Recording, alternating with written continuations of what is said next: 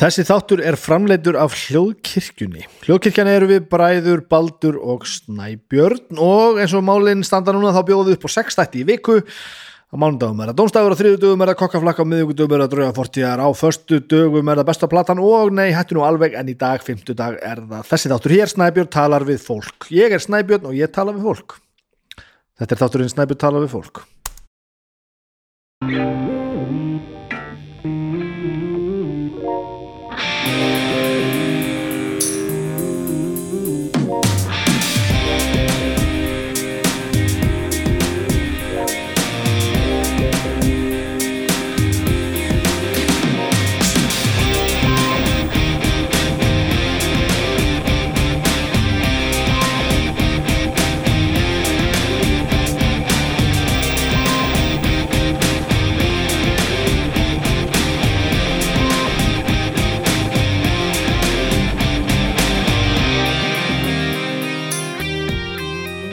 Góðan dag, verið velkomin í þáttinn minn. Snæbjörn talar við fólk. Jæja, hvað er nú að frétta þessa vikuna? Það er frekar rólegt sko. Þetta er búið að vera, það er þetta búið að brjála ekki í vinnunni. Ákveði verkefna staða þar sem að kallar á helvíti mikla viðveru sem er mjög gott. Það er mjög gott. Það vil svo til að vinna mín á pipar er stórkostleg, þannig að það er ekkert verða að þurfa að vinna þess meira. Já, þú veist, ég myndi ekki til að vinna alltaf meira en þegar það þarf að vinna meira þá er það ekki stórkostleg kvöð stundum þarf bara að gera hlutina. Þannig að það er gaman, skemmtileg verkefni þar. E, það er samt lítið að frétta. E, skálmöldgáð plötu hana eins og ég nefndi í síðasta þetta kom út live plata, tíu ára amalis tónleikar sem við heldum fyrir, tón, fyrir, fyrir jólin. Kom út á, á plötu og blu-ray og alls, alls konar. Og ég lendi því stórkostlega undala þessum að undalega aðstæðum þetta kemur út í alls konar hérna, varientum sem eru gott fyrir vínil nördan mig sko. það er einhverjar skálmöld.ri sem er einhverjar útgáfur og, og Napalm Records hérna, útgáfu kompanið okkar er með einhverjar útgáfur og... svo er Alda Music sem var, var staðið sig fjandi duglega í gefnum tíðina ákveða að gefa út sinn sína eigin útgáfu með sér, sér lit, silvulitaðan vínil en eins og gengur að gerist, þá er náttúrulega eh, þó að ég sé í hljómsveitinni þá á ég ekkert í því upplæði og það sem að ég er nú vínilnörd og mér langar til þess að eiga eiga allar útgáður af vínilplötunum sem, sem ég gef út eru gefnar út með skálmöld þá var ég að fara í einhver aðgerð til þess að redda þessum, þessum varianti þessum silfur gráa varianti frá öldu músik og ég fór bara átt í búð og kefti mér blötu og var í Lucky Records og kefti mér gripinn bara á, á fullu verði því að ég á ekkert rétt á þessum enntugum það er alltaf eitthvað frekka komist þegar maður þegar maður þarf að kaupa sitt í stöf. Og svo er það að eru alltaf Blu-ray, það er tónleika það eru vídjói og, hérna, og, og stutt heimildamind með. Ég hef aldrei séð þetta.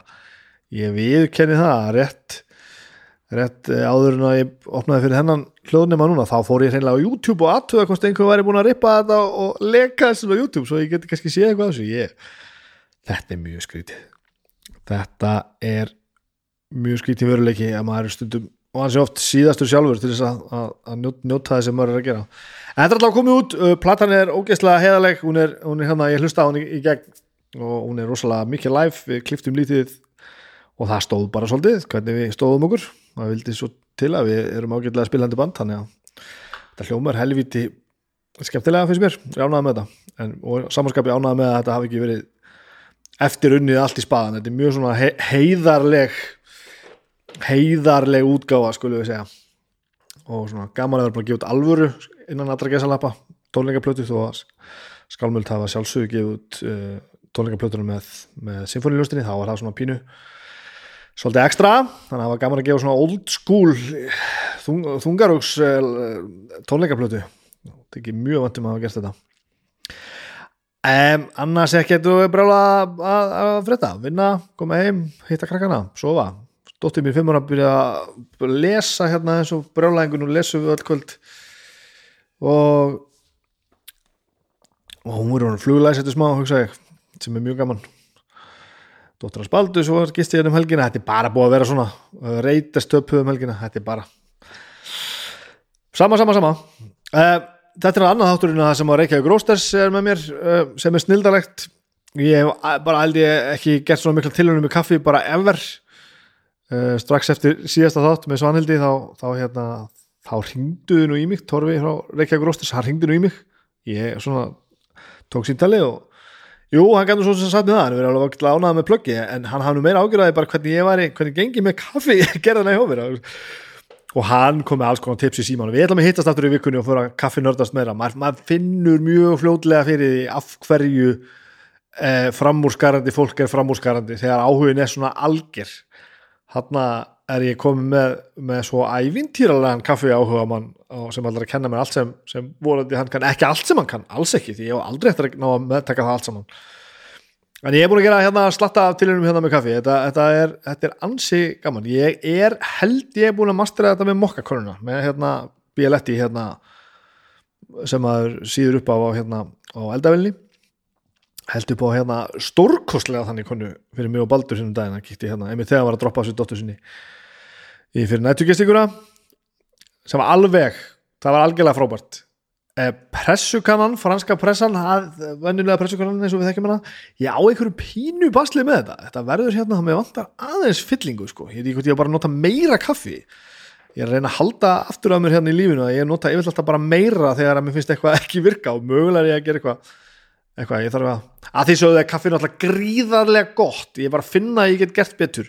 Og það er líka mjög óþólandi að Agnes, hún er nú betri manneska en ég að öllu leiti en einhverjum á sérlagi er hún nú betri öllu sem við kemur góðum hlutum eins og heimili og mat og drikk og þægindum og já bara allt svona. Og hún alltaf tók þetta nýja kaffi frá Reykjavík Róstes og, og bjóð alltaf til kaffi sem var svo gott að ég fór alltaf náttúrulega að gráta því smakkaða það og við drukkum henni í gerkvöldi og svona. Þannig ég er ekki kannski þarf ekki að hitta Torfa ég þarf bara að láta Agnesi sína mig hvernig hún gerir þetta, þetta er, er, það er alltaf rosalegt sko.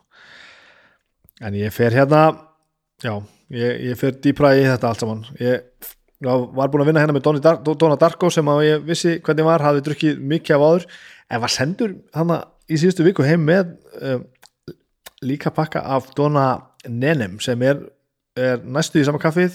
Ég veit eitthvað næstu í sama kaffið það heitir næstu í sama og mér finnst það ekki þetta ósveipað þegar ég hell upp á það. En ég kom staði að mér fannst eiginlega Donna Nenem eiginlega ennþá betra sko þannig að en mögulega og ég eftir að balansera upp á hellingarnar ég þarf að að hitta mitt fólk hjá Reykjavík Róstes í vikunni og, og hérna og verða bara, verða með uh, út um enn meiri upplýsingar. Þau hérna, síðast hittum við, við kaffehúsunar í Brautarholti en þau eru náttúrulega bæði á Freyjúkot og Kárastík til, til viðbútar þannig að sjáum til, ég þarf allavega ég þarf að fara í alls konar alls konar aðgerir frábært viðmældi minn dag er Ugla Stefania. Um, þekktust sennilega fyrir e, baráttu sína og vitundarvakningu og í hvað og hvað í, í, í málaflokki hins einn fólks. Hún sjálf verandi transkona og tala mjög hátt og opinskátt um alls konar hluti. Og ég man bara þegar ég vissi af henni fyrst þá fannst mér loksins einhverju vera komin að segja hlutin eins og þau voru og einhvern veginn leifa mér að, að vera með í umræðinni mér svona fannst allt inn eins og eins og ég geti svona farið að spyrja spurningar sem ég kannski hafði bara ekki þórað að spyrja áður. Uh, hún er náttúrulega búin að vera ansi ábyrjandi og náttúrulega alltaf einhvern veginn í hérna sambandi við þessi, þessi mál eðlilega, sem hún náttúrulega bara er svolítið holdgerfingur þessa. Uh, og ég svona þegar ég veist hún var í vittal þá, þá langaði mér rosalega til þess að hérna, fara í hérna, fara í einhvern gýr og, og, og reyna svolítið að aðskilja þetta málið mér frá mannskinu og vita kannski svolítið meira um hana. En svo bara bara hérna komst ég að því að þetta er allt svo samofið að það, það er ekki jújú, jú, við fórum alveg yfir alla æfina og hún sagði mér allt um, um sjálfa sig en það, eins og við heyrið við talunum eftir, það er ekki tækt að tala við hana og þess að tala á þessum, þessum nótum. Þetta er svo gössamlega, þetta er svo risastór partur af því hver hún er bæði verandi transkona sjálf og bara hvernig hún hefur beitt sér fyrir, fyrir málafloknum, þannig að það var ekki verið að fyrir vikið og hún er náttúrulega framúrskarandi manneskja og ég fann það strax að ég gæti spurt bara alla spurningarna sem ég hef aldrei þórað að spyrja. Og þetta fer ansi þetta fer í ansi djúpar pælingar þarna. Og hún einhvern veginn satt bara á móti mér hérna við eldursporið og bara já, sagði mér bara hlutir eins og þau voru. Og ég bara treysti því að ég var að segja eitthvað vittlust eða fara út á einhverja brautir eða eitthvað, þá myndi hún bara svona leiðrétta mig, en ég let, let svolítið bara vaða. Og ég er búin að vera mjög hugsandi síðan að, síðan að við áttum þetta spjall. Þetta er, þetta er mikilvægt og, og augljóslega eru hlutindur að færast næriði að vera á réttari staðhaldur en það hafi verið undan fyrir nár en betur má, má við djóða skall um, Já, ég held ég hafi mikið meira um þetta að segja. Við skulum bara hætta þessu bladri og hlusta á mig og Uglu Stefaníu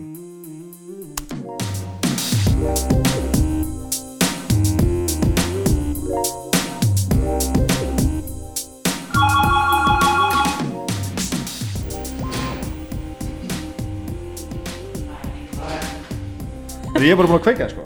Hérna, Sért, hvernig ætla ég að hafa þetta? Bara, bara eins nála þér og, og getur get, bara, þú, bara ég skal halla mér eitthvað svona. Herru, hérna, ég er ekki með neitt plan. Ok, Ég er ekki með neitt plan. Ég vil bara, mér langar bara að spjalla saman sko. já, það lögum bara vel. Það bara, sjáum bara hvað gerist. Ég ætla, að fylgst með, þú veist, þér, skilur við Mhm, og kannski auðvitað vegna þess svona sem að er alltaf eftir bögi Já, og alltaf mjög fyndið þegar maður er að fara að taka viðtal við þig og hérna fyrir eitthvað að skoða, þú veist önnur viðtölu og eitthvað mhm að það er eiginlega ómögulegt að komast að einhverju, að einhverju um því því það er alltaf sama í umröðinu þetta er mjög fyndið sko. Og ég var alveg svona bara afgerandi að reyna að komast að bara þú veist bara hvað ert og eitthvað sko. Ég náða að sta- staðsetja það fyrir norðan og that's Já. it eiginlega sko. Og ég vissi bara eiginlega ekkert meira sko. Þetta er rosalega, og eðli málsins sangvænt sko, já, já, já. Fyrirferða mikið en bara mm þetta lítur að vera svolítið svona Já, overwhelming eða eitthvað já, mér finnst ég alltaf einhvern veginn verið í sama viðtalinu líka sko Já, Það já, er já, svolítið já. þannig sko, mér finnst ég alltaf verið einhvern veginn, þú veist, að segja nákvæmlega sömu hlutina Já, en já. þú veist, en stundum kemur eitthvað aðeins betra og svona skemmtilega og eitthvað, en stund, ef þetta er einhver svona stuttvitt og sérstaklega þá er það alltaf bara. Sama sko. Er þetta nú ekki svona líka kannski pínu búin að koma þær í, í þessa aðstöðu? Jú, jú, ég er algjörlega búin að gera það sko. Þannig ég svona- get bara sjálfur mér og gent sko. Já, búin að svona hefða búin að, já, búin að gefa færi á þér sem svona, svona talsmannesku þessa. Já, algjörlega. En samt, ég er ekkert að grínast með það sko. Eitt, að því að frábært að fá allar þessar upplýsingar sko, Já, já, já, en að geta ekki fundið hinnar það var eins og mjög, mjög hérna, einmitt. mjög áhugavert. Þú sagði hérna, ok nú ætla ég hérna að vera færtu í hvíti kallmaðurinn sem að ég er og hérna nú sagði þú getur sjálfröður kent Já, ég ætla bara að koma þessu frá svo ég veit ekki hvernig Já. hvað ég á að segja. Hérna, að því mér finnst þetta hérna ég ætla að fara bara beint í hérna mál, koma þessu frá. Með hérna, þetta, þetta svo non-binary umræðu mhm, og allt þetta persónum fornafna mál og allt þetta dót sko. mhm. Hvað eigum við að gera, hvað á ég að gera þegar ég hitti manneski sem ég veit ekki um? Já, þú gætir ef að þú kannski, þú veist vanalega, þú veist, veit mann og kannski að manneskan er trans eða maður fær einhver svona vísbendingur um það þegar maður byrjar að tala um manneskuna og þá er bara ótrúlega gott að spyrja bara hvaða fornafn vilt að ég noti ef maður er eitthvað óviss. Og gerum að það, maður spyr bara. það er bara fínt. Þannig að ef þú ert eitthvað óviss um fornafn þá er það bara mjög eðlileg spurning. Já, já, ok, þannig að ég hvet fólk bara til að spyrja hvaða fornafn viltu nota eða það er eitthvað einhver vafi á því eða fólk er eitthvað ringlað þá er það bara rosa eðlilegt sko. að því að maður er að að vera gett open-minded sko, og svo er maður alltaf loðandur hættur um að stíða einhver tær já, já, veist. það er bara mjög góð spurning. Ég held að sko að transfólk kunni almennt að meta það mjög mikið þegar fólk spyr sko. já, ok, þannig að það er bara mjög góð spurning. Frábært. En hérna nú er ég komið kafi þetta strax sko. Ég ætla, að- að fara að spyrja hvernig væri en nú, ég, ég verð að fara að slengri í það. Sko, þegar þú byrjar að tala um sex versus gender mm, þá var hausunum mér bara svona já, þú veist, að því að fyrir mér er þetta einhvern veginn bara í gegnum tíðina svo, svo, ég var ekki að skoti gær skilju ég var bara að fyrkast með þessu svolítið tíma. En þegar ég fyrst heyrði þetta var ég bara veit ok, nú þarf ég að fara að hugsa eitthvað sko. já, þetta er sko sko í svona kannski, þú veist, daglegu tali er fólk ekkert að gera mikið greina með ná, þú veist, emitt, sex og gender eða kyn og kyngerfi eins og það kalla á íslensku. Kyngerfi kyngerfi er sem gender og kyn er þá bara sex en kyn á íslensku er almennt bara nota sem svolítið svona hugtak yfir allt sem tengist kyni, hvort sem að það er hvernig þú upplifið eða hvernig líka maður með eða svo framvegis. Og, hérna, en já, kannski munurinn er, þú veist, að kyngerfi eða, gender er kannski meira þessi, þessi félagslegi hluti kyns, þú veist, hvernig við lítum á karla konur og hvað við teljum að sé karla kona. Og þú veist, hvað er kona? Það er eitthvað sem að, ég held að enginn geti eitthvað 100% sammælst um hvað er að vera kona. Þetta er svo félagsleg pæling og, og fer náttúrulega bara eftir þú veist, hvað þú býrði heiminum eða hvaða menningu þú býrði í og þú veist, og fólk hefur mismunandi hlutverk og pælingar og hugmyndir um kyn, mm. hvort sem að það er þessi félagslega hlið eða eitthvað annað en svo kemur sagt, kyn eða sex og það er þessi líkamlegi hluti.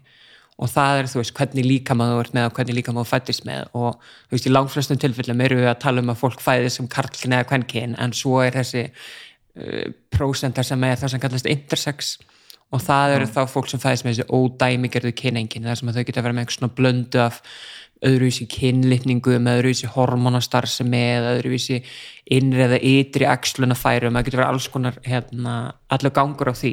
Sem er þá eitthvað svona líffræðilegt frávik Já, þú veist, já, það er kannski talað um það en það er sko er í rauninni jafn algengt og að vera rauðarður að vera intersex okay. samkvæmt rannsóknum, þannig að þú veist það er í rauninni þannig að það er varla veist, það er talað um bara markbreytileika núna, þú veist lífræðilegan markbreytileika frekar en kannski frávik og hérna, Já. að því það er svo algengt líka bara. Og, ég, hérna, ég strax stóttin í gjótuna þannig að hérna, þannig að þetta er Já, þannig að þetta er alveg mjög flókið sko, en kannski fyrir í tilfelli transfólk sem er náttúrulega ekki það saman að vera intersex. Mm -hmm. en það að vera trans snýst um það kannski að þú upplifir það sem kallast þína kynvitund sem er bara okkar upplifun okkar eða kyni, þú veist við höfum flestu lengs tilfinningu fyrir hvort þessum kallaða kona eða kynsegin eða hvað sem að það er og það er þessi kynvitund. Og kannski sko transfólk verður miklu meira vart við þessa kynvitunda því að þau allt í hennu upplega bara ó, það halda allir að ég sé strákur að já, já, og það já, passar ekki alveg. Þannig að þá kannski kemur kynvitund oftar meiri umræðin í kringum transfólk heldur en í staði fyrir fólk sem er ekki trans. Þá bara upplifir það aldrei þetta misræmi. Þannig að það setur aldrei spurningamerki við kannski hvernig líka maður fengu og hvaða kyn þeim fengur svo útluta í samræmi við það og þú veist, í langflöstum tilfellum passar það náttúrulega, þannig að það er ekkert hérna, það er ekkert skrítið að fólk sé að, að, hérna, að það er þannig en hjá transfólk er það náttúrulega bara þú veist, kemur eitthvað í ljósa þeir eru bara, já, ok, þetta passar ekki alveg Er þetta skilgjörning að vera trans? Að þegar að þetta tvent passar ekki saman? Já, í rauninni, þegar þetta, þetta kyn eða þetta kyn sem þú veist útlætaði fæðingu passar ekki við þína upplifuna þínu kyni og það getur þá annarkvært verið bara að vera transkona, transkarl eða, eða kynsén þannig að það fellur allt svona undir þetta transreglur hugtak sko.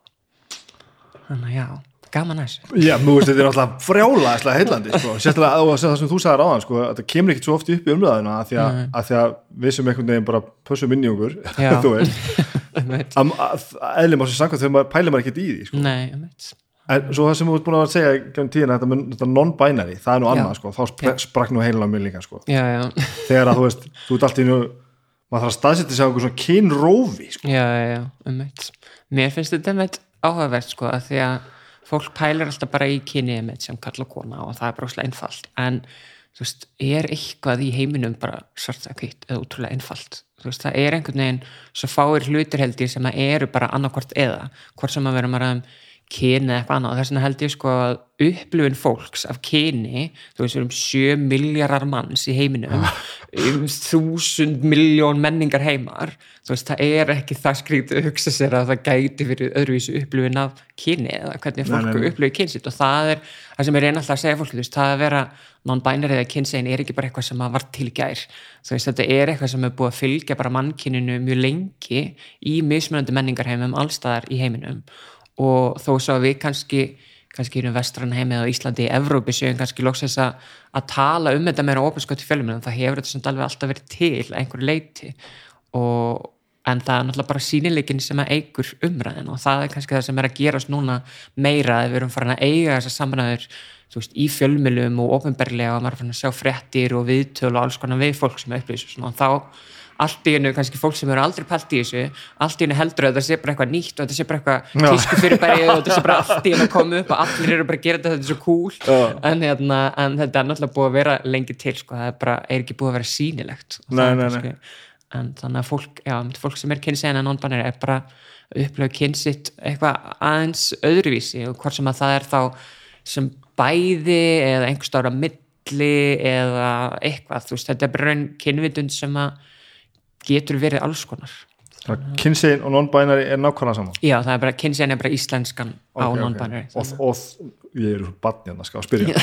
Og, og það er bara það að upplifa sig ekki nákvæmlega inn í stereotypuna sem að, sem að við köllum kalla konu. Þú Já. ert einhver staðar á milli eða einhver staðar til hliðar eða eitthvað já, aðeins bara. já, emitt það er bara en samt sagði þú ég sjálf?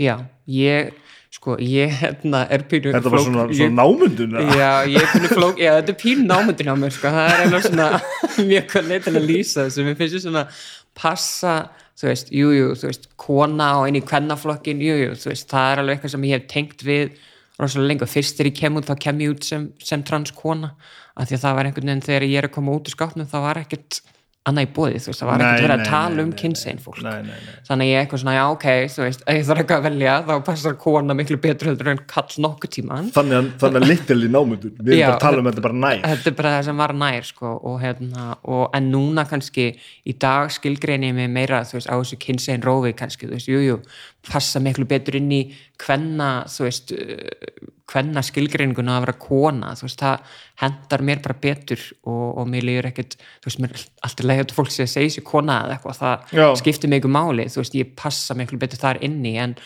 ég er svona kannski upplegið mér svolítið líka aðeins kynsegin, svona aðeins utan það Mhm. þannig að hérna, þannig að þetta er svona já, pínu, emitt, þú veist, kannski bara pínu námundun þú veist, þetta er einhvern veginn svo, svo fyndin pæling og ég er náttúrulega tjáið mér rosa kvenlega þannig, þannig að öll mín samskipti við allt fólk, þú veist, allir sjá bara konu, þannig að öll mín samskipti náttúrulega litast bara af því hvernig fólk sér þig og hvernig fólk kemur fram þig. Já. þannig að þú veist, það er einhvern veginn minn reynsluheimur er nákvæmlega og mjög, stóru leiti sama og allra kvenna. Þannig Já, að já, þú veist, já, þannig að, einmitt, þannig að þetta passar mér þannig sko. En, hérna, en kynsinn er svona, þú veist, ef ég fer út í einhverju svona dítila þá kannski einmitt, er ég meira að upplifa mig meira sem kynsegin þannig að ég nota samt sem aður á íslensku kvenkins fornöfn og fleira. Þú veist, ég nota stundum hán, það fer bara eftir þú veist, svo aðstæðum erfitt og- orð. Já, fyrir íslensku nöttar eins og mig sko, veist, þetta passar, veist, það er svo erfitt að búa til þessu. Þetta, af því að helvítið stungumál er sko kyngerst í, í, sko, í, kall og kvenkinn og svo bara eitthvað fokkin hvorikinn sko. Já, þetta er einmitt sko, ég æfði mig með köttin minn ég byrjaði bara að nota hán fyrir köttin minn oh. ég bara hán er mjög fallegt eða hán er mjög svangt og byrjaði bara að nota þetta þannig og þú veist, þá var ég ekkit óvart að nota villist hornafn eða móðgöngun ef ég sagði villist köttin minn skilur. þannig ég svona æfði mig fyrir köttin minn þannig að það var svona, hjálpaði mér einhvern veginn að aðeins að ná taka á þessu þegar þetta var fyrst að koma fram þannig hán er notaði hvorikynni Já, vanalega kemur þessar kórukynnslýsingar og endingar sko. Þannig að hán er svangt eða hán er fallegt eða já, þá finnst mér til dæmis, já, þetta er alveg til og með mál tilfinningu, þannig finnst mér eins og ég sé fann að tala veist, um hluti sko. Já, þetta, þetta er einmitt svona áhugaverð, ég þið mann fyrst þegar ég var eitthvað svona báðis, fannst mér þetta svolítið verið að tala um það já, það er, það er tilfinningi sem maður fær en er kannski, kannski það maður bara venna sig að því sko. Já, og þú veist, við tölum alveg um þú veist, það fólkið og það barnið og eitthvað svona, þannig að við erum alveg að nota Já, það barnið, við erum er alveg að nota hvorkinn fyrir börnin okkar eða fyrir fólk og eitthvað svona, þannig að þú veist, ég held að þetta sé svolítið bara svona aðeins að þurfa að ná utanum þetta og þá verður þetta svo einfall held ég og bara sjálfsagt einhvern veginn. En erum við þá ekki komin í einhvern fokk upp með það þú veist, að þá ertu búin að setja- rosalega marga á Mm. ólíkum stað undir saman persónuforminu, er það alltaf lægi? Það eru, þú veist, alveg fleiri pælingar um fornöfn líka sko, en hán einhvern veginn hefur kannski náð mestri fótfestu sem svona, með dreglegur þetta ekki yfir þetta, en það er alveg fleiri. Það er til hín og hé og, og alls konar fornöfn sem fólk kannski noti minni hópum og Já, hérna, en, en hán er kannski þetta, þú veist, og ennsku er þeir, þú veist, ein, í eintölu orðið algengast. Já, ég var geðvill ekki að fatta það maður.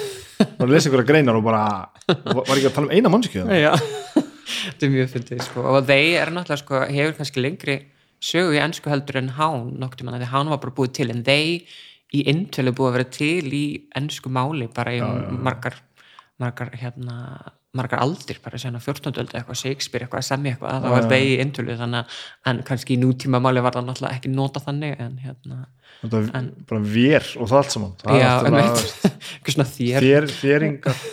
Já, og það brettar eru alltaf ótrúlega með svona sko. já, um, frábært, ég hef datt beint í skurðin sem ég ætla ekki á því, það, var- það mjög, mjög gott sko.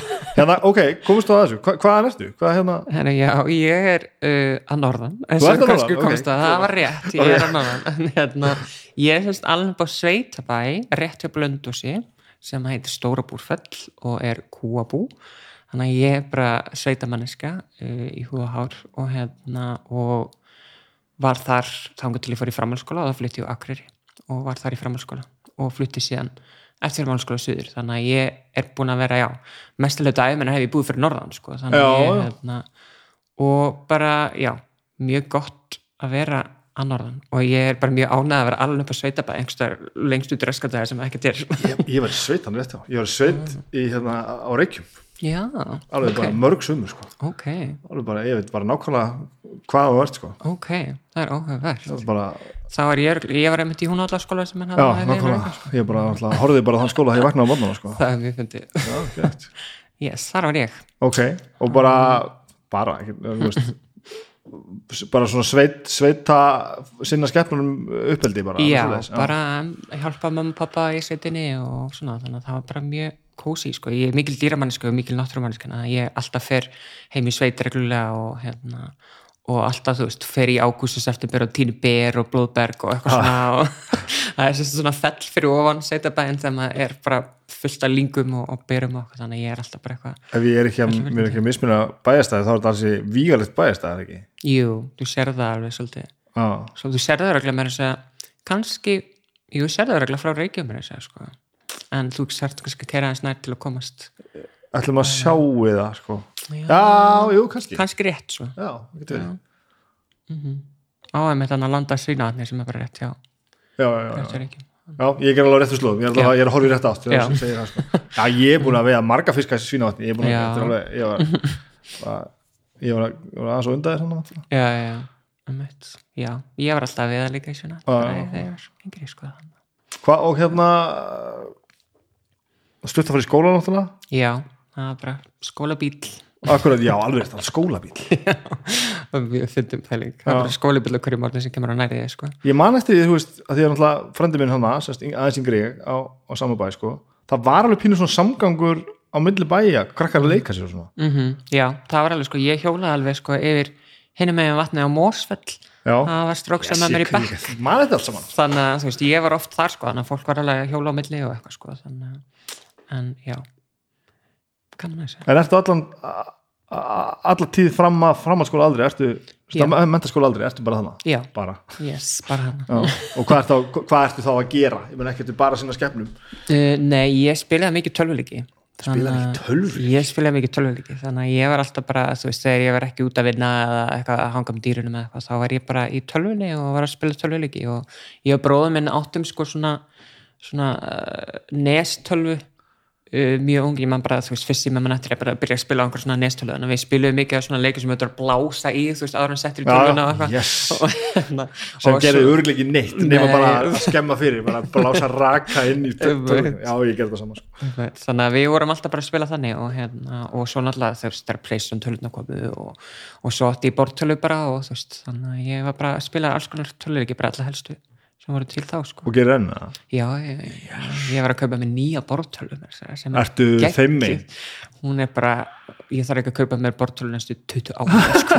hvað ertu að spila? ég er ala að spila þú veist svona roleplaying leiki eins og Dragon Age og Baldur's Gate, það er náttúrulega nýr Baldur's Gate komin út. það er rosaleg staði þannig að sjá hérna uppi, hillu þarna lengst í vinstri gamli orgin og baldurskeitt leikurinn er þar. Já, einmitt. Písileikurinn Einmitt, hann er samt ekki Baldur's Gate 3 er í rauninni ekki Baldur's Gate 3 nei, hefur þú spilað Divinity já, þetta er er, það ekki pleistunleikurinn? er, Divinity?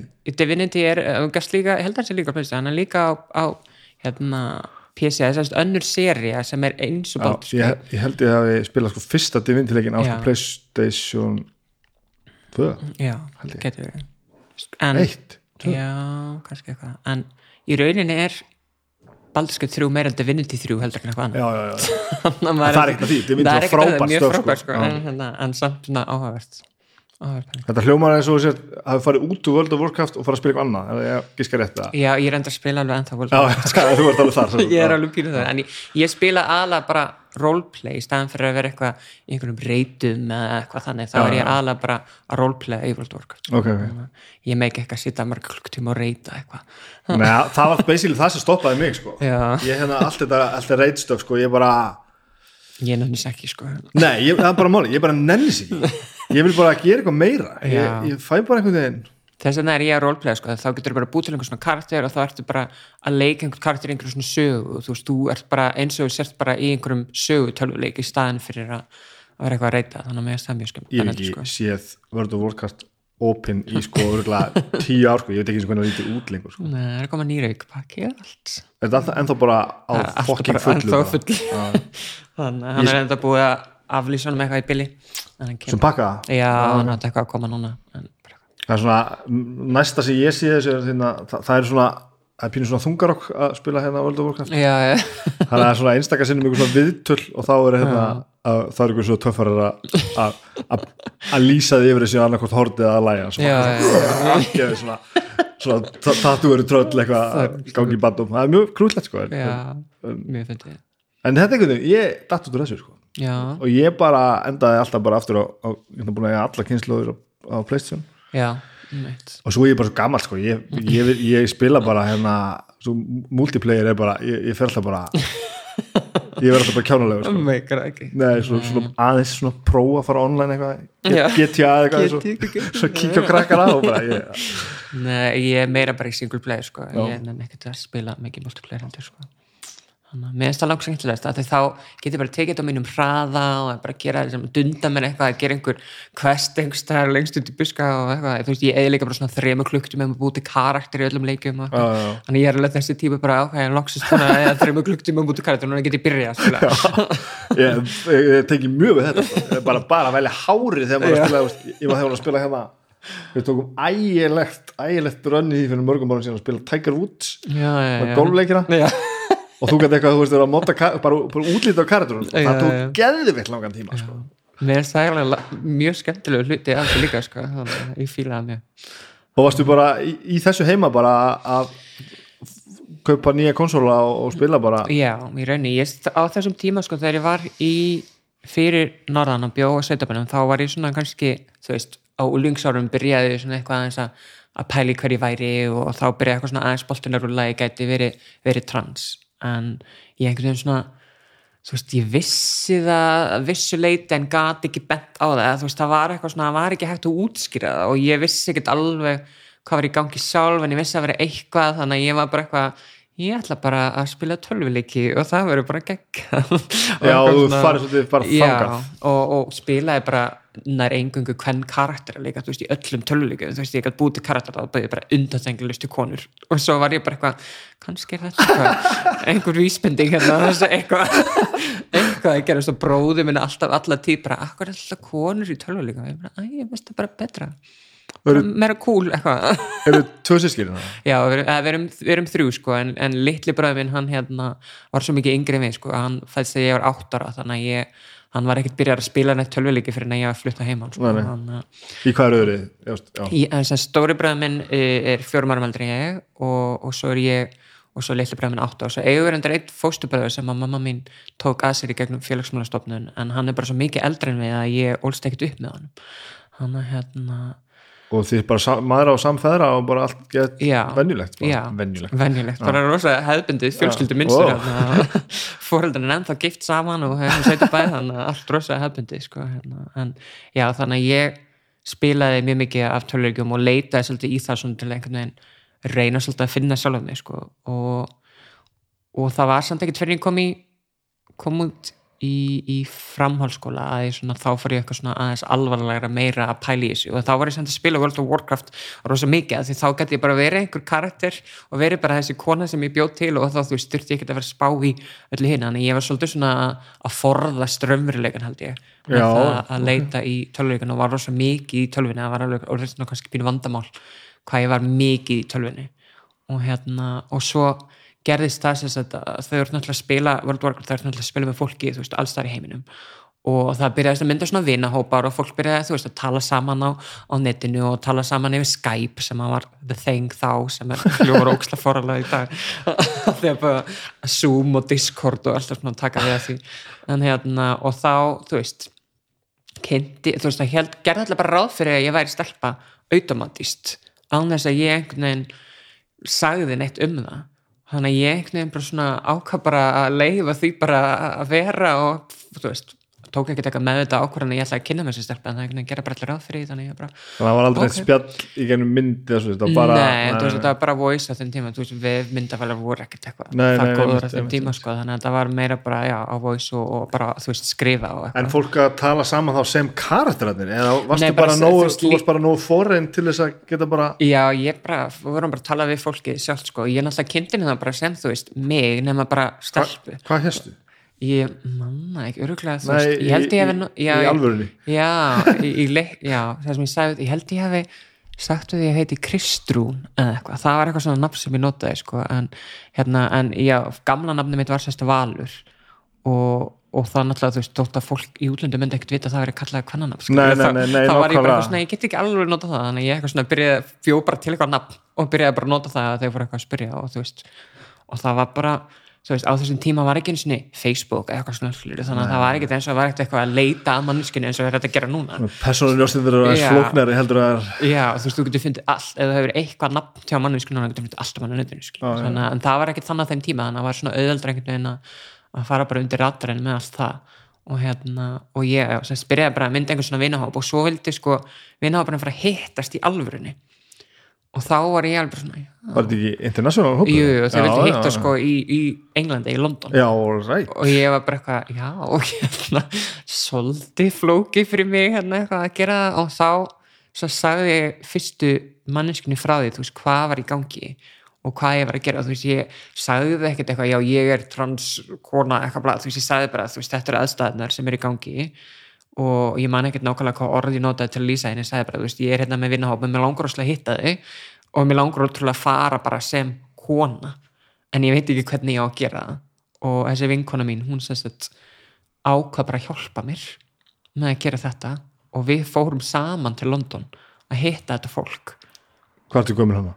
17 ára Ertu þess þarna í, í skólan? Já, þannig er ég komin í, ég komin í framhaldsskóla sko, þannig að við búum á Akureyri erum á heimavistinni í, í hérna á Akureyri. Og, og ákveðum bara að við ætlum að fara til London saman og hún ætla að hjálpa mér. Í Emma Vaffum. ég var í Emma á þeim tíma ég, fór, ég var í tvö ári í Emma og fór síðan í að hérna, en ég var í Emma á þessum tíma og ákvaðum bara já, við ætlum bara að gera þetta og hérna, og svo þú veist, eittum öllu sumurinu sko í það að fara út í búð og kaupa föt og þú veist, finn ég fattaskópa eitthvað og ég þóttist alltaf að vera sko kærastinn hennar að versla föt á hana. En svo uh. voru við ekkert í sömu starð sko. Þannig að fólki sem var eitthvað svona aðstöð okkur var alltaf bara eftir vissum að þetta sé rétt starð eitthvað, við erum bara já, já eitthvað. Þannig að það var mjög skrítir eitthvað svona, ég held að sumt fólki sem var að afgreða hafa svona kannski eitthvað svona aðeins byrjaði að kveikja eitthvað svona á einhverjum tímabúndum með sögðu samt aldrei neitt sko þannig að þetta var svona mjög áhugaverð pæla veist, eittum öllu sumrunni í þetta og mátti enginn fara með okkur að versla þú veist, að því að vissi enginn annar að vina hópnum sko. Og hver, veist, hvernig var þessi þessi tilfinning? Var, var þetta gaman eða var þetta er, meira erfitt? Eða... þetta var alveg mjög gaman sko. mér fannst þetta mjög spennandi einhvern veginn svona, veist, líka þegar veist, við gerðum þetta að einhver svona þeng veist, við fórum alltaf bara fórum á glera torg og fórum að versla og gerðum þetta bara einhverjum svona þú veist, já, gerðum Þetta er eitthvað úr þessu alltaf geðveikt leindarmál að eiga sko. Þetta var alveg rosa lindamál sko. og það fannst okkur svo gaman sko, við vissum bara lindamál og við tvær eitthvað enginn mátti vita þetta, þannig að það var ótrúlega svona, svona náttúrulega kemur að því að við erum að fara að ferðast og, og förum uh, erlendis. Og ég man eftir sko að ég var einhver svona vandræð með þú veist, ok, hvenar get ég, þú veist, klætt mig eins og ég vil klæða mig? Þú veist, get ég gert það á flugillanum á Íslandi og ferða svo í gegnum allt? Eða þarf ég að býða þannig til ég komin í gegnum allt passport, þú veist, vegabriða eftirlit og allt dæmi? Og þú veist, hvernig menn þetta allt eitthvað? Ég man eftir að ég sendi tölvupóst á kefleikuflugil og bara eitthvað, já, ég er hérna í þessum pælingum þú veist, Já, bara praktist já, og ég var bara, hvernig virkaði ég var mjög, eh, mjög hérna, lausna með á þessum tíma bara, ég ætla bara að vita hvernig maður að gera þetta. Getið þið gefið með leiðbynningar um hvernig þetta myndi virka og ég fekk einhvern svona skríti svar tilbaka bara eitthvað, já, hérna það má nú ekki vera vill á sér heimildir og ég bara eitthvað ég er ekkert að vill á mér heimildir hvað meinar, eða þú veist, þetta var einhvern veginn svona 0% skilningur á því sem ég var einhvern veginn að reyna að segja við þau og þau voru bara eitthvað, já, allir ekki vill eitthvað að þeir heimildir og ég sagði bara, já, en ég er alveg sama manni sko, þetta ég klæði mig svona. Þú veist, það er ekkert að fara að breyta því að þetta er ennþá vegabrið mitt, sko en hérna En þannig að náttúrulega verður þá að nota nafni sem er í vegabrifinu Já, og veist- sem er í vegabrifinu vantarlega, já, en þú veist hvernig kemur, hvernig kemur það svo sem upp? já, þú veist, og líka bara eitthvað svona já, má ég þá ekki klæða mig á ákveðin hátt? Vegna þess að þá er ég farin að vill á mér heimildir. Bara eitthvað svona má kallmaður ekki ferðast Kjól. og fara í kjól eða þú veist, ekki það að ég hef verið kallmaður skilur, Nei, en, þú veist, en sa- mætti það kemur svona niður á sama stað já, sko. þú veist, mætti bara þú ekki fara, ja, ferðast og fara í kjól, væri þú þá að vill þær heimildir? Ég ætli fokkin kjólan að stiði fyrir flugvel bara þess að aðtöða það. Þetta var mjög áhuga uppáling en ég eitthvað svona ok, ég ætla ekki að þú veist, var náttúrulega bara 17 ára, þannig að ég, bara, ég ætla ekki eitthvað að gera eitthvað mikið málur þannig að ég fór bara í gegnum veðbreltur og skipti bara fyrir því að ég var komin til Englands. Og hérna, og svo þú veist, tóku einhverja lest og fórum að hitta þetta fólk. Og hérna, og í lestir eitthvað svona mál okkur í lestinni sem er rosa típist í England allra mál sem ég lest og hérna, og komum á lestastöðina löpum upp einhvern svona stiga og þú veist, alltaf svona hlýð á endan sem þetta fyrir gegnum með lesta með henni í Englandi. Og hérna, og þar stóð sko hópurinn og var að býða eftir okkur. Og ég eitthvað kemst í hann, sé hópin og ég bara eitthvað og bara stoppa. Og bara frís og vinkonum ég bara eitthvað hérna, er allt læg og ég bara eitthvað, nei, ég get ekki gert það. Ég get ekki, við þurfum bara við. Ekki sens. Og hún bara eitthvað svona andar mjög djúft og segir bara sko, við erum ekki búin að eigða hérna öllu sumrinu í það að plana þetta í þaula í því líkt leinimaks og þú getur bara eitthvað hætt við núna og tekur bara í hendunum og bara dregur mig að fólkinu og hérna og svo var þetta bara ekkert mál. Þú veist, ég kynntist bara fólkinu það voru svolítið gaman og við, þú veist, fórum í paintball og go-kart og gerðum alls konar skemmtilegt þú veist, sem maður gerir í einhver svona hópum og, og það var bara ekkert að því þú veist, þetta var bara svolítið gaman og hérna og í fyrsta skiptingunum sem ég fekk tækifæri til þess að fólk sæði mig bara sem konu. Já, og það var ótrúlega svona frelsandi upplifin einhvern veginn og en varst að fela fyrir þeim að þau vissi ekki að ég væri trans sko. nei, þannig að þau heldur bara, þú veist, að ég væri bara sískona, þú veist, sem er anstæðan við það að vera, að vera transkona. Þannig að hérna og ég þarf að fara að skrifa niður sko. Þannig að hérna já, þannig að þau heldur bara, þú veist, að ég væri ekki trans og hérna og það var bara mjög frelsandi einhvern veginn og hérna, og bara mjög gaman einhvern veginn að vera upplifa allt í unni heiminn allt öðruvísi.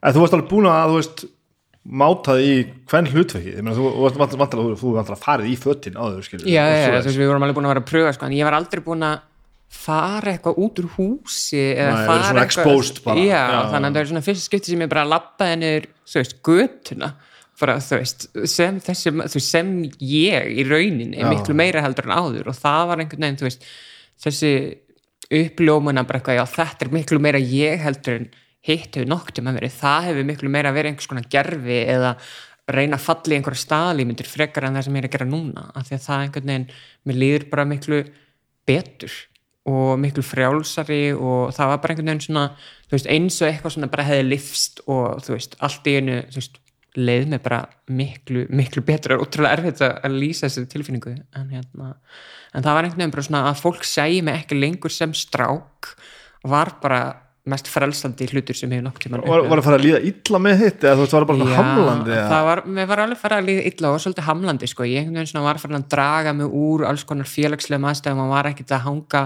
mikið með fólki og þú veist, var farin að klæða mig og rosa bara eitthvað svona, þú veist, hettupeysur og eitthvað þannig að ég var farin að klæða mig og svo kynlaust að þeim fannst bara svo óþægilegt. Já, já, og þú veist, en ég hef til dæmis alltaf verið mjög kvenlega jafnir fyrir sko, þannig að fólk átti oft í erfileikum með að vita hvort ég veri stelpaða strákur, þú veist, Já. krakkar voru alltaf reglulega bara, ertu stelpaða strákur? og eitthvað, þannig að, þú veist, alla tíð hef ég einhvern veginn svona ekki fallið inn í þú veist, þessu kynni þó sem ég hef kannski alveg reynt að falla inn í einhvern svona stráka hugmynd, þannig að gekk það bara aldrei.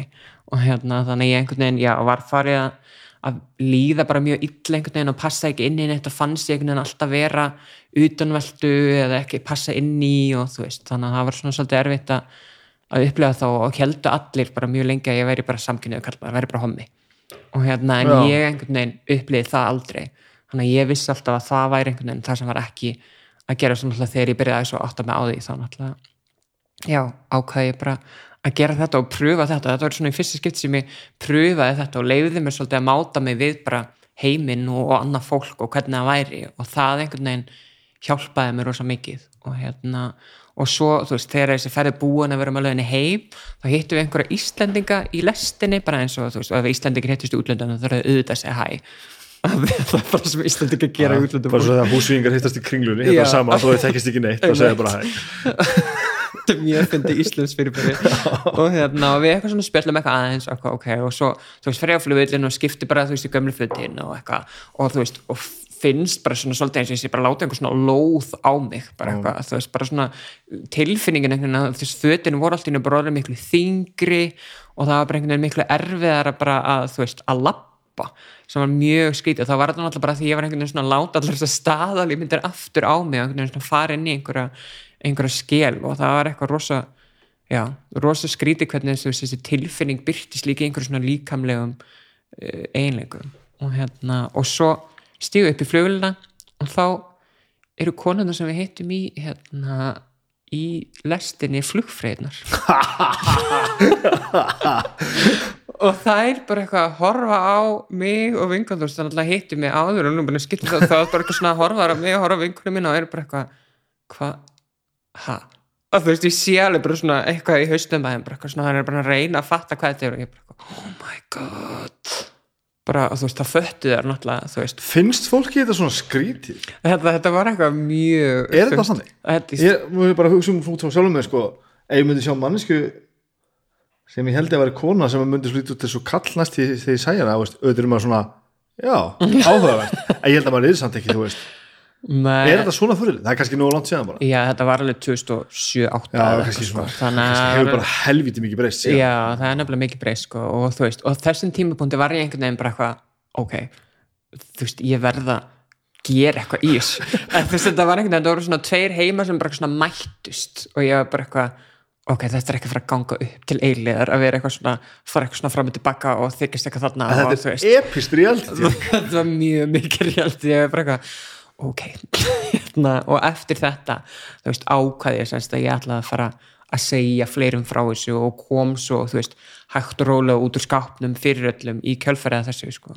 Þannig að þetta einhvern veginn var svona til þess að ég bara kom út sem ég og, og kom út úr skápnum eins og maður segir og hérna og já, og þú veist, sagði helstu vinum minnum frá þessu fyrst og sagði svo stóra bræðum minnum frá þessu og þú veist, litli bræðum minnum sem var tíu ára á þessum tíma, ég var bara eitthvað, hvernig á ég að þú veist, segja litli bræðum minnum sem tíu ára og þess að ég held að myndi aldrei fatta hvað það verið að vera trans. Og ég eitthvað svona, þú veist, uh, fer heim einhvern tímann um, í jólafríinu bara og hérna, og erum eitthvað út af mjólkabellinar og hérna, og ég eitthvað svona ákveða að spurja bara, veistu hvað það er að vera trans? Og veistu, þú veist, hvað transfólk er og hann eitthvað svona vissi eitthvað svona pínu og ég eitthvað svona útskýri bara aðeins fyrir hann um hvað var að vera trans og hann bara svona, já, ok, ok ekkert mál. Og svo, þú veist, talaði ekkert meir um það og svona nokkru töm síðar vorum við að spila í PlayStation 12 og ég allt í eitthvað svona íti að pási leiknum að ok, ég þarf að, þarf að segja það svolítið. Og hann eitthvað ok, óslega pyrraður ég hef ítt að pása á random stað í tölvulegnum ok, hvað? Og ég hérna, já, mannstu þegar ég var að segja þið frá því hvað var að vera trans? Og hann bara, já, ok. Og get óþólum ok, hvert að fara með þetta. Og ég hérna, já, þú veist, ástæðan fyrir ég var að segja það er vegna þess að ég er trans og ég ætla að byrja í kynlýrtingaferli og ég ætla að byrja að nota nýtt nafn og, og nýtt fornafn og, og þetta menn allt sem hann fari í gang núna eftir jól. Og hérna og hann bara eitthvað horfir á mig og hann er bara, já ok, hérna getur við það haldið áfram í tölvulegnum bara eitthvað alveg sama og ég bara eitthvað ó, vilt ekki, vilt ekki spurja mig að, vilt ekki, þú veist bregðast eitthvað við, vilt ekki fara að gráta? Ég var bara eitthvað, vilt ekki gera eitthvað? Já, ég var já, bara eitthvað, já. ég vilti bara eitthvað viðbröð og hérna, en hún er bara alveg sama. Sem segir manni líka svolítið mikið hvað sko fössið í kringum þetta er sko bara tilbúið. Já, að því að, að því að þú veist einmitt börn sem að innan allra gæsalpa ekkert vita já. þeim er alveg drull sko. alveg sama sko. Hann bara gæti ekki verið með það mál og hann var sko, þú veist, eitthvað svona aðeins eftir á það eitthvað svona, þú veist, fór hann eitthvað aðeins að pæla í þessu og, og þú veist en hann var samt svo fyrsti til að nota þú veist, rétt nafn og rétt fornafn og bara eitthvað eðlilegast hlutur í heimi fyrir hann og hérna og þú veist, og svo sagði ég sérst fóruldrum mínum líka frá þessu en ég vissi ekki alveg hvernig ég átti að segja þeim það þannig að ég eitthvað svona bróð til bref sem ég ætlaði bara svona stutt bref en svo var það bara einhver svona fimm blæsina leiðbyrningabængu með bara svona helstu spurningar og eitthvað. Þannig ég var bara svona mjög praktís mjög lausna með þessu öllu saman. Og hérna og bara letið svo fá, prentaði þetta út, letið svo fá brefið og sagði hérna lesið þetta bara svolítið vel pæla að sísu, farið út um mjölka beljunar og komið svo bara og tala við mig þegar þið eru tilbúin að ræða þetta eitthvað. Og þau bara gerðu það og hérna og þú veist. Það sem verið að snúa hlutverkum hann að fóröldrar og börn. Já. Og þau bara eitthvað, ok, fóru þú veist, og gerðu bara setja svo um kvöldi eitthvað, þá komaði og pappi hérna það bara, já ok, þú veist, ég hef svona bara eina spurningu um þetta allt saman þú veist, þegar að við förum í sund í hvaða klefa ætlar þú þá að fara og þá var það bara svona eina pæling um þetta allt í hvaða klefa í sundi ég ætla að fara sem Já. er mist mjög íslensk spurning Já, en, en reyndar svarar ansi mörgum öðrum spurningum í leiðinni sko, ef þú ert búin að svara þessar spurningum ég, ég, þannig- þetta er- þetta er- þetta er vel gert hjálp, þetta er Já, klæðar sko. þannig að ég, þú veist, ég svaraði bara já, ég er nú ekkert að vera að fara í sund í bíl held ég, held ég, það er nú bara svona aðeins mikilvægri hluti að spá í okkur svona sund fari kannski svona aðeins að fara bara á byð meðan ég pæli í öllu þessu og finna út úr, þú veist, öllu saman. Þannig að hérna, og þau voru, þú veist rosa skilningsrík þannig sko, það tók þau náttúrulega veist, langan tíma þú veist, nota rétt nafn og nota rétt fornöfn, þú veist, pappi sagði til dæmis alltaf strákarnir, þú veist, það var rosa erfitt fyrir hann að hætta að segja það og þú veist, að hætta að nota lýsingarnarsendingar, þú veist, verður fljótur eða þú veist, eitthvað svona Ó, veist, maður er svo forritar sko. þetta, þetta var einmitt bara mjög erfitt fyrir hann að ná einhvern veginn þessu og, hérna, og ekki það að hann vildi ekki þú veist, þetta. Var einhvern veginn bara svona innprentað í hann bara, þú veist, strákarnir kallkinn, þú veist, eitthvað. Og hérna, og ég er náttúrulega bjóð samt ekki, þú veist, heima hjá maður þenn tíma, þannig að það kannski hjálpaði líka. ég ekki, svona, svo daglegur umgangur. Já, þannig ég gat, þú veist, var náttúrulega bara fyrir norðan í framhalskóla og fór svo heim um helgarskilur, þannig að við gátum svona aðeins öll fengið smá rými til að hugsa um þetta líka og þú veist, þannig að það hjálpa okkur rosa mikið, sko. En engin svona sárendi að sorga eða eitthvað svoleiðis það var sko svona fyrst held ég, þú veist, og þau einhvern veginn sem voru að sirkja kannski, þú veist sonin sem að þau heldur Já, þau þe- ættu þess vegna og- mér spyrja, því að það hlýtur að vera þú hlýtur að vera að missa eitthvað sko. Já, þú veist, fóreldrar upplifðu þetta oft sem missi, sko, og þú veist, að að þau kannski eru búin að gera sér ákveðnar hugmyndir um hver þú ert og hver þú munt verða í framtíðinni og þú veist, og búin að mynda alls konar já, plön og, og pælingar í kring það, þannig að þegar þú segir bara allt sem að þau haldur sé bara mikill miskilningur, þá, þú veist, er þess að erfitt fyrir fólk einhvern veginn að kingja því að átt að segja á því að núna getur hlutinni breyst. Og líka vegna þess að, þú veist, fóreldrar mínu vissu að það var ekkert komið rosa vel við transfólk í samfélaginu, þannig að þau Nei, já, náttúrulega já, já. þau Það er líka bara áhyggjur af því að það er bara erfitt fyrir mig í samfélaginu og hérna, þannig að það voru líka áhyggjurnar, þú veist, og þau vildu náttúrulega bara ekki að ég myndi upplifa eitthvað mótlæti og þau vissu náttúrulega bara, ok, ef þú ert að fara komin sem trans, þá er fólk sem er með fordóma fyrir því. Þú ert ekki að einfalda þessa hluti sko. Nei, Nei, einmitt, og hérna og ég náttúrulega verða náttúrulega bara mjög ofnbjör manneska bara mjög stutt eftir að ég kem út úr skápnum sko, þannig að það gerist það rætt bara. Já, sko, ég kem út 2000 og lok árs 2009 svona almennilega Stutt síðan, maður. mjög stutt síðan sko, og, hérna, og svo bara 2010 er ég viðtali í tímariti hinsenda já, já. þannig að þú veist, það bara byrjaði strax þarna en þú veist, ég lagði ekkert út með það að ætla að vera einhver talsmanniski, einhver aktivisti eða aðgerðinsinni eða hvað sem fólk vil kalla það þú veist, ég einhvern veginn ætlaði bara þú veist, að gera mitt og eitthvað og svo bara einhvern veginn gerðist það svolítið þú veist, ég allt í einu var bara farin að þið viðtali hinsendum og allt í einu var ég farin að veist, sjá um einhvern eh, stuðningshóp í hérna veist, fyrir norðan, fyrir hins en ungmenni. Og þannig að það einhvern veginn, já. Bara svona ekkert svo, svo, svo sóttist í eða Nei, þú veist, ekki í rauninni en svo bara einhvern veginn var ég alltaf inn að fara að sjá um hennar stunningshóp og svo, þú veist, flyt í suður og þá vill fólk endilega fá mig eitthvað í ungliða hóp samtakana 78 ég kaup ekki alveg svona sko. ég held að maður lendi ekkert alveg sko. ég held að maður Ég- gefi nú alveg kost á sig sko. Já, þú veist, ég náttúrulega kannski var ekkert að berjast ótrúlega mikið á móti en ég var samt einhvern veginn svona þú veist, ég var einhvern veginn aldrei bara eitthvað ég ætla sko að fara í þessi Nei, já, ég samtök skil, og eitthvað ég svona, skil, ég þannig að, skil. þú veist, en þegar fólk kannski, þú veist, var fyrir að tala við mig og var fyrir að bjóða mér og spyrja hvort ég vildi gera það þú veist, að ég var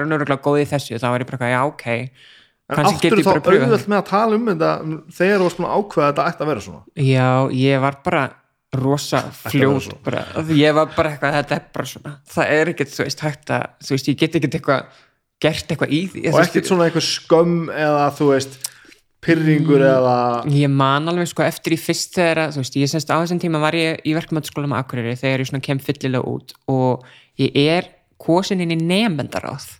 þannig ég var þegar með sínileg manneska í skólanum og ég man svona fyrstu skrefin sem ég var að taka, ég semst hafði sagt námsrákjafa í skólanum fyrst frá þessu, hún var svona eina fyrstu mannskjum sem ég sagði frá þessu. Og hún hjálpaði mér rosa mikið einhvern veginn svona, þú veist, taka ákveðin skref og tala við alla kennara og, og díla við allt það. Og ég man einhvern veginn svona fyrstu tvær vikundar sem ég kom í skólan bara sem ég, þá var ég bara eitthvað ótrúlega stressuð og þannig að allir var að horfa á mig og þú veist, það væri bara sem var auðvitað líka pínur sem rétt er sko. öruglega líka pínur rétt af því að bara fyrir norðan á Akureyri það var ég bara þekkt af öllum bara á einni nóttu og þú veist, þegar ég kom heim í jólafyririnu þá sko- komnar alls konar einhver svona sögur um það að ég hef bara skroppið í aðgerðir og gert allt þetta bara í jólafrinu og ég er bara ok, þetta verður ekki alveg þetta er ekki alveg það öðvöld hérna, en og hérna, þannig að ég einhvern veginn sko að því að ég var í nefndunum það höfðu þess nefndur á skrifstofuna.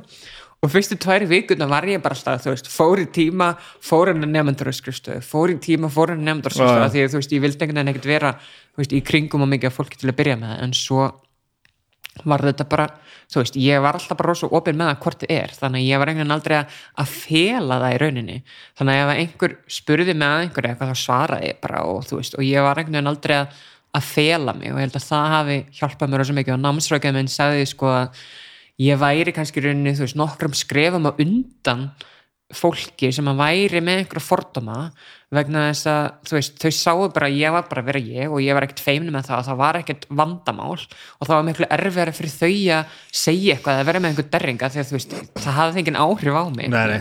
Þannig að og þú veist, ég man alveg eftir því að fólk sagði eitthvað svona, þú veist, við vorum til þessi nefndur að eitthvað að gefa einhvern ís einhver tíman á einhverjum degi í nefndur að henni og þá er einhver, þú veist, heyrði ég einhver að gaura í einhverju hotni bara, "Ö, þetta er hérna- þetta hérna kynskiptingurinn og þú veist, og ég bara eitthvað fyrir upp að maður sagði bara, já, strákar þau fá bara engan ís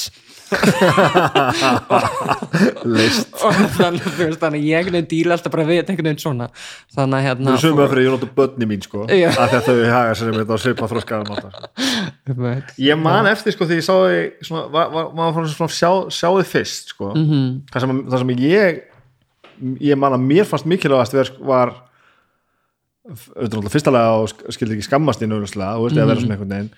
He- heldur um, mér fannst loksins eins og einhver var að tala við mig sem að leiði mér að vera með í þessu sko. Já, já, já.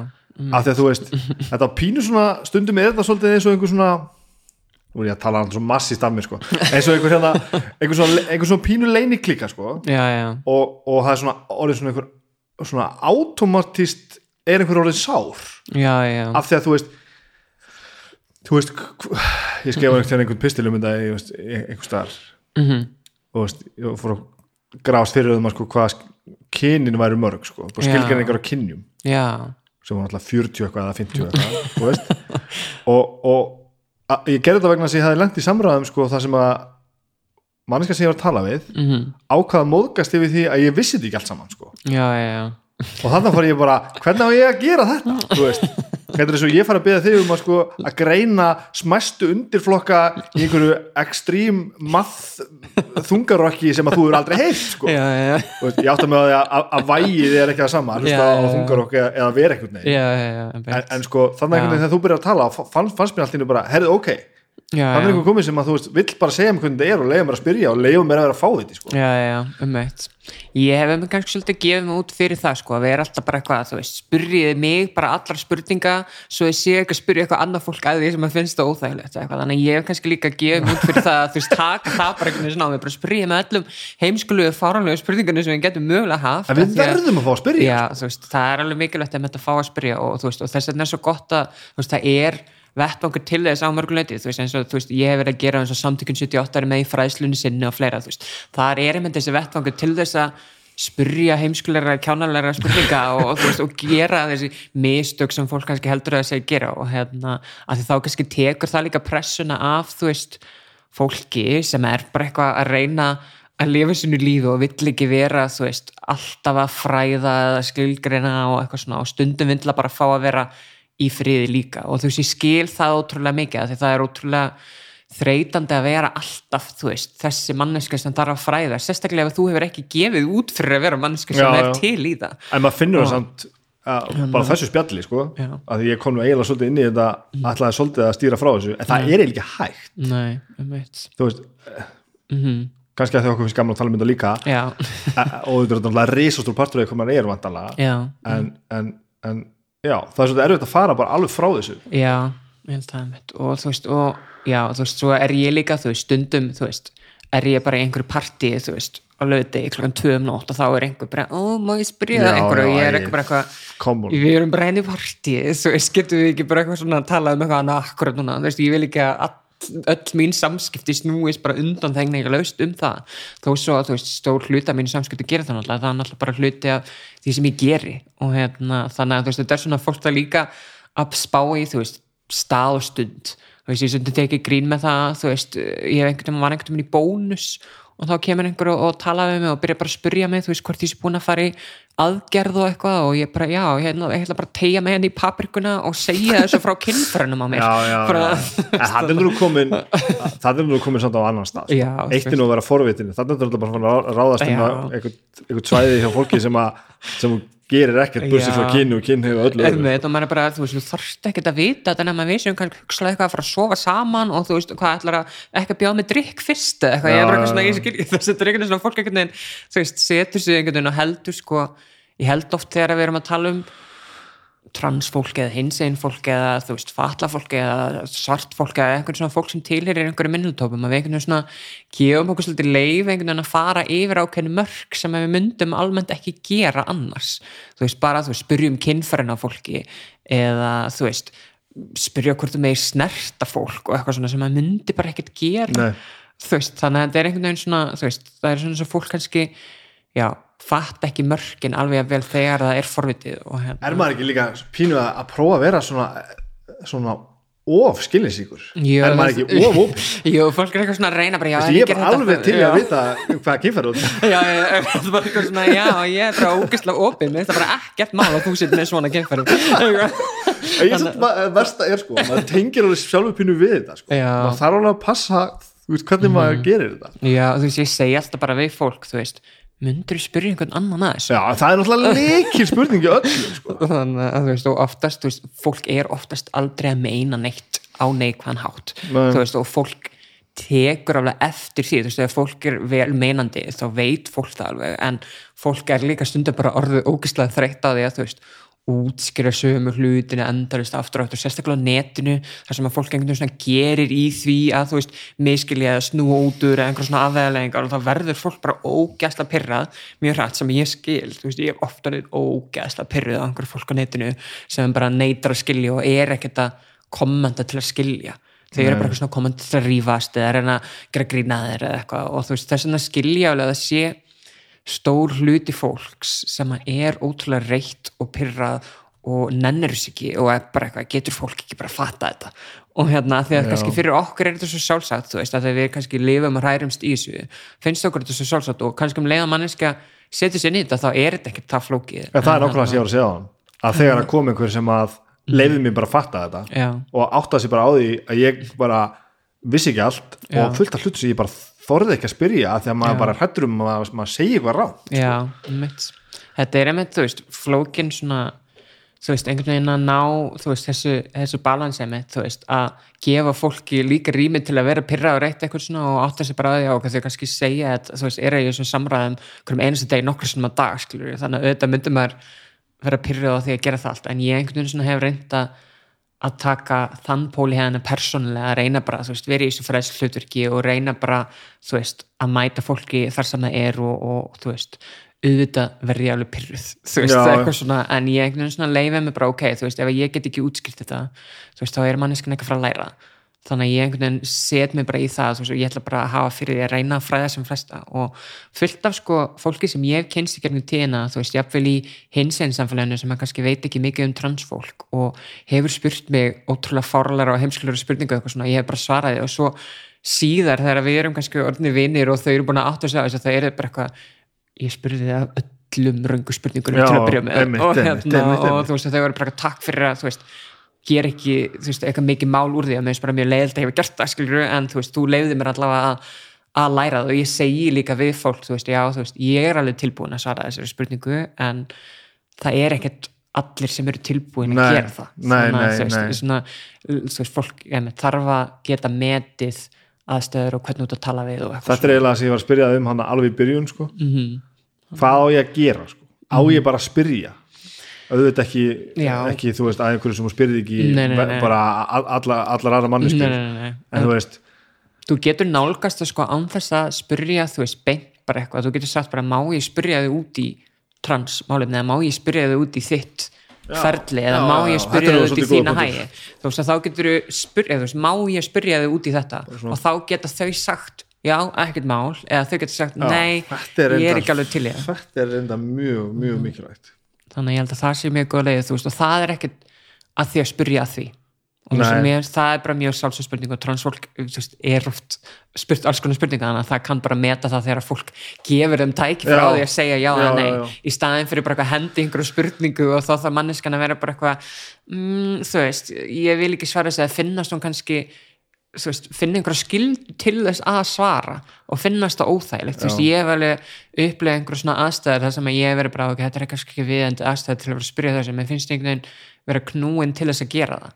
Þannig að ég get alveg ímynda mér að fleiri lendi í þeim aðstæðum að finnast þau þurfa að gera það. Og það er, þú veist, eitthvað sem að fólk á aldrei að þurfa að upplifa, þurfa að deila einhverjum upplýsingum sem að þau kannski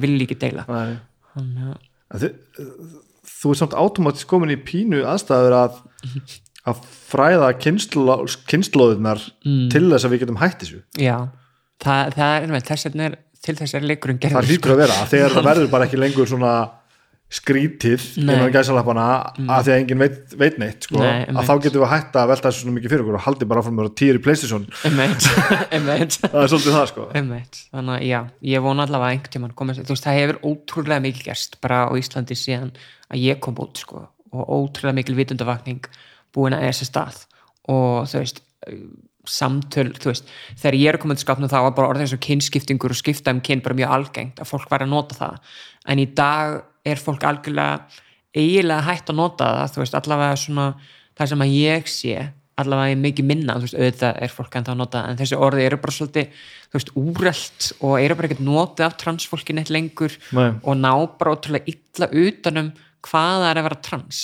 Að því að þú veist, kyn skipti skiptum kyn, hljóma bara svona eins og skiptum föt eða skiptum Já. skóla, þú veist, að skipta er eitthvað sem þú getur gert oft og frekar auðveldlega þú veist, þegar maður talar um skipti, þú skiptum bíl eða skiptum föt eða skiptum skóla þú veist, eitthvað svona þessari skilningu kynleiðritingu og þessar kynvitundu öll saman, Já. þá er vantan ekki hægt að skipta um kyn eða hvað. Nei, þú veist, í rauninni snýst þetta um það að manneskan hefur en alltaf verið það kyn sem hann hefur upplýst og þú getur ekkert breytt því. Þú getur ekki breytið þess vegna er hún að þú veist, aðlaga eða leiðrétta þú veist, að sinni kynvitund. Þannig að þú veist, þessi kyn skipti hljómasvöldu þess að hafa verið kall og allir svo að vera kona. Já, bara svo einmitt. En þú veist, ég hef þess aldrei að verið er kall langi geðið mikið til að vera eitthvað annað já, já, en þú veist, ég hef aldrei upplegað mig í þessu kalla hlutverki þannig Varstu ég aldrei, pældur aldrei í því? Nú er ég komin alveg á flug, ég er með svona 60.000 spurningar í haustum hvort þú væri bara hommi, skilur við Jú, jú, þú veist, ég paldi alveg í því að þegar á þessum tíma, þú þegar ég er að þú veist, maður byrjar á kindurskap maður byrjar eitthvað svona að upplifa sjálfan sig þá var engar umræður um almennilega hvað væri að vera trans Nei, og líka bara þetta, vera unglingur og vera bara kólruglaður og ekki neitt, þú veist. og þú veist, ég var bara eitthvað já, ok, þú veist, ég veit ekki alveg er ég homi, já, kannski, nei, þú veist þetta var, ég, þú veist, ég hafði engin svör. En það passaði samt bara einhvern veginn ekki? Passaði ekki, þú veist, fullkomlega en það er samt mikið af transfólki sem að kemur fyrst út sem homi eða lesbía eða tíkinni eða þú veist, eitthvað svona fyrst Já. í leit að einhverjum svörum og bara eitthvað, ok, kannski er þetta málið. Bara að því að það er aðeins nærði já, eða þú veist, þetta er einhvern veginn svona þú veist, þau kannski hafa ekki orðaforðan eða tækifæri til þess að útskýra hvað er að vera trans eða bara vita það ekki. Og þá er það að vera lesbí eða homi eða tíkinni eitthvað svona aðeins nærði já, þannig að það er, þú veist, eitthvað sem að fólk gerir oft að koma fyrst út þarna og reyna eitthvað annað og reyna að máta sig þarna en áttu sér náttúrulega bara á því að það er ekki nóg.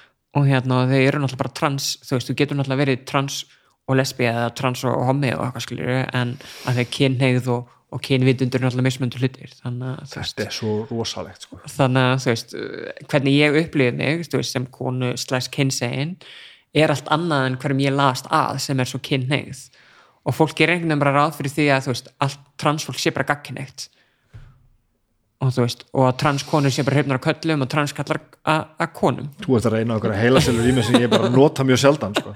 en þú veist, transfólk getur náttúrulega bara verið samkynneitt og tvíkynneitt og, og pankynneitt og allt, allt það. En þá fyrir við líka að að, koma að því sko, þegar áttar að fara að að fatta þetta því þú lítur einhvern veginn út sko. Þú ert með einhver kynfæri og veist, fæðist einhvern veginn og svo ætlar að fara að púsla þessu öllu, saman laðast að þessum, Já. en samt langar með að vera svona Já. en samt er þetta svona og þetta passar ekki saman og, þetta er mjög samspil hva, sko. og þá er eiginlega spurningi sem að hefða, mér finnst þið vera ótrúlega í þessu sko, Mhm. -hmm. að því að ég ætla mér sáttu nú bara nú erið með að þú veist finna nöfn á börni mín en að taka, þú, að því að þú lítur á einhver- stær í ferlinu þú að taka bara svolítið konkrétt ákvarðanir. Nú er ég ekki að tala um sko, líkamlegar aðgerir, þetta er líka bara félagslegt og andlegt bara, herðu, þetta hér Já. þetta er svona.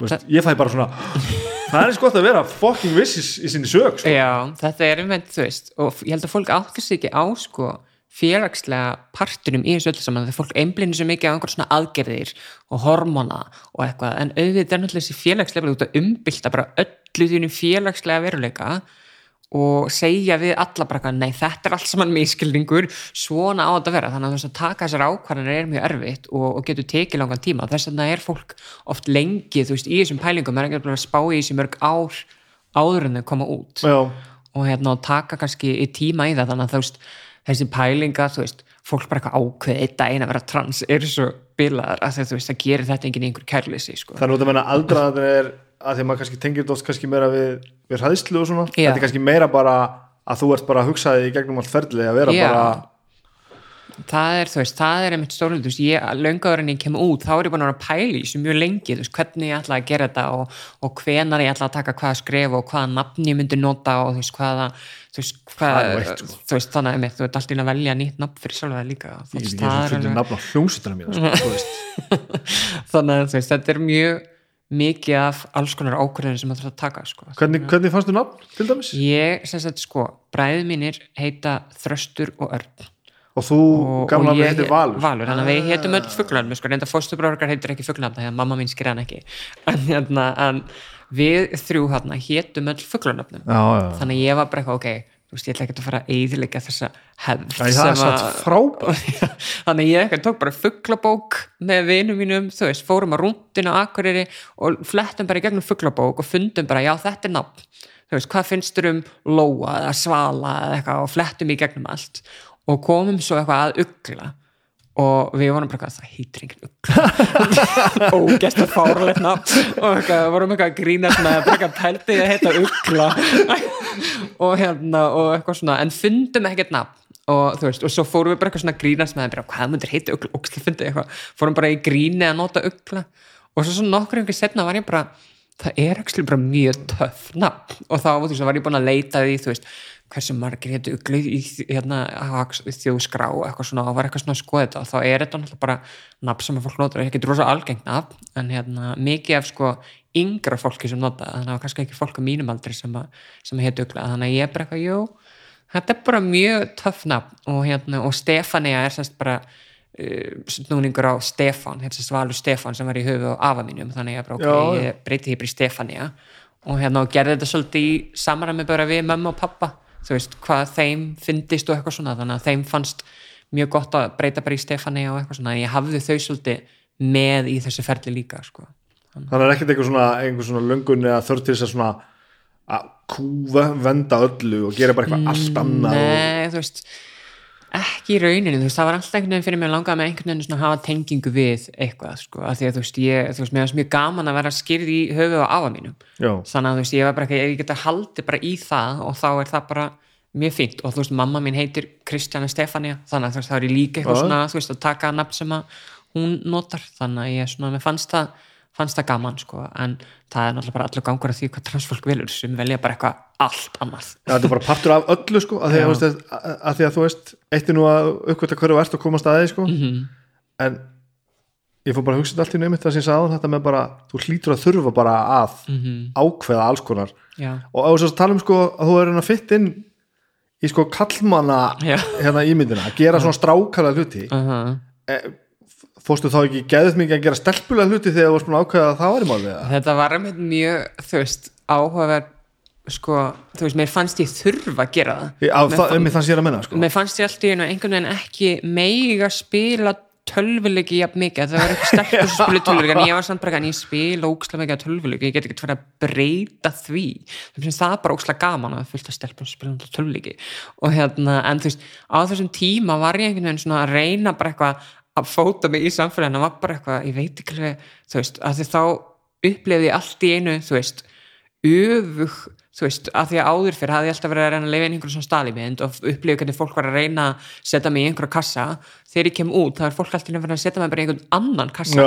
Þannig ég kem úr einum kassa yfir í annan kassa og ég er bara eitthvað þetta er ekkert að make sense bara, veist, ég, og ég, þú veist datt alveg inn í þetta, þú veist, að reyna að lifa í einhverju svona stalímyndum og þú veist mála mig og klæða mig ókslega kvenlega og eitthvað svona og þú veist, og með tímanum var ég bara einhvern veginn, þú veist æ, þú veist, ég verð bara að vera ég þú veist, Já. ég er ekkert að fara að breyta því að, þú veist, ég er hérna alveg upp á sveitabæ og þú veist, og kann alls konar einhver svona típisk kallastörf eitthvað svona og þú veist, og hef alls konar hæfileika sem eru kalla, þú veist, dæmi en í dag, þú veist, skiptir þetta mig engu máli þú veist, ég er bara að gera það sem ég veist gaman og er bara góð í því sem ég er góð í og þú veist, og hef alls konar hæfileika burt sér frá einhver svona kynja hugmyndum, sko, og hérna og brýt þessa kynja hugmyndir rosa mikið, sko, þú veist, ég myndi til dæmis eflust vera að köllu það sem að kalla þessu svona tomboy, þú veist, á, á ennsku, þú veist, að vera meira svona strákalega stelpa heldur en eitthvað annað, þannig að mér finnst það mér finnst það líka, þú veist, verið eitthvað sem að fólk kannski áttast ekki að því að transfólk getur náttúrulega verið alls konar, bara eins og allt annað fólk, þannig að transfólk dettur ekkert eitthvað svona 100% inn í staðalímyndir frekar en Nei, frekar en aðri, sko. Þannig að ég einhvern veginn, ég þurfti líka, þú veist, átta mig á því að ég mátti bara vera svo sem ég er, hver sem það er og ég þarf ekkert að falla í þessi staðalímyndir. Og það var rosa ferðstandi líka, sko. En, en á sama tíma þegar maður er í gangi í gegnum þetta ferli, þú veist, að því að þetta teimi landsbítala sem að hjælt utanum þú veist, þetta ferli að þú getur farið á hormona og farið í aðgerið og eitthvað svona, það var svo upptekið af þessum staðalímyndum þannig að ég einhvern veginn svona staðlindu kalla á kvenna það, já, svoleiðis, já. þannig að þú veist ég lék ákveði hlutverk fyrir þau sem að ég viss að myndi falla í kramið hjá þeim Æ, vá, og myndi auðvelda mér að fá hormona og fá aðgerir og þetta myndi vera bara svona clear case að svona sannfara þau nógu Já. afgerandi um það að þú væri Já. Kona já, og bara falla í það þannig að ég lék bara bestu mögulegu konu sem ég gæti mögulega leikið og fekk, fór bara mjög hratt í gegnum mitt ferlið, þú veist, auðvitað var aldrei neinar efasendur um hvað ég vildi fá til ferlinu þannig að þú veist, Nei. ég náttúrulega bara lék það hlutur sem ég þurfti að fá það sem ég þurfti og svo talaði ég bara við vinni mína og annað transfólk um þú veist, hvernig ég upplýði mér umverulega þannig að það er einhvern veginn þessi hræðsla við að vera neituð Nú, komum nú Þjónusta. aðeins inn á þetta? Hva, hvað þarf það eiginlega upp, uppfylla til þess að fá að? Sko, á þessum og tíma hver ákveður þetta eiginlega? Það er bara, á þessum tíma var bara eitt geðalæknir á landinu sem ákvað bara þetta. Og hérna, en núna er þetta reynda búið að breytast mjög mikið, sko, þannig að það er en á, þegar ég kem út, það er eitt geðalæknir á öllu landinu sem ákvað bara hvort að þú gætir fengið að fara á hormona og breytum nafn og fara í aðgerð og eitthvað, ákvað fyrir alla Íslendinga? Já eitt geðalæknir Vá, hvað þetta skytið maður. Og, og hann var bara þú veist, þessi gatekeeper, bara hliðarvörðurinn hérna, bara ef þú fellur ekki inn í þetta samkvæmt mér þá færð þú ekkert aðgang að þessu ferli. Þannig að það var bara svona, Þetta er, þetta er galið sko. þannig að það var bara menning innan Trans Íslands að hjálpa fólki og að þjálfa fólk Já, í að segja nákvæmlega hvað það þurfti. Já, það var bara, þú þarft að segja þetta og gera þetta og þá kemstu þarna inn og þetta passaði að gera þetta ekki og svo framvegis. Og það var bara eitthvað svona En núna, hvað gerist núna? núna er sko, þú veist, meira þú veist, það, er, það er bara svona teimi á landsbyrði sem heitir teimi landsbytala um, um kynvitund og það er bara, þú veist, teima fólki sem er sálfræðingar og gæðlegnar og, og alls konar fólk sem, að, sem að heldur utan um þetta. Þannig að þú veist, það er minna upptekið núna af veist, þessum kynja hugmyndum vegna þess að þau eru búin að fá mikla gaggrinni fyrir að bæðis bæði frá mér og frá fleira transfólki sem er búið að gaggrina þú veist þessa pælingu að þetta sé bara eitthvað svona færiband að búa til hennar fullkomnu konu og fullkomna kall og, hérna, og núna kynsegin fólk líka farið að þú veist leitast í þjónust í hafðum og eitthvað þannig að þau eru orðin mikið mikið opnar og mikið auðveldar að fá aðgang heldur en var sko. já þannig að þannig að það er, þú veist, búið að breytast mikið þó sem sé náttúrulega auðvitað alltaf þú veist, hægt að bæta og, og, meira sem þarf að þróast í þeim efnum, sko, en það er bara allt annað núna heldur en var fyrir tíu árum síðan, sko. Þannig að transfólki á upplýr auðveldar að fá aðganga og ekki jafn upptikið þessum kennihauðmyndum þó það sé náttúrulega ennþá element af því samt, sko. Þannig að tilgangurum með þessu vantilega að vera það svona að- að- sem að allavega einhver hefur lagt að stað með og á pappírunum Já. að enginn misti í sig og gera eitthvað sem, að, já, já, sem þú ert ekki viss um. Já, já, en hvað eru við þá með, þarf það samt ekki þú veist? Já. ætlar að segja mér að séu allir sem leggja stað og fari í viðtali séu alltaf alveg með allt á hreinu það sem er að fara að gerast? Það er náttúrulega hefur komið upp hafa komið upp dæmið sem fólk hefur gengið gegnum eitthvað ferli og byrjaði ferli og svo bara hætt við eða átt að segja á því að þetta var ekki það sem að þau vildu. Og það er náttúrulega bara elnur hluti af einhverju svona líka þú veist að fólk fái að að kannski fá það frelsi til að líka segja bara nei ok, veist þetta var ekki nákvæmlega sem ég vildi eða nákvæmlega sem ég og þú veist að það er mikilvæg hluti af því en á samt að saman tíma finnst mér líka þú veist að við þurfum að þú veist auðvitað þarf náttúrulega að vera, þú veist, bara einhvers konar basic mat á því hvort að manneska sé bara andlega, þú veist, heil til að geta verið að gangi í gegnum einhvers konar ferðlega, það er mjög erfitt og tekur mjög mikið á fjálgslega og, og mikið af transfólki sem að, þú veist, upplifur oft mjög mikla andlega vanlegan að því það er búið að vera röngu kyni Já, og svona þannig að það þarf svolítið að díla við það bara svona samhlega með því og þú veist, og að segja á því að þú veist, já, já, mannskan getur kannski fengið að vera hún sjálf þá menn það hjálpa við að díla við þunglindið og kvíðan sem er búið að myndast út af því. En, en svo hefur líka mitt komið upp að fólk hefur byrjað á hormonum og, og svo bara verið bara nei þetta er ekki það sem ég vil. Og, og það er það að tala um að ennsku einhver svona detransitioners uh, er þetta orð sem er notað að ennsku og, hérna, og það er þá fyrir fólk sem, að, sem að hættir við. En veist, umræðan einhvern veginn sko byrjar alltaf bara að snúast um það bara já við þurfum að herða þessa þjónustu svo að þú veist, fólk sé ekki að gera þetta og þú veist, og þá er það ofta fólki sem að vill bara ekki að transfólk fóði þjónustu yfir höfuð, Já. þannig að það er alltaf svona misvísandi sko, þú veist pælingar um þetta. Og þú veist, auðvitað á að vera stuðningur fyrir allt fólk hvort sem að þau ganga í gegnum þetta ferlið að hætta einhver starf við eða gera eitthvað, það er náttúrulega bara að vera stuðningur til staðar fyrir það fólk sem að gera það. En tölfræðilega séð er það svo ótrúlega lítið hluti af transfólki. Já, það er þannig. Það er bara, þú veist, undir 1% Já, eða ok, eitthvað. ok, ok. og hérna, og þú veist og fólk er alltaf að segja bara já það fyrir einhverjar aðgerir og sér eftir þú veist, miklu minni eftir sér tölfræðilega séð við einhverju svona eða fólk fyrir ekki að eldur en þú veist, nýjaðgerð eða einhverju svona öðrum aðgerð sem að fólk kýsa að fara í. Þannig að þú veist, eftir sjáin tölfræðilega séð er svo ótrúlega lítil að þetta er augljóslega að virka mjög vel og, þú veist, og þegar að þjónustan er sett upp rétt og hún er þú veist, þetta er gæða þjónusta og allt er gert þetta eftir ákveðnum stöðlum þá er hún bara að virka ótrúlega vel og þú veist, miljónir manns bara, þú veist, alls þar í heiminum sem að njóta góðs af þessari þjónustu. Og svo er kannski, þú veist 1% af einhverjum einstaklingu sem að kannski sér eftir og auðvitað eiga þau skilið að fá þá hjálp á þá þjónustu sem þau þurfa til þess að díla við það. En þau er samt aldrei einhvern veginn að vera málstæður til að berjast gegn þjónustunni nei, ég skil, ég og þau eru oft notuð af einhverju svona anti-trans hópum Hvaða hópar eru það? það er bara eitthvað fólk sem að hefur ekkert betra að gera í lífinu heldur en að drulli yfir annað fólk Faru, le- lendur mikið í þessu það? í, ég semst, er, bý núna hérna er bæði, bý bæði á Ísland og Bretland það er mikið í Bretlandu núna.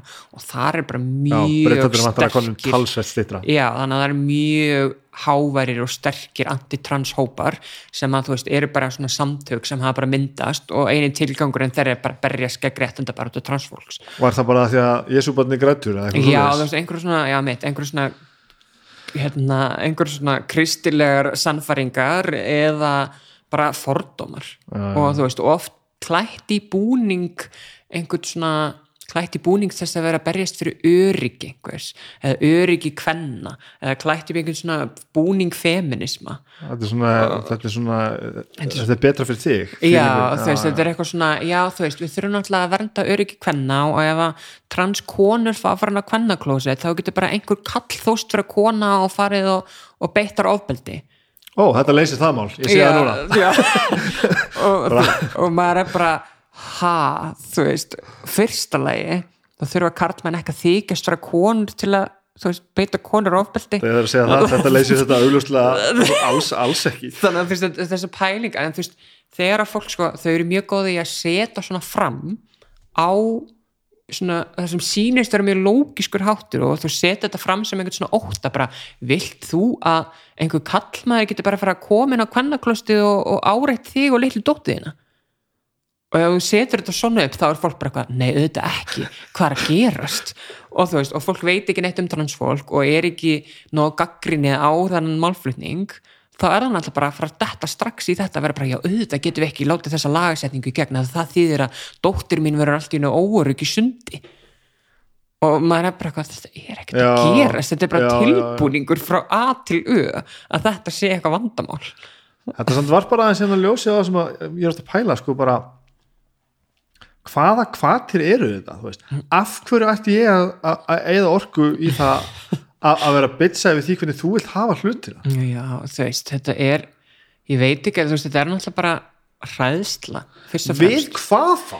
ég veit ekki. Að, veist, ég veist, get að ekki smitast eða þú veist, þetta er einhver svona ég held að þetta sé fyrst og fremst sko ótti við ofbeldi, þú veist, sérstaklega þau að því að þú veist margar, þú veist, langflestar konur vita hvernig það að vera áreitt eða vera beitt ofbeldi að einhverju leiti og það er alltaf spilað inn í þann ótta að þú veist, ef að transkonur er að fara að koma inn í þetta þá er þær bara eitthvað að fara, þá getur einhver kall bara þóst vera kona og koma áreitt í sundi. Eða þannig er einhver transkona sem er ekki búin að fara í aðgerð og hún mun bara eitthvað flassa tippinu sínu. Eða þú veist, eitthvað er einhver svona svona bilaða pælingar já.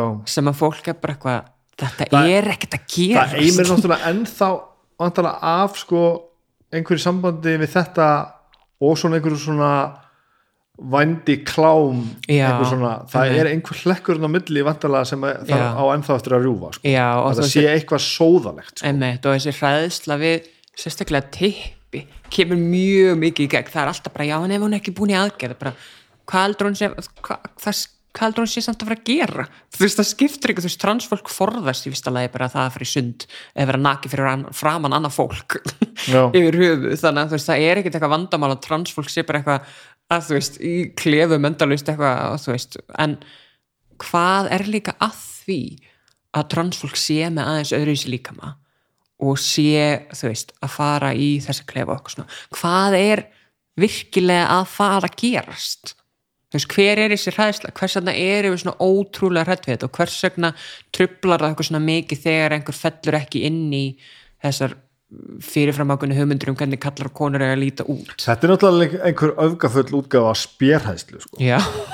Svo að því meina við getum ekki eins og farið í sama klefan kallar og konu sem er Nei. náttúrulega eitt, eitt og sér náttúrulega mjög áhugavert mjög skondið, sko. þegar þeir finnst svona eins og sé einhver svona laumufarði Já, um þetta er þetta eitthvað svona það bara, herri, þú erum bara að vilja það reymyndina Já, um þetta, er, er þetta ekki eitthvað það sko? þetta er einhver svona ræðsla við það. en auðvitað velti maður því samt alveg fyrir sér Þú veist, ef það kemur, að sé ekki nú bara samkynni manniska og svona velti Já, maður fyrir sér það er ekki eins fyrir þig að vera inn í þessum kallarklefa Nei. eins og það er fyrir mig, það er það ekki sko. Nei, um þetta. en það er ekki þar með sagt að sé slæmt Nei, það, er augljóslega ekki eins Nei, algjörlega og þú veist, og það er einhvern veginn þú veist, það sem að fólk, finnst fólk oft veist, auðvitað er þetta öðruvísi og auðvitað þú veist, er fólk bara öðruvísi og er öðruvísi upplifin en það þarf með ekki að vera slæmt að hins en manneska sem er í sundi. Þú veist, þetta er bara hluta mannlífinu og þú verður svolítið bara að átta þig á því að fólk er ekki allt eins og þú veist, þessi, þessi fordómar sem að transfólk upplifir í sundi eða þú veist, þegar fólk er eitthvað svona að þú veist uh, skipta sér að því hvað klefa annað fólk er að fara eða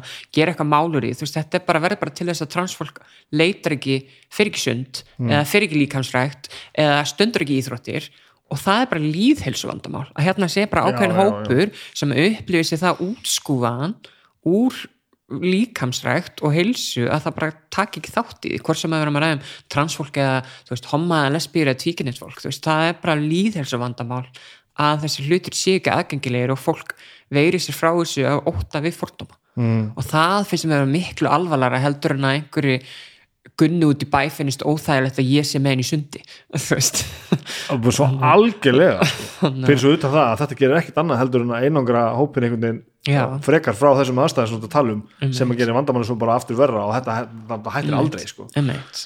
þannig að ég held að fólk þurfi svolítið bara svona aðeins að veist, það að upplifa óþægindi er kannski bara merki um það að þú þurfur þú veist, aðeins að kannski pæla í hvers vegna þér finnst þetta óþægilegt og hvaða er sem er að valda þér finnst þetta óþægilegt, af því að stundum er eitthvað sem okkur finnst óþægilt bara út af einhverju svona fyrirfram ákveðinu hugmyndum eða fordómum sem að við höfum um einhverju hópa. Mm. og þú veist, ég hef alveg staðið mér að, að því að finnast eitthvað óþægilegt og vera bara eitthvað af hverju finnst mér þetta óþægilegt? Bara, og þú veist, að einhvern veginn að í því sjálf bara, ok, ég ætla bara aðeins að fara í smá naflaskoðan og spá í bara, hvers vegna finnst mér þetta virkilega óþægilegt, er það og þetta raunverulegum þú veist, ástæðum eða er þetta bara einhver svona ótti eða einhverjar hugmyndir sem er búið að imprinta og ég þarf einhvern veginn kannski að, að skoða það. Þannig að mér finnst það, þú veist, svolítið áverð að fólk kannski, þú veist sé svolítið eins meðvitaðara um sjálft sig og um hvað það er að upplifa og hvernig það kemur fram að hana fólk og, og já, fleira. Þannig að ég held þetta sé samt líka sko að það sem ég var að byrja henni, henni í byrjun sko. Mm, að þetta er svo stort svæði sko. Þú veist einhvern veginn bara, já, ég, ég heiti þetta, ég er trans og maður fær bara svona, ég veit ekkert hvað þýr fyrir mér er þetta bara, þú veist þetta þetta eru miljón breytur og Já, já. e- og þetta, það verður svona pínu Mhm. svona, þú veist, geimveru fílingur í þessu. Já, Maður svona, og svo bara, þú komið mér í sund veist, vil svo til að mér er drull sko, Já, já. að, veist, ég er bara gaman að, að, fólki eins marbreytilegu hægt er helst Já, sko, einmitt. kannski ég bara bara að sjá nógu mikið en þetta er samt bara ég get ekki lesið í því, ég skil ekki neitt sko. ef þú ert bara maður hérna með tippi þá líður mér miklu betur með að, að geta bara staðsetti það sko. Þetta er einhvern veginn, þú veist Mhm. ég veit ekkert sko. nei, um eitt brýtur allar þessar og því ég líka bara veit ekkert í alveg sko. Nei, nei. Sko, ég segi alltaf við fólk að þetta snýst kannski ekkert endilega um það en þetta fólk kunni 100% allar orðabóka skilgreiningar eða geti, þú veist, vita nákvæmlega allt en þetta snýst náttúrulega bara fyrst og fremst um mannlega virðingu og Já. þú takir bara fólki það sem það er og takir því bara trúanlega og hlustir og reynir bara þitt best að koma fram vel við fólk. Veist, það er bara nummer 1, 2 og 3 í þessu. þú veist, það er náttúrulega frábært ef fólk getur kynnt sér hlutina og kann, þú veist, inn á þessa orðatök veist, orða og hugtök og eitthvað svona og kannski kann að beita veist, það er náttúrulega bara frábært líka en fyrst og fremst þarf fólk bara að, veist, að virða annað fólk og, og bara koma vel fram við hvort annað, þú veist, ef við myndum bara öll vera næs við hvort annað, þá væri mikið af þessum vandamálum úr sögunni af þessu leiti, að því ég held sko að með tímanum, þú veist, þegar að uh, það hættir að vera svona mikið mála einhvers trans eða einhvers sé homi eða eitthvað, þú veist, þá skipti þetta miklu minna máli, skipti þessi skilgreininga miklu minna máli og við getum einhvern veginn bara að fara að líta fólk sem fólk en á meðan við erum svo ótrúlega upptekin af Við þurfum alltaf að skilja, þú veist, við þurfum alltaf að skilgreina eitthvað svona, þannig að þú veist, það mér finnst það oft koma okkur, þú veist vera okkur ekki til góðs af því að við erum svo upptekin af því að flokka og skilgreina og þurfum að geta skilið þetta fullkomna það er að vera lógisk útskýring samkynneið var nógu einföld sko. hann er bara maður sem að verður sem laðast á öðrum mönnum. Ok, ég get hérna ég, ég get, ég fatta þetta. Já. svo er þetta bara svona en samt vefst þetta nú alveg fyrir fólki enda já, en ég menna, þú veist, við erum samt, við samt komin aðeins áfram með það Já, sko. en, en þetta sem við erum að tala um hérna opnar og svo margt að maður verður bara ok, svo ef maður, þú veist, ef maður ætlar að skilja þetta og ef maður ætlar að láta það svo vera fyrir sér þá er nóg sem getur verið fyrir maður Já, algjörlega, sko, ég, þú veist, það er ótrúlega mikið hugtökum og alls konar sem að þú veist, ég fættist ekkert kunn, þú veist, og kunni all þessi hugtök Nei, nei, og nei. kunni skil á þeim og kunni beita þeim þannig að ég þurfti þetta að læra þetta allt líka sjálf og líka bara í sambland við það að vera að upplifa sjálfa mig, þannig að þú veist það er, þú veist, um leið og mann einhvern veginn svona setur sig aðeins inn í þetta þá þú veist, nærmaður svona alveg sko, allavega svona basicinu sko, þú veist, ég get ekki trú að öðru en að bara langflest fólk geti þú veist, tek náð utan um basic hugmyndina ég held að það sé alveg satt sko. Já. og ég held að ég til dæmis bara hérna í morgun var ég maður sem að náði því. Já. en bara á þessum tíma sem við erum bara að spjalla saman hérna þá líður mér samt miklu betur með að segja hluti sem ég hefði kannski ekki sagt sko. já, já, um og nú er ég held ég frekka frakkur og, og, og til í að kynna með hlutina. Já, en þetta, þessi veggur er svolítið hár sko, hann er svolítið órannulega já, ég trú þú veist, ég, fólk upplifir þetta með dróðs að þetta sé eitthvað svona jarðspengsvæði, meir ekki segja eitthvað og þá spyr fólk bara ekki að neinu í staðin, Nei. staðin fyrir að vilja ekki móka, en ég held að þú veist, ég hvet alltaf fólk til þess að spyrja frekar og, og vera opið. Og einmitt eins og vorum að segja, spyrja það bara, má ég spyrja það út í það er þetta? þetta algjört gull sko. og, hana, þú veist, og bara að fólk sé ekki feimið, þetta er ekki feimnismál. Það er ekki feimnismál að fólk sé trans og það á ekki að vera það og við eigum ekki að vera feimin við það að ræðum að fólk sé trans, ekki frekar en við eigum að vera feimin að ræða að einhver sé hommi eða lesbía eða tvíkniður, þú veist, þetta á ekki að vera feimnismál, þetta er náttúrulega bara hluti af mannlífinu og eigum alveg ekki að rætt það. Og þannig að þú veist, ef fólk er eitthvað stressað þá er bara alls konar flott efni líka á netinu sem fólk getur lesið, þú veist, samtökun 78 og, og, fleiri sem Ö til A er til dæmis mjög góð síða. Og hérna mjög góður. Þannig- og þannig að þú veist og svo er alveg bara alls konar viðtöl og sem fólk getur hlusta á og fleira. Og svo, þú veist, ef þú þekkir einhvern í fjölskyldunum eða á vinnustæðinum eða eitthvað, þá getur alveg bara farið og spurt hvort þú mátt spyrja þið út í eitthvað. Og það er ekkert mál, þú veist, transfólk er flest til í að eiga samræður um transmálumni svo lengi sem það er að jákvæðum nótum og þú veist, fólk er að gera það að virðingu þá er fólk oftast til í þetta. Þannig að hérna, fólk þarf ekkert að vera feimið ef að, þú veist, það er að vill gera rétt og vill bara fræðast þá eru flest allt til í að, að þá getur líka transfólk alltaf bara sagt nei, þú veist, ég vil ekki ræða þetta. Og það er það bara komið á ljós, Já, komið í ljós og þá getur bara látið það kyrt líka og þá veistu það bara. Þannig að, þú veist, fólk þarf einhvern veginn svona, þú veist fólk líka, þú veist, ímyndað er að vera svona þú veist, stressið verið að spyrja einhverjum spurningu þú veist, ímyndað er líka að vera transmanniskar í samfélaginu og þú veist, og upplifa einhvern veginn, þú veist, að vita aldrei hvernig fólk bregst við að mun koma fram við þig að það veit að þú ert trans. Nei, nákvæmlega. Þannig að þú veist, það er einhvern veginn svona þú veist, jú, jú, ok, það er kannski erfitt að, klífa hann að vekka, þú veist, að spyrja og fræða sig eitthvað skilur, en ef maður setur sér í spór transmanneskuna, þá þú veist átta með þess að það er bara, ok, kannski er þetta minni áhyggjur með það sem transfólk er að, gangi í gegnum. almáttugur já, en það vil samt svo til að hinn eru fleiri sko. Já, þannig að það hefur kannski svona kannski, verið fyrirferða meira fyrir Einmitt, sko. já, algjörlega, þannig að þú veist, ég skil alveg hennan, þú veist, þessar pælingar og hennan ótta kannski, en fólk þarf ekkert að vera svona óttasamt um Nei. þannig að þú veist, það er einhvern veginn sem fólk þarf ekkert að og fjölmiðlar líka gera svolítið í því að byggja upp hennan ótta finnst mér, sérstaklega í Bretlandi, þar sem er mjög sko erfið umræða, kannski mjög fjandsamlega umræða og þú veist, og transfólk er ofta einhvern veginn svona málað sem bara einhver svona reitt fólk sem að er ekki tilbúið að eiga hennar samræður og mun bara, þú veist, bilast eða spyrja einhverju spurningu, en það er ekkert lýsandi fyrir transfólk sem hóp. Nei, þannig að auðvitað er náttúrulega þú veist, eitthvað fólk sem er óslega reitt og, og brjála alltaf og það er náttúrulega bara ástæður fyrir því, þú veist, fólk búið að lendi í alls konar ömulegum Já. aðstæðum að bara verið fokk þreytt á þessu og hérna, en þú veist það er einhvern veginn sko, þú veist, fjölmjöla gera svo mikið í einhvern svona öfga, þú veist, pælingum þú veist, við sjáum þetta bara með aðra hópa eins og þú veist, feminista, þú veist, þau eru alltaf málar sem einhver svona brjálar kellingar einhver staðar sem að, þú veist, eitthvað svona og veist, þetta er sama gert með transfólk og alla minnulutópa en það er ekkert lýsandi fyrir þessar umræður sem að veist, þessi hópar vilja eiga og hvernig þau koma fram og eiga samræður. Þannig að þurfum svolítið að- að geta tekið fólki bara sem fólk og átt og gráði að fjölmjölu umræði er ekkert endilega alltaf 100% lýsandi fyrir raunverulega umræða hvernig fólk vil eiga umræður. Nei. Við erum líka ennþá þeim stað sko að, að segir, er að tala um transfólk mm -hmm. þá er umræðan svolítið eins og að það fólk sé bara transfólk það er ekki eins og Já. sko það á ekki fjölskyldu eða er ekki Nei. vinnu eða keirir ekki bíl sko. Að þú veist, þú ert bara trans og það er bara að tala. Já, bara allt bara sem þú gerir. spilar tölvuleiki, ég held að vera trans. Getur, getur gert hluti líka? Já, það er einmitt það sem ég held að fólk þurfi með, uh, þú veist, átt að segja á því að transfólk gerir nákvæmlega sömu hlutina og allt annað fólk, við förum í útilegu förum í sund, þú veist erum í vinnu, þú veist.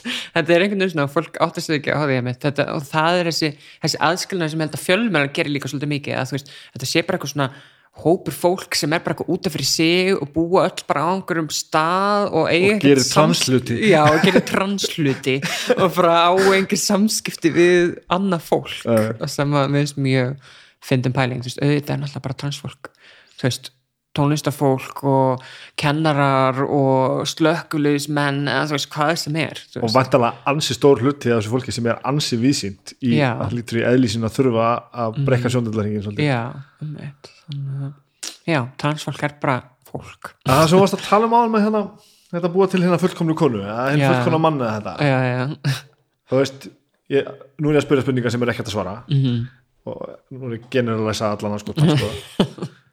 hvað hérna þú veist hvað stjórnar í hvað maður, hvað maður gengur langt, eða hvað maður gengur langt? Hvað maður gerir og hvað ekki, ég meina já, þú veist, af hverju ákveður að taka þetta kyn? Af hverju mhm. uh, nú er starfsfram að segja eitthvað sem ég að segja. Uh, af hverju þú veist í þessa aðgerð en ekki þessa, af hverju í þessa hormóna? Mhm. af hverju þú veist, af hverju stoppar þarna? Mhm er þetta bara eitthvað sem að, að þannig kemur, kannski ég bara tala um út frá ákvörðuna fælna manninu sem ég er sko. að ég bara, hvernig ákveður hvort þú ætlar að gera þetta, þetta er brjálæg Já. sko. ég fæ bara svona og nú er ég ekki bara að tala um að klippa tippið af mér sko. þetta er bara nei. allt í heiminum sko. já, já, sko það er mjög einstaklingsbundi bara hvað hendar fólki þú veist, þegar að kannski fólk byrjar á hormonum, þá er það bara svona ákveðin pælingur, ok, ég ætla að byrja á hormonum og svo ætla ég að sjá hvert það leiðir já, já, og já. sjá hvað gerist og hvernig, þú veist, fólki er ekkert endilega bara eitthvað svona, frá degi eitt bara ég ætla að gera þetta og svo ætla ég að gera þetta. Og þú sum eru bara með plan og bara fylgja því, en sumt fólk er bara ég ætla bara að taka þetta eitt skrif einu. Og ég ætla bara hérna að byrja að nota nýtt nafn, nota nýtt fornafn sjá hvað gerist. Ef mér líður vel með það, þá ætla ég kannski að fara á hormona og sæk, þú veist, sjá hvert ég get byrja á hormonum byrja þessu á hormonum, sjá hvert það leiði mig. Ef að ég upplifa að mér langar að fara í aðgerð síðar meir þá kannski ger ég það. Og þess fólk svona bara tekur ákvarðanina sko í skrefum oft. En kannski fyrir mér var það bara alltaf þú veist, ég vissi nákvæmlega bara ég ætla að fara hormona ég ætla að fara í aðgerð, þú veist, ég ætla að gera þetta. Og það var bara rosa ljóst einhvern veginn fyrir mér. Og en það eru, þú veist, fólk er bara mismunandi. Bara eins og allar ærir og þú veist, alls konar ástæð kannski fyrir því að fólk vill ekki fara í kynfara aðgerð eða vill ekki fara í svona aðgerð, hvað sem að það er vegna þess að þau bara finnst ekki hafa þörf á því finnst allt, þú veist, eru ekkit að upplifa kynfærin þeirra séu það mikið fyrir þeim uh, eða upplifa ekkit mikla vanlegan vanandi kynfærin per se eða þú veist alls konar, þú veist, læknisfræðilegar ástæður fyrir því geta kannski ekki farið í einhverja aðgerð. Fólk kannski orðið það gamalt að það er ómikil áhætta að fara í einhverja aðgerð. Fólk getur með alls konar heilsuvandamál. Þú veist, til dæmis hefur alveg komið upp að þú veist trans uh, kona hefur byrjað á, á estrogeni og estrogen eigur líkanar á krabbamenni þú veist, það eru bara meiri líkur að fá krabbamenn út af estrogeni almennt. Og þegar að kannski einhver transkona byrjaði á estrogeni þá, þú veist, að því hún var kannski með undirliggjandi krabbamenn og þá eigur það, þú veist, að þá allt í henni fær um krabbamenn þá er hann að hætta hormónum, skilur, þannig að það er alls konar praktíski praktíski hluti, sem geta komið upp í þínu ferli og, og fleira, þannig að það er bara mjög mismunandi einhvern veginn hvað fólk kýs að gera og líka sko sumar aðgerðir sérstaklega fyrir sko transkarla eru ekkert alveg fullkomnar og þú getur ekkert alveg fengið kannski 100% það sem að þú vildir fá út úr aðgerðinni. Þú veist eins og fyrir, fyrir transkarla eru þú veist kannski þessar helstu tvær aðgerðir í bóði þú veist þegar að transkarla byrja hormonum þá stækkar snýpurinn og verður í raun að tippa því að snýpur og tippi er í raun sama mm -hmm. líffærið nema bara þróast mismunandi hormonastarðsemi þannig að þegar þeir byrja á hormon þá stækkar snýpurinn og þá er þetta að gera aðgerð þar sem að það eru notað og dreigja aðeins út þannig að þeir eru rauninni með lítið tippi Mhm. og geta svo bara fengið þú veist eistu með sílikon eistum og eitthvað búið til úr þú veist þá úr skapabörmum og, og eitthvað og búið rauninni bara til þú veist lítið tippi og eistu. En svo er hægt að þú veist búa til starra tippi þar sem er tekin húð þú veist af hendi og einhverstar af líkamannum og búin til getnaðleimur en þú veist vandamáli við það er náttúrulega þú veist að þú myndi þú veist, þú getur ekki sett alltaf tauga endana á nákvæmlega sama stað þegar snýpurinn er miklu minna líffari heldur Já, en já, þú veist kongurinn á teipinu og þú veist þannig að þú veist, þetta er einhvern veginn svona að þú getur ekki fengið nákvæmlega sama út úr því.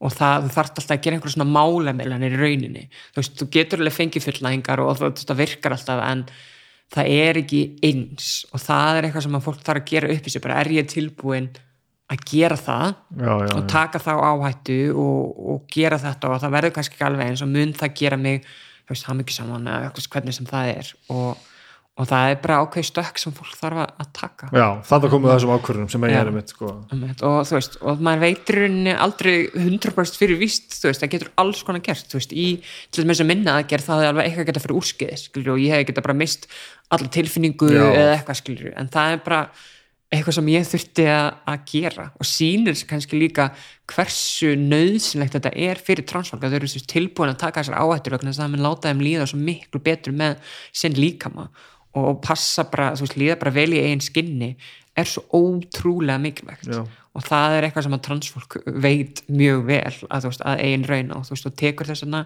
þessi skref út af því þannig að þú veist, það eru, þú veist, fólk heldur oft bara þetta sé ókslega eitthvað svona auðvöldæmi og þú veist, en það er alls konar, þú veist, hlutir sem að koma það inn á og alls konar málamælinir og hlutir sem getur komið upp og fylgjukvillar og eitthvað sem maður getur gerst þannig að fólk tekur þessar ákvarðanir ekki neinu, neinu kærleysi, þú veist, ferði ekkert bara eitthvað á mánudegi upp á landsbytala og bara föstuð frá henni aðgerð, þú ert að lýsa rosa stert þessu sem að ég og, og það sem ég sagði á þetta með rófið sko. mm eitt, þetta, er, þetta er bara einhvern veginn. Þú ákveður bara að þetta sé bara einhvern veginn. Og þú veist, það er engin uppskrift af því að vera trans eða vera kalla eða vera kona veist, þannig að þú veist þegar ég áttaði mig á því líka sjálf þá varði ég miklu frjálsar einhvern veginn. Og þegar ég áttaði mig á þessum fjölbreytileika fólks þá einhvern veginn bara svona opnaðist ný vitt fyrir mér um kyn. Og ég einhvern veginn sko, þú veist, fyrir mér er kyn miklu flóknara, einhver segir þú veist við mig, þú veist að þegar við erum svo upptekinn að því hvernig fólk kemur fram, þú veist. En ef að ég þekka einhverja mannesku sem er að stíga sem fyrstu skrif í sínu ferli, þá finnst mér svo ekkert mál að breyta um nafn og fornafn strax að því ég veit bara að fólk er alls konar.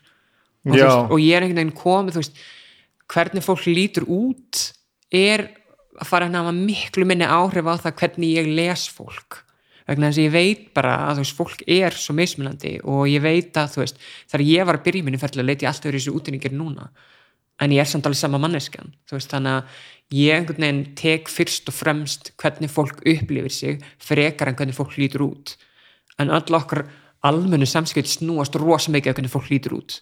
Já, en ég einhvern veginn er búin að þú veist af því ég er búin að lifa og ræðast í þessu svo ógæsla lengi þá bara finnst mér þetta skipta miklu minna máli og ég einhvern veginn legg ekki sömu merkingu í útlit eða rödd fólks eða þú veist, til dæmis ef einhver með djúpa rödd þá legg ég ekkert endilega merkingu það að það sé kall. Nei, ekki nema ég viti það. Þannig að veist, þetta er eitthvað sem fólk gerir bara sjálfkræð sem er bara svo eðlilegt og fólk gerir að það er lang oftast þannig. En ég einhvern veginn er meira meðvitað um bara, já, ok, það er ekki þannig. Og hérna, þannig ég einhvern veginn mér finnst það, þú veist, vera stærsti munurinn sem ég hef upplegið, ég einhvern veginn náða að brjóta mig aðeins út úr þessum pælingum, en þú veist, auðvitað þú veist, auðvitað er einhvern veginn áhrifum þessa líka, þú veist, og hérna en mér finnst ég svona einhvern veginn hafa náða að opna aðeins meira, að vera ekki að gera jafn mikið ráð fyrir hlutunum. Og það finnst mér að vera mjög frelsandi líka að þá einhvern veginn brýst maður undan þessum staðalímyndum um allt sem þú ert að segja á hann, kyn, kyngerfingu kynneið, bara þetta bara þetta verður bara eitthvað grautur og öllu saman já, og þú veist, ég hef bara svolítið byrjað að taka fólk bara eins og það er Já. og bara eitthvað, ég get ekki sett fólk í kassa, endalust en eins og með, kynneið mm -hmm. þú veist af hverju laðast maður þá? er erum bara, við full af einhverjum einhverjum sem er búið að stempla inn í mann sko, þú veist, hugmyndin um kynneið eða vera gagkinni eða samkynneið eða tvíkynneið er ekkert orð sem hafa verið til endalust, sko. Þetta eru bara hugtök og sem við höfum búið til til að reyna að ná utan um einhverju svona upplifun. Þannig að auðvitað er hún alltaf að fara að vera ákveðin einföldun finnst mér vegna þess að þú veist auðvitað þú veist eh, fólk náttúrulega bara laðast af veist, fólk laðast kannski að köllum og konum þú veist hvernig sem þú veit gagginni eða, eða samkynni eða eitthvað en ég held að þetta sé ekkert alltaf svona klift og skori bara 100% bara eitthvað 100% gagginniður, 100% samkynniður 50% tíkinniður eins og tíkinnið fólk bendur alltaf og þú veist, ertu ekki bara eitthvað 50-50 þú veist, þú laðast kannski bara þú veist, að ákveðnum uh, þú veist, ákveðnum konum og ákveðnum köllum og eitthvað svona bland og þú veist, þetta er ekkert bara eitthvað svona ég laðast 50% köllum og 50% konum og, þú veist, og, og samkynnið og, og gagkynnið er ekkert endilega alltaf þannig, þú veist, það getur alveg gerst bara að einhver manneska sem, og hefur gerst, að einhver manneska sem er gagkynnið eða samkynnið, hitti bara einhverja mannesku sem að fellur ekki inn í þessa skilgreiningu þegar á kynið og verður bara ástfangin. Já, og þú veist, og það bara gerist. Og það sýnir okkur hvað þú veist þessir, jú, jú, þessir hugtök ganga kannski alveg og fólk finnur sér í þessum hópum. En ég held persónlega að það sé miklar svona samfélagslegar pælingar um, þú veist, kynið og hvernig við höfum að vera og hverjum við höfum að laða stað og eitthvað svona. Og ég held að ef að við byggjum í samfélagi sem að væri ekki svona sterkar skilgreiningar, það væri fólk kannski aðeins meira fljótand á milli. Já. Og, hérna, og væri kannski ekki svona upptekið af þessu. En nú erum við að tala um ennþá flóknari umræðu um, um kynnið að því að við erum að tala þá að kynnin er ekki einu sinni bara þú veist, svo konur ekki lengur bara konur, skilur Já, já. þú veist, þegar við tala um Já. að þú er, þú, Já, já. þú er svona möguleikur námundum konur, Já, þú veist, og, hva, hvað leikur þetta þá? Já, þetta er einmitt sko og þá, þú veist, það eru líka fleiri þú veist, kynneðir byrjar að taka þú veist, mát af þessu þú veist, eins og pankynneið þú veist, er kynneðir sem að er bara burt sér frá kyni, þú hrýfst bara þú veist, að einstaklingum og ert ekki að upptíkin af kynvitund, þú þú hrýfst bara að þessari mannesku vegna þess að þú hrýfst að þessari mannesku og þú veist, að það er kannski svona svarið mitt við þessu, þú veist, en tvíkinni fólk las náttúrulega líka bara alls konar fólki hvort sem að það er kynsegin eða kallar eða konur, þú veist, tvíkinni er ekkit bara eitthvað bara kallar eða konur, Nei, nei, nei, þannig að þú veist þessar, þessar kynneið, þú veist, tvíkinneið, pankinneið og allar þessar aðra kynneið eru kannski að taka meira mið af fjölbreytileikunum frekar en þú veist þegar þú segir þessi gagkinnið það þú veist, gagkinnið það ertu bara hrifin á konum. Veist, það er bara skilgreiningin á gagkinnið þannig að þú veist, það er einhvern veginn svona þú veist, og fólk pælir ekki því en svo getur alveg kallmann að hrifin á kynseinmannisku skilur því að kynseinmannisku getur litið út eins og veist, típisk kona eða einhver sem hann myndi típist verða hrifin af. Þannig að hvað er hann alltaf hættur að vera gagnir að það er með það er þarna sko, nú ertu komin í sk- skemmtilega stöði sko, þarna hefur við bara og þú veist, og svo, svo, svo margir sem láta vandala það stoppa sig að þú veist Já. að sé einhver skilningi, nei já, þetta, þetta passar ekki að því að ég er svona sko. Og það er einhver svona hömlur sem fólk, held, fólk setja á sig sem að mér finnst vera áhverf, bara hvers vegna ertu að setja þessar hömlur á þig, er það vegna þess að þú hefur ágjur af því hvernig minn vera að koma fram við þig? Eða hvernig fólk mun sjá þig? Pottið, það að- er auðvitað risastór partur því sko. Einmitt. þannig að þetta er svona þú veist, af, þú veist, akkur erum við að láta annað fólk eða einhver samfélagslega viðhor stjórna því hvað við kjósum að gera með okkar líf. Þetta er alltaf mjög stór spurning sko. þannig að auðvitað er náttúrulega bara hræðsla við fordóma og þú veist, sem er náttúrulega bara þú veist, viðvarandi í öllu samfélaginu. Þú veist, að fólk upplifir fordóma út af konar, en það er bara mjög þú veist, gild ástæða að fólk óttist fordóma. Já, en þú veist, af hverju eru við alltaf að standa í því að reyna þú veist, kassa fólk eða skilgreina fólk eða banna fólk að gera eitthvað þú veist, eða vera með fordóma eða beita fólk ofbeldi vegna þess að það gerir eitthvað sem að þóknast okkur ekki. Ég, ég á eina ótrúlega starka minningu. Mm -hmm. uh, það var mikið í mínu vinnhóp var svona, það var bara svona 90s grín það sem að það sem að við vorum að að setja okkur á eitthvað róf, Já. hversu mikið hérna gagkinnir eða samkinnir við værum sko, svo mjög skemmtilegt bara. Og ég komst alltaf að því, ég væri bara mjög gagkinnir sko, mm og bara ekkert, ekkert að því og bara leið bara vel í einn skinni og eitthvað. -hmm. ég á minningu, hún er svo ótrúleg sko. þetta er örgulega þetta er örgulega sko 2001 eða eitthvað. Já. 2000 ég er í strætó á hverfiskötunni mm það er strákur hjóli -hmm. er að stíga af hjólinu sinu og setja það fyrir vegg það sem að núna er hann bónus kjörgar ég man nákvæmlega hvað það var, ég man allt sko. og ég reyfst svo fullkomlega á hann bara svona úr fjarlæði sko. og, og bara, bara þannig að ég var bara skotir í hann um að færi sko.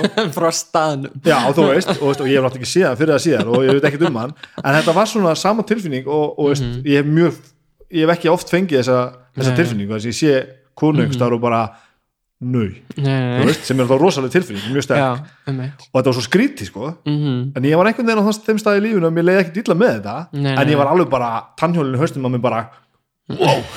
Bara hvað er ekki og, hvað þýð þetta? og ég man alltaf miklu meira eftir honum heldur en stelpunum sem ég hef séð og liðið eins út af því að Já, þetta já. var svo mikið impact sko. já, já, já. En þannig fattaði ég bara eitthvað. Ég man svo nákvæmlega hvernig, hvernig það leit út sko. þannig fattaði ég bara það, þetta er ekki svona svarkvít sko. Og ég held að þetta, þú veist, ég held að fleira einstaklingur upplifið þetta alveg eins og nokkuð tíman talna. Ég hef aldrei sagt neinum þetta. Er já, til hamingi þakka fyrir, ég er að koma út til það. Já. Nei, en þú veist, þetta er einmitt pælið, þú veist, fólk þú veist, þorir eitthvað að segja eitthvað svona eða bara einhvern veginn svona sóbreðin teppa þetta er svo hrætt við eitthvað svona einhverja pælingar eða fast inn í einhver svona kössum eða bara nei, þú veist, þetta er bara eitthvað dæmi, þú veist, ef fólk væri bara eins frjálsara með einhver svona hluti, þá held ég að fólk myndi vera meira opið með að tala um svona hluti og veist, vera hrifið af alls konar fólki og pröfa alls konar hluti þannig að þú veist, mér finnst við oft setja okkur í kassa á óþörfu sko. En þegar þú, þú sem trans e, e, e, ertu þá ekki svolítið að klessa einhverja veggi með svona?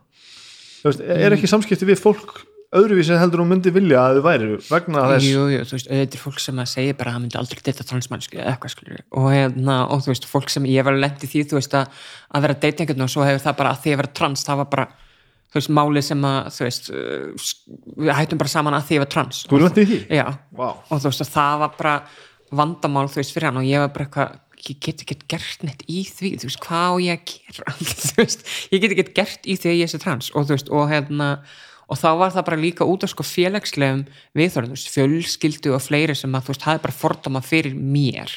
Og hann bara einhvern veginn, þú veist, meikaði það ekki líka.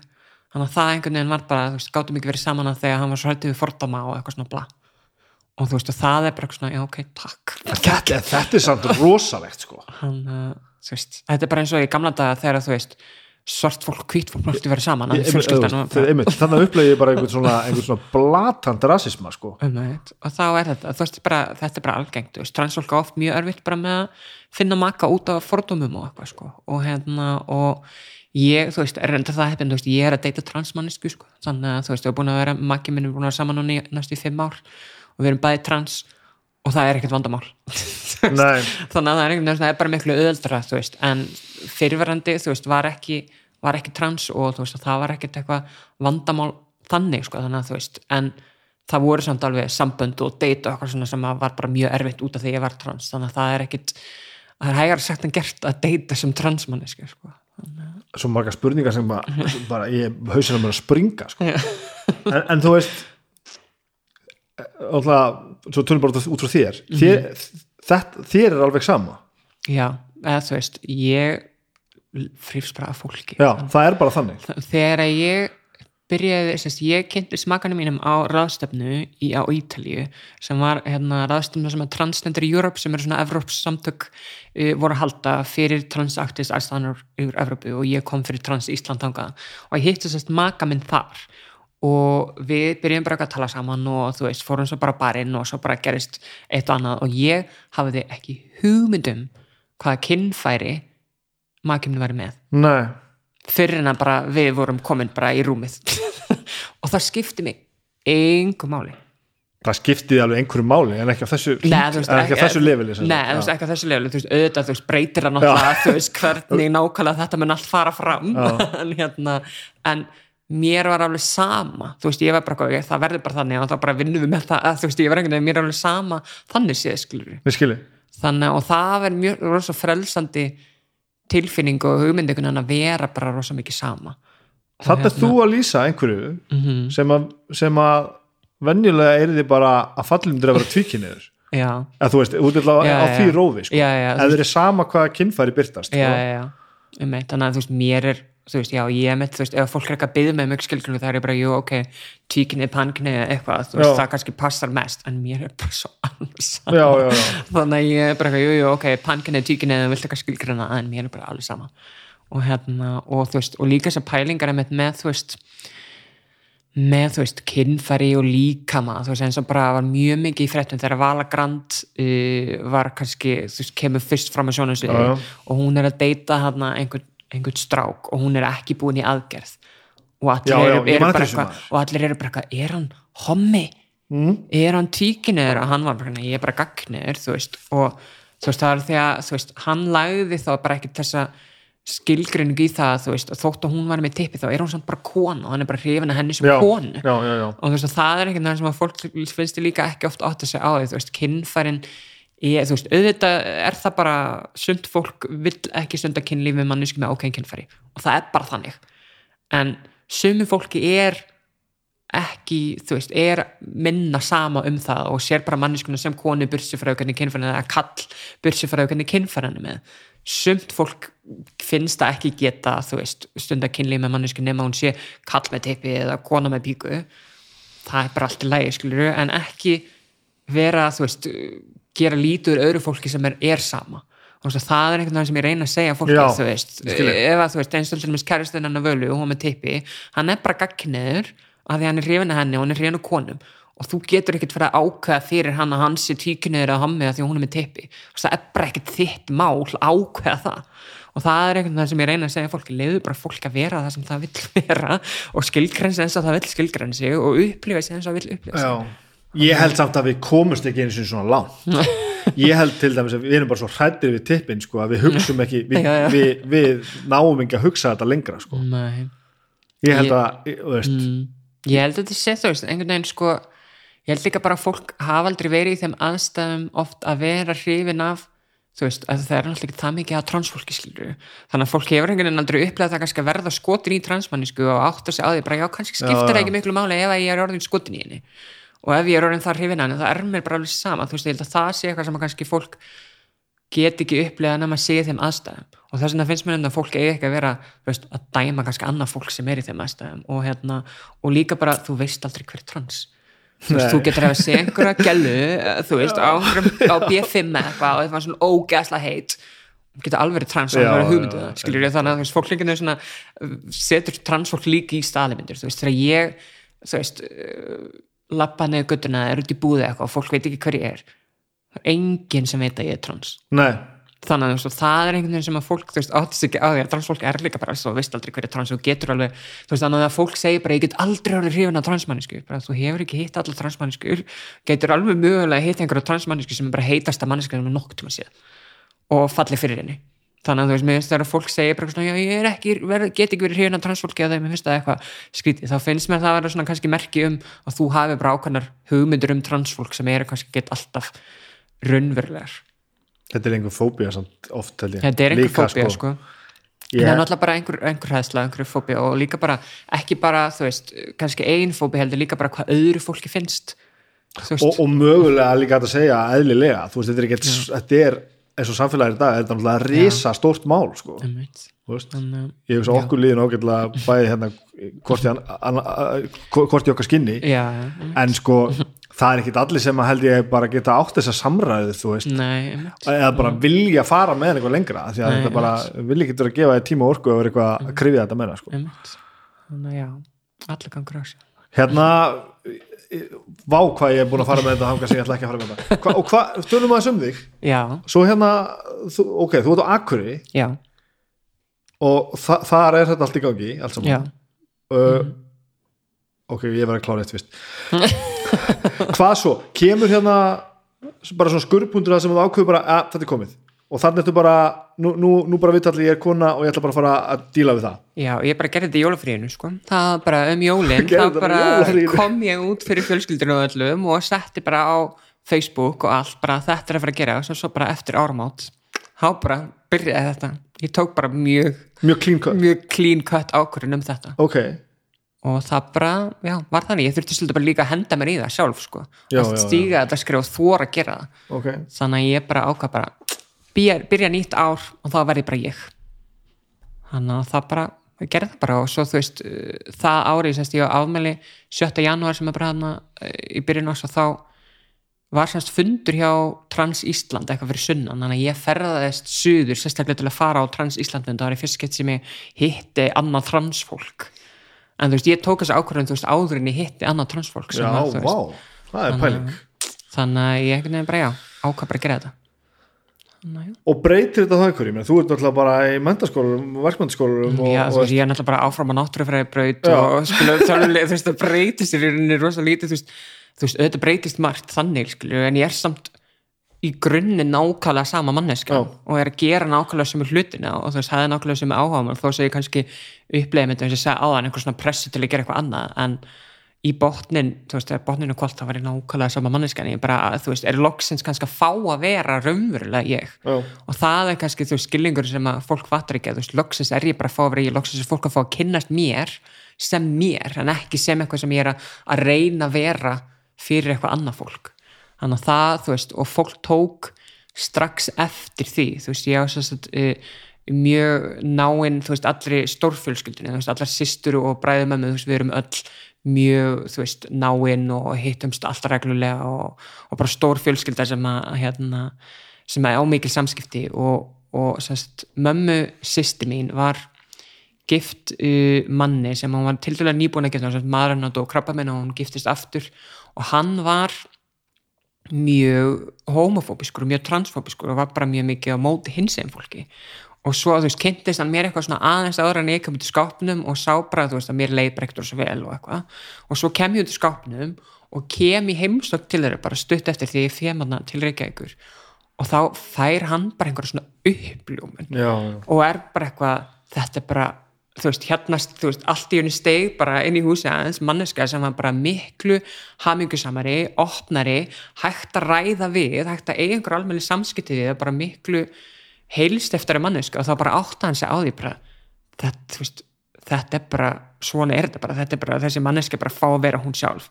Og ég get ekkit verið eitthvað, þú veist er eitthvað agnóst út í það. Það er svo augljós munurinn á því hvernig ég breyttist í rauninni bara, þú veist, ég var bara manneska, þú veist, ég var veginn bara svona elda inn í skilinni og halda utan eitthvað, þú veist, var ekkert að eiga samskipti við fólk. Varstu sem sagt að gera svolítið lítið úr í sáðan, þú varst sem sagt orðin svolítið hökkuð þarna Já, þú veist, á þessum tímapunkti, sko, svona rétt fyrir allavega, þá var þetta að fara að vera svolítið þungt. Sko. Já, hann er bara stutt, stutt að þér Já, þannig að veist, að það að stíga svo þetta skref bara einhvern veginn létti því öllu af mér það En tók respekt á hann að manna, þú veist, að Já. bara skipta um skoðun Já, það er mjög fínt, sko. Erfiðasta sem við gerum, það er að skipta um skoðun við fokking vissum um að hafa rétt fyrir okkur sko. Og líka bara varðandi eitthvað svona þetta er svo rosa biti í fólk veist, þegar það er varðandi einhver svona málefni. Þannig að mjög gott hjá hann en það var bara að því hann kynntist einhverjum. Já. bara hafði aldrei þekkt neitt sem var hins einn þannig að auðvitað, þú veist, það er einhverja fordóma fyrir fólki sem hann hafði aldrei hitt. Þannig að það er einhvern veginn það sem að breytti hans sín og þess vegna held ég að allir hefði mjög gott að því að eiga transvin Já. eða manneskis í fjölskyldunni eða eitthvað bara til að geta, þú veist, átti sæðins betur á þessu Hvað varst það, þú veist, skóli og svona, hvað varst að læra, hvað, hvað ætlaði það að verða? Þau voru ég, stór. sko ég ætla alltaf að vera dýralæknir en hérna en svo áttaði ég mig á því að stór hlut að vera dýralæknir er að aflífa dýr.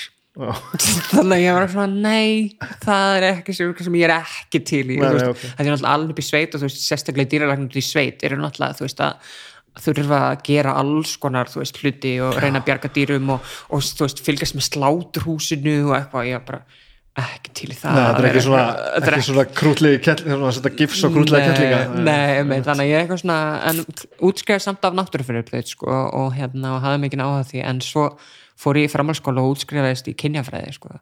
Í háskóla. já, Já. og það er með master í kynjafræði þannig að ég fór að vinna bara svona þú veist, vildi bara fara í einhverjum svona jafnbrettis vinna hjá einhverjum svona Já. þú veist, jafnbrettis samtökum eða vinna í þeim geira bara þannig hérna en já, svo hefði samt alveg, þú veist, ég hefði alveg getað orðið dílaræknir og hérna og eitthvað og þú veist, veit alveg ég hefði getað það og hefði getað farið út í bara eitthvað allt annað, ég pælist undir mig bara ef ég var ekki í einhverjum svona jafnbrettismálum, þú veist, hvað væri ég að gera? Og þú veist, ég væri röglega bara, þú veist dýralæknir eða grasafræðingur eða eitthvað svona, þú veist, eitthvað rosa vísindalegt sem að væri alveg gaman, sko. Já. hann er aldrei að senda að fara í nám, sko að hver veit? Hvað er ekki tíska núna að þessu, er ekki þrjá starfsaldra? já, Ég held að sé þannig sko, þú byrjar einhverju jobbi og svo Einmitt. held að ger, að sé, meðaltali gerir fólk að þreisa sinum. Einmitt. Já, ég semst, ég meint, ólst uppi það að pappi og við vorum alltaf bara fjöllafyllindi að greina einhver blóm og gróður og, eða, þú veist, og egg og reyður og eitthvað svona, þannig að ég alveg geta orðið einhver svona fugla, ugla, fugla frá einhver, Ú. mjög fyndi Þið komið. doktor frá einhver En þú ert þess að þa- þannig að lífið þitt er bara sósað í, í kynni alls konar bara. Já, það er bara það, það er bara þannig, sko. Þannig, að, já. Akkur hérna, akkur fluttir út?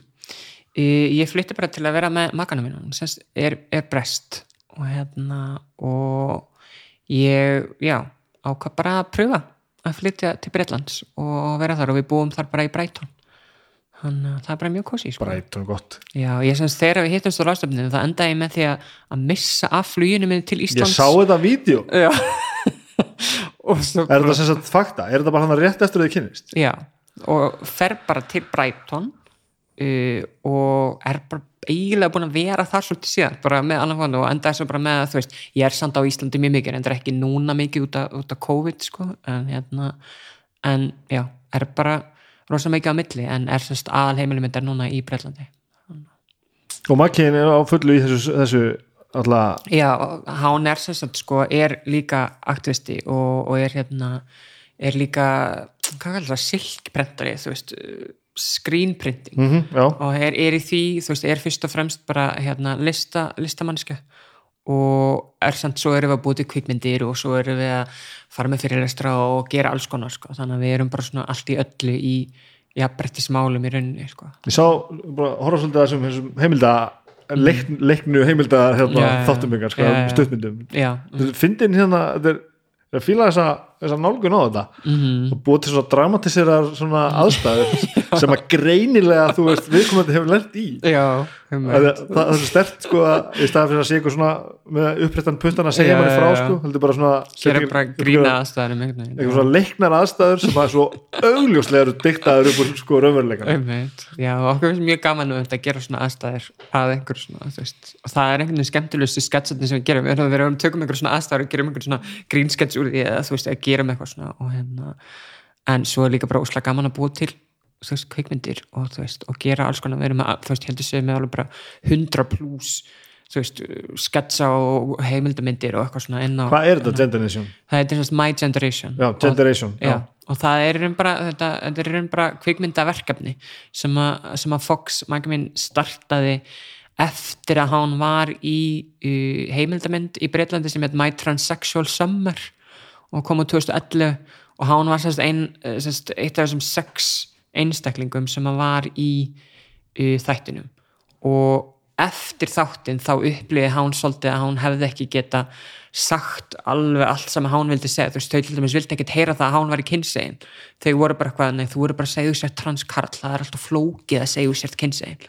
Þannig að hann fekk einhvern veginn ekkert að segja sína sögu Já. almennilega og upplýði svolítið að það væri verið einhvern veginn svona veist, að framleiðendunum á heimildandunum væri bara svolítið í dæmi í einhver box til þess að auðvelda þetta og þeim væri rauninni alveg sama um þau sem manneski, það væri meira bara svona þau að búið til einhverja heimildamenn til að græða einhverja peninga. Og hérna þannig að hann einhvern veginn upplýði eins og veist, þetta hefði ekki verið eins og hann vildi. Þannig að hann byrjaði þetta kvikmyndverkefni með sest, transkarli sem hann var í þáttunum líka og, og, og byrjuði þetta sest, saman og, og hafa verið að gera þetta sem 2013 held ég og, og þetta er núna bara áformaldri verkefni sem við erum búin að vera að gera sko. þannig að, já, eru núna að safna pening fyrir heimildarmynd sem er hérna snýst um transfólk á sjönda áratögnum í Breitlandi sem að fóra að hitta lækni sem ætlaði að veita þeim aðgang að einhvers konar aðgerðum og hormónum og, og þetta voru bara transfólk sem er núna alveg sko 75 ára átt, áttrætt í dag sko. og hérna, okkur langar að taka þau aftur, þau ferðu sko frá uh, svona mið Norður Englandi upp til Skotland það sem þessi læknir var og það var bara svona road trip, bara transfólk in the 70s, bara fór í eitthvað Vá. road trip hérna upp og okkur langar endur gera það að taka þetta fólk aftur í road tripið og tala bara um hvernig þetta var þannig að ég held að það væri mjög spennandi verkefni og þetta er, er þetta að vinna þér í dag? Já, við erum bara að vinna með að gera kvikmyndir og svo er ég að, þú veist, vinna í alls konar verkefnum og, þú veist, er að flytja fyrirlestra eða, þú veist, eitt verkefni sem ég er að gera núna, ég er að lesa yfir hérna skáldsögu hjá uh, höfundi Breitlandi sem er að gera uh, svona, svona glæpasögu þar sem að alkarakterin er transkona og þú veist, ég er bara að lesa það yfir að fá borga fyrir að gera veist, þessu, já, að bara svona, þú veist, bara orðalag og eitthvað svona hvort þetta eru raunverulegar aðstæður sem að gætu gerst og, og eitthvað svona, þannig að mér er bara mjög gaman sko. Já, Þannig að skemmt, já, alls konar, alls konar verkefni þannig að fólk spyrir mér svona, já, hvað vinnur við? Ég bara, já, ég er bara í alls konar Já. verkefni, menn það tengist þá oftast ég breytismálum og eitthvað nátt, sko. hvernig hérna eh, þróast þetta með, með að segja fólki bara frá og svo bara allt í nú varstu farin að Já, í rauninni, ég byrjaði líka að vinna hjá samtökunni 78 sem fræðslustýra í nokkur ár. Og þá Já. byrjaði ég sérst, að fara í skóla og fyrirtæki með bara hins einn fræðslu almennt. Og, og svo náttúrulega hef ég bara verið að fara þú veist, í alls konar viðtölu og eitthvað og þá er náttúrulega bara haft samband við mig og spurt hvort ég geti komið og, og talað um það. Þannig ég, þetta hefur bara svona þróast bara með því að ég hef verið að gefa mig út fyrir að vera einhvers svona talsmanniski að, hvernig var þetta TED Talk hana? Það er alveg já, TED-tólkið mitt var fjögur á síðan já, 2016 þá var ég með það. Já. og það er meitt leitt til ímis og fólk er að ég sá TED-tólkið, getur þú komið og spila hérna? Að Já, þetta var hann helviti impressiv sko. Hann sé, sé margt á stuttum tíma þar sem að svona bara hm, ok, maður þarf einmitt að koma öllu á framfæri bara á einhverjum, þú veist, 20 myndum í einhverju TEDx spjalli, það var mjög, þú veist og ég er sko, sko típa sem er rosa svona þú veist, ég bara, þú veist, ég plan aldrei 100% nákvæmlega hvað ég ætla að segja svolítið sem bara organik í þegar ég er að flytja fyrir lestra að tala, en ég þarf sko að segja hlutina orð fyrir orð verður að vera þannig já. og Ó. þú þarft að flytja bara, þú þarft að vera komin með handrit sem einhverju þá búin að samþykja já, veist, þú þú ræður þér náttúrulega skilur þannig, en það þarf náttúrulega að falla að þú veist, þessum TEDx stöðlum og eitthvað svona bla. Ég veit ekki um þetta sko. Nei, þetta er bara- einhver svona stala það þarf að vera einhver svona, það þarf að fylgja einhver svona smá uppskrift, en þú náttúrulega ræður alveg hvað þú ert að segja, skilur, svo lengi sem þú fe- fellur inn í þessa, þessa beinagrind af hvernig þetta á að vera, og svo þarf þú bara að æfa þig og fara bara með þetta orð fyrir orð þú veist, auðvitað náttúrulega aldrei 100% orð fyrir orð Nei, en mér fannst mjög erfitt að þurfa að fara eftir einhverju handriti þegar ég er að tala um mína upplifun að tala um kyni eða kyngarði, mér finnst þetta svo flæðandi umræður hvort þið er. Já, ég skilji þannig að ég var bara eitthvað uh, ok, hérna, það, það var mjög, mjög erfiðasti fyrirleisturöglu sem hef haldið, sko. Ég horfði á þetta aftur í gær sko, ég sá þetta fyrir löngu síðan sko. Ég get alveg, ekki á neinar ágjörð þessu. Þetta var þetta er- er mjög impressive sko. Og ég, á, á, á sömu nótum og ég sagði þetta náðan sko mm. mann finnst svolítið sem að fá pínu að vera með sko. já, já, meitt það er svona að maður mér, mér líður eins og, eins og ég þurfi að fá að misti á mig sko. já, já, ég, ég get ekki hérna bóða í, í viðtal hérna og, og þurfti að hafa geðvikar ágjör á öllu sem ég segi Nei, fattarðu, sko. það er nei. svolítið það sko. þannig að þú sem sagt kyn, úr kynjafræðinni ferði þá er rauninni bara beint í, í það í svona fræslu hlutverk og svoleiðis Já, ég var rauninni búin að vera í fræslu löngaðurinni kláraði já. mestrarna mig sko, bara þegar ég byrjaði flutti suður í rauninni og byrjaði í háskóla, þá strax byrjaði ég sko að taka þátt í samtökunum og, og fekk svo bara starf hjá þeim nokkrum mér setna, þannig að hef bara verið í þessu, þú veist, emmett mjög lengi, Já. bæði þú veist, í starfi og bæði bara sem í sjálf og, og fleira, þannig að já, stundum var maður svona pínu leið á fræðslum sko, maður bara ok, ég er þetta aftur í þessum hóp og eitthvað svona, þú veist, en ég reynir bara svolítið að brjóta það eins upp og vera aldrei með nákvæmlega það sama, þó sé ég koma nákvæmlega sem ég skila bánum að framfæra og kannski svona aðeins brítið upp, þess að segja skemmtilega að því að maður getur bara flutt sama fyrirlusturinn svo oft aðeins að fá ógeð sko. Já, líka ekki, það sé ekki heldur holdt fyrir neitt að vera alltaf, þú veist, það þarf að vika, vika umræðina út líka sko. mm, mitt hérna hvað svo eins og með þú veist hvað svo við búin saman í þessi fimm ára eða eitthvað svoleiðis mm Hva, hvað þá eins og með þú veist fjölskyldu minnstur og svoleiðis -hmm. mm, hvað hva má maður gera Já. Já, sko, við eh, eigum ekki neinn börn sjálf, sko, og höfum ekkert sjúklega mikið áhuga á því þannig, sko Nei. en þú veist, báða fjölskyldun okkar er rosa, þú veist, opnar og, og skilnings og við eigum bæði sískinni og þau eiga bæði börn og okkur svona, þannig að þú veist, við eigum alveg einhver svona börn í kringum okkur en við höfum persónulega ekkert svona gríðalega áhuga á því að eignast börn en sko Fox hefur svolítið svona séð pínu eftir að hafa ekki geta fengið að ganga með barn. Já, og þú veist, og hann náttúrulega þú veist, er náttúrulega búið að vera hormónum bara, þú veist, ógstlega lengi og eitthvað og getur náttúrulega ekkert eitthvað gengið með ball lengur í rauninni, þú veist, og er náttúrulega bara líka þú veist, komað þann aldur að þú veist, að það er ekkert inn í myndinni mikið lengur, þú veist, að ganga með ball og, og sérstaklega út á hormónu og þegar testosterón breytir svo miklu og þá er, þú veist, þyrftur að hætta testosteróni og fara á einhvern hvern hormónu kúr og eitthvað sem myndi bara vera mjög erfitt fyrir transmanniski sem upplýsi bara alls ekki Já, þar. já, já, og er, þú veist, og Fox upplýðir sér mjög, þú veist, karlægt og er svolítið bara svona námundina karli, svolítið eins og ég en það er bara öfugt. Og hérna, en þú veist, notar uh, hérna, hán og, og, kynlösfornöfn og eitthvað svona og hérna, en sér kannski pínu eftir einhvern veginn svona, einhvern veginn að hafa ekki geta gengið með batt, sko. Og hérna, en þú veist, við hefðum tæknilega séð á einhverjum tímapunkti geta eignast líffræðilegt batt saman. En hluturinn hefur bara verið svolítið, svolítið svona öfu við það sem gengur, gengur og gerist sko. en það hefði alveg verið möguleika á þetta er tímapunkti. mind-blowing pæling sko. en nú ertu til dæmis að sprengja mér heilan einu sinni viðbúð já, að því nú ertu að tala um hán. Já, ég er nú er, mér leiðis ég var að segja sko, eitthvað á einhver tungumáli sem ég kann ekki. Sem því það ég þarf að fara að æfa mig sko. já, að hán upplifi sem meira kallægt já, en hafi samt löngunulega gangum með bad já. það er alltaf með sver litla heila búið mér bara, en hvað með því til þess já þú veist, ég hef aldrei fundið til einhverjar þýlíkar þarfar að ganga með batt sko. Og hef einhvern veginn aldrei upplegað mikla þörfa eigna spattbaraður höfu hvort Nei. sem að, í hvað hlutverki sem það myndi vera sko.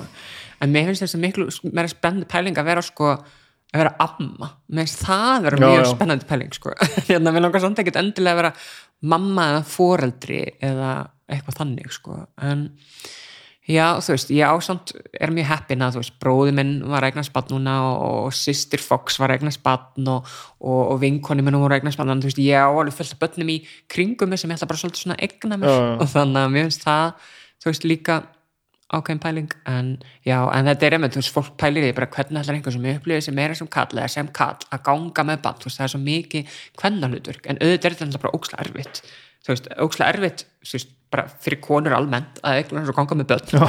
en pældi því að vera kall að vera kynsir manniska og upplifa sér kallamegin og ganga með barn. Og það er bara mjög erfitt líka. En það er samt bara eitthvað sem að sumt fólk vill gera og tengi bara mjög sterkt við. Það lítur kannski ekki endilega á sig sem mömmu í þessum hefðbundna skilningi þó svo að þeir kannski gangi með barni og alibarni og jafnvel gefa á brjóst. En þú veist, langt flestir transkallar náttúrulega fara í hérna, topp aðgerða sem að brjóstur fjarlæðan geta hvort þið er ekki verið að gefa brjóst. Þannig að þú veist, það eru svona alls konar veist, aðstæðar sem eru kannski bara aðeins öðruvísi. Og, og ég þekki alveg nokkra transkarla sem hafa gengið með börn. Og þú veist, og það hefur bara verið frekar erfið tímbalega, þeir þurfa náttúrulega að fara á kvennhormón og þurfa að vera ákveðin hormónastar sem í gangi bara til að geta gengið með börni og það er mjög erfitt forðast feta hinalegina Já. mjög markvist Já, og þú veist, og svo allt í einu kannski þarf hann að fara á einhver kvennhormón til þess að geta getið batni og þá kannski byrja einhver svona líkamlega breytinga líka sem að, þú veist, hann bara meikar heldur ekki. Þannig að þú veist, þetta er mjög Þetta tekur á heilan þannig að þetta er mjög erfið ákvörðin en, þú veist, transfólk verður svolítið bara að vinna með það sem það hefur það er bara eitthvað, ef ég vil eignast barn þá er þetta bara eina leiðin, já, þannig ég, ég verð bara að gera En þetta þú er samt að lýsa svona líffræðilegu kreifing í að ganga með bann Já, Hvernig, hvernig farbeðið maður hán? uh, háns, hér er hánum hán frá háni til háns. Já, háni sem já, sagt ok. já, já, já, háni. Sko er ekki að kunna þetta. Þetta er ótrúlega Beir sem svo rán. En svo rán, Já, mikilvæg uppsingar já. Þannig en já, er þú ert að tala um þannig hjá háni þannig tilfinningar. Já. Og hérna, sem að þú veist er bara, ég held samt einhvern veginn að þú veist, þetta sé líka bara einhver svona, þú veist upplifun að við fáum ekki sömu tækifæri og annað fólk oft út af því að Nei. við erum trans og við þurfum að gera einhverjum svona málamelinni sem verða bara til þess að við getum ekki gengið með börn eða geti börn eða þú veist, til dæmis þegar ég fór í aðgerð þá, þú veist, framlega ég bara ekki lengur neitt sæði, en alltaf bara þú veist, fjarlægt. Já, þannig að ég get náttúrulega bara ekkert þú veist, ef ferði einhver svona aðgerð þá getur bara ekkert, getur börnleikur ekki nema landur frista, þú veist, sæði eða eitthvað svona. En það náttúrulega er bara að frista það í okkur tíma líka, skilur, þannig að þetta er einhvern veginn svona transfólk, veist eh, þarf alltaf að gera einhver svona málamelanir og kannski hefur ekki alltaf sömu tækifæri og aðgengi að rosa sjálfsögum hlutum bara eins og batu, skilur, hver sem er. Þú veist, bara eitthvað þú veist, kannski ekki hver sem er en það er mjög auðvelt fyrir fólk að, þú veist, geta batna að verða ólétt Það er ofauðvelt. það er bara aðeins, já, það getur hvað að fá þetta sem er óvart eignast batn Já. en þú veist, hinsegin fólk og transfólk og eitthvað það eignast ekkert óvart batn sko. það er bara alltaf mjög meðvituð ákvörðun það er að taka mjög ákveðin skref og þú þarft að, þú veist, vera miklu meðvitaðri um þá vekkferð og þú hefur bara, í tilfelli transfólks hefur bara bara annarkvort gerir þú þetta núna og getur svo, þú veist, fullkomlega verið þú eða, þú veist þú bara getur ekki gert það. Þú, þú veist, fólk verður bara einhvern svona að taka þessar ákvarðanir hvað það vill gera nákvæmlega og hvað hendar þeim og, og fleira. Og, og kannski fyrir, þú veist, fólk sem er kynsegin þá er þetta kannski aðeins minna mál er kannski, þú veist, er ekki jafn sterkar þú veist, karla eða hvern manns hugmyndir, þannig að þau tengi ekki við þessi hlutverk jafn mikið, þannig að fyrir þeim er það kannski aðeins annað. Já, já, já. Og hérna en einmitt, eins og veist Fox segir oft, þú veist, transfólk er svolítið bara að vinna með það sem það hefur og verða bara svolítið kreatív með sinn líkama og hvað við getum gert og hvenar og eitthvað. Þannig að en já, ég held samt að Fox svona kannski svona upp, þú veist þetta sé einmitt bara meira kannski einhver svona þrá í eitthvað af því að við getum ekki fengið að því að það er erfiðar og af því að það er þú veist, eitthvað svona fyrirstaða þú veist, þá er þetta bara svona hvað ef ég hefði geta gert Já. það, þú veist. Já, já, þannig að heldur en kannski svona meira raunveruleg praktíst pæling bara hvernig það myndi alltaf ganga fyrir sig því ég held að hann myndi ekki meika það rosa vel Nei, ég yfir höfuð sko, þannig að hérna, en já, þú veist að við höfum svo sem alveg tíma ennþá eitthvað svona kannski hugsanlega eitthvað en þú veist, það er einmitt bara, það er að renna út bara núna, þú veist, þessi tímarami bara, þú veist, eins og bara já, En núna þarf þú bara að setja henni á blað hvaða líffæri eru í virkni og hvernig þau virka núna ef þú ætlar að fara að vinna með það? Já, bara hvernig myndi þetta ganga fyrir sig, myndi þetta ganga þyr, hvaða hormona þyrfti ég þá að fara á ef þessi líffæri virka ennþá ef ekkjastokkarnir er ennþá í lægi hvaða hormonakúr það er þá að fara á hvar þurfum við að, þú veist, veist, sæðinu þetta er bara eitthvað svona þvílíkar ógeðslega praktískar. Já, svo sko, það er ekki mjög antiromantísk sko, tekur alla romantíkinu úr því að eigna spatt sko. Þannig að þetta er mjög já, En, já, vá maður. En við höfum svo sem ekki þú veist, við höfum ekkert yfirgnafandi áhuga á því eigna spatt hvort er þannig veist, En fólk, fólk, fer, í- fólk fer í þessar aðgerðir? Já, og svo vantalega ætlilegingar og alls konar líka. Já, já, já, þú veist, þú tekur í fóstur. Að þú veist, það er alveg alls konar leið til eigna spatt sem er ekki líffræðileg. Þú veist, leið til eigna spatt hvort sem að það er, þú veist, fóstur eða ætlingar og sumstar getur fólk tekið staðgöngum meðrun eða hvað sem að fólki sé gera. Þannig að það er alls konar leiðir sko. Hvernig með, með skráningu eins og í þjóðskrá og svona, Er- þú, þú ert skráð kona? Já, en hán er skráð, hán er skráð kall að það er ekki að skrá neitt annað. Nei, þá er einmitt það sem ég var að pæla. Já. þú verður að velja eitthvað. Eh, nei, byrju, hán er ekki einu svona skráð kall í þjóðskrá. Sko, í Breitlandi er þetta mjög flókið. Það er ekki bara svona ein þjóðskrá. Nei, það nei. er bara, þú getur fengið vegabrið og aukuskirtinni og allt þetta bara, og það er bara sér batteri. Þannig að sko fæðingavottari hjá háni er kvenkinn, en vegabriðið aukuskirtinni og öll önnur skilriki eru karlkinn þannig að þetta er mjög flókið fyrir bara í Breitlandi með kynnskráningar, en þú getur samt breyti en hann hefur bara ekki haft fyrir að breyta því. Hvernig þarftu fæðingavottari en ef hann mátti, mætti velja? Hann myndi, þú veist eh, ef það væri bóði þriða kynskráningin já, þá myndi hann velja það og ég líka sko. og myndi þriðja skráningin duga? Að það sé bara eitt option fyrir alla heila þú veist, hún alltaf, þú veist, mikil einföldunum mitt, en þú veist, kannski betur ekkert, skilur, betur að hafa eitthvað sem er ekki kallaði kona heldur en eitthvað annað, þannig að þú veist, auðvitað er þetta ókslega mikil einföldun á öllum hinum, skilur, en betra skref heldur en ekkert og á Íslandi mun það vera hægt núna bara á næstu mánuðum að því að með þarna lögum um kynrand sjálfræði, Já. þá var það samþykkt að þriða kynskráningin er lögleitt en þjóðskráð hafði einhvern ákveðin tíma til að koma inn í kerfið og, og eigðu blöð og eitthvað svona þannig að það á að vera tilbúið bara í lok árs og hvað kyn er það?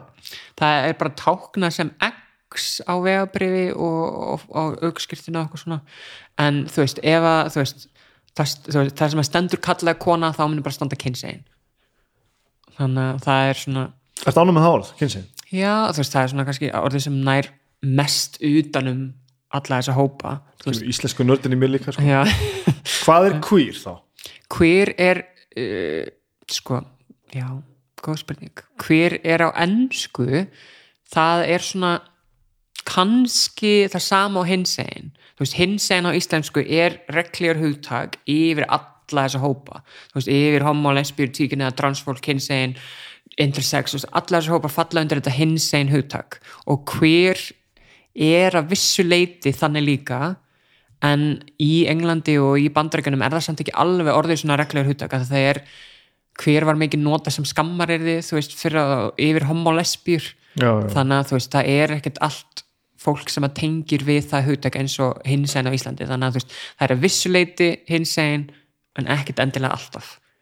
Og þarna kemur um inn í þessar þessar skilgreininga þörf að þurfa bara að vita nákvæmlega hvað eitthvað er. En hver er svona hugtak sem að er mismunandi eftir fólki og líka smá kynnslóðabill þú veist, yngra fólk notar hver mikið sem bara svona reglívar heiti en eldri kynnslóðina nota það mikið minna vegna þess að þau kannski upplöðu mikla, mikla fordóma gagvart því og þú veist, þau voru köllu hver í niðrandi tilgangi. Já, já. þannig að þau tengja, þú veist, þannig að búið svona pínu endurheimta þetta orða af yngri kynnslóðunum og nota það á jákvæðan hátt.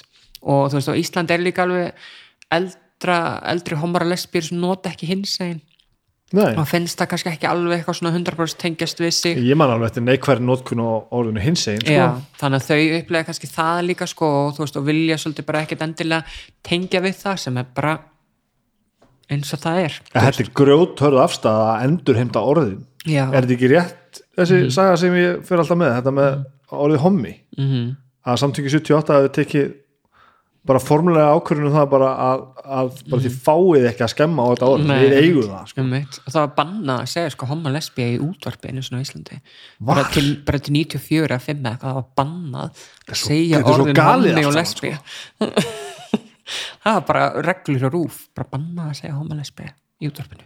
Hver eru svona, hver eru stærstu barriðarnir sem lendir í bara svona dagstæðlega Uh, já, ég reyndar er til til að heppin að ég, þú veist, uh, lend ekkert í því kannski mínu persónulega lífi þannig en það er meira sko bara á netinu og í fjölmjölum sem að maður er að rekast á alls konar fordama og fleira. Og í Bretlandi er, er miklu verri staða fyrir transfólk.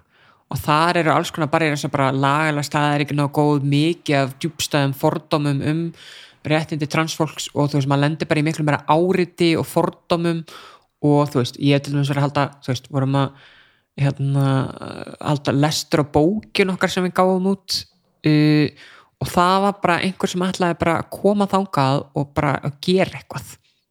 Bara eitthvað, bara eitthvað ofbeldi já sko. bara eitthvað rótækt Já, og það þurfti bara laurugluna til að vera bara viðstödd ef einhver skildi gera eitthvað og þetta er bara raunveruleiki í Breitlandi núna bara að transfólk getur ekki einu sinni, þú veist, lesi batnabókinu sinna að einhver gaur ætli bara að koma að sprengja staðin upp eða eitthvað sko. þannig að þú veist, þetta er alveg svona, þú veist, miklu erfiðri aðstöður og alls konar sko viðbyrði sem ég hef verið að tala á þá hefur komið bara, þú veist, hópar af antitransfólku það er bara að reyna að, þú veist taka yfir viðbyrðin með að spyrja alls konar spurninga að segja alls konar fordóma fulla hluti og eitthvað. En þetta hlýtur þá að því að þú hlýtur að bera þetta með þér alla daga? Já, en þú veist, ég einhvern veginn hef svolítið bara, þú veist ég tek svolítið bara þannig póli hefðina mér finnst þetta bara frekar sorglegt. Þú veist, mér finnst þetta bara, ég er bara einhvern veginn þú veist, ég er bara eitthvað þessi manni hlýtur að vera mjög erfiðum stað ef að við komandi ákveður það að taka bara eitthvað svona ákveður um það að koma á einhvern viðbjöð til að reyna að gera lítið úr einhverju annar mannsku sem hún þekkir ekki neitt. Og það hefur kannski hjálpað mér svolítið að díla við, veist, auðvitað tekum maður alltaf inn á þessu, auðvitað er þetta alltaf erfitt og maður, ég hef alveg, þú veist, upplegað það bara að vera ég bara örug á þessum viðburði.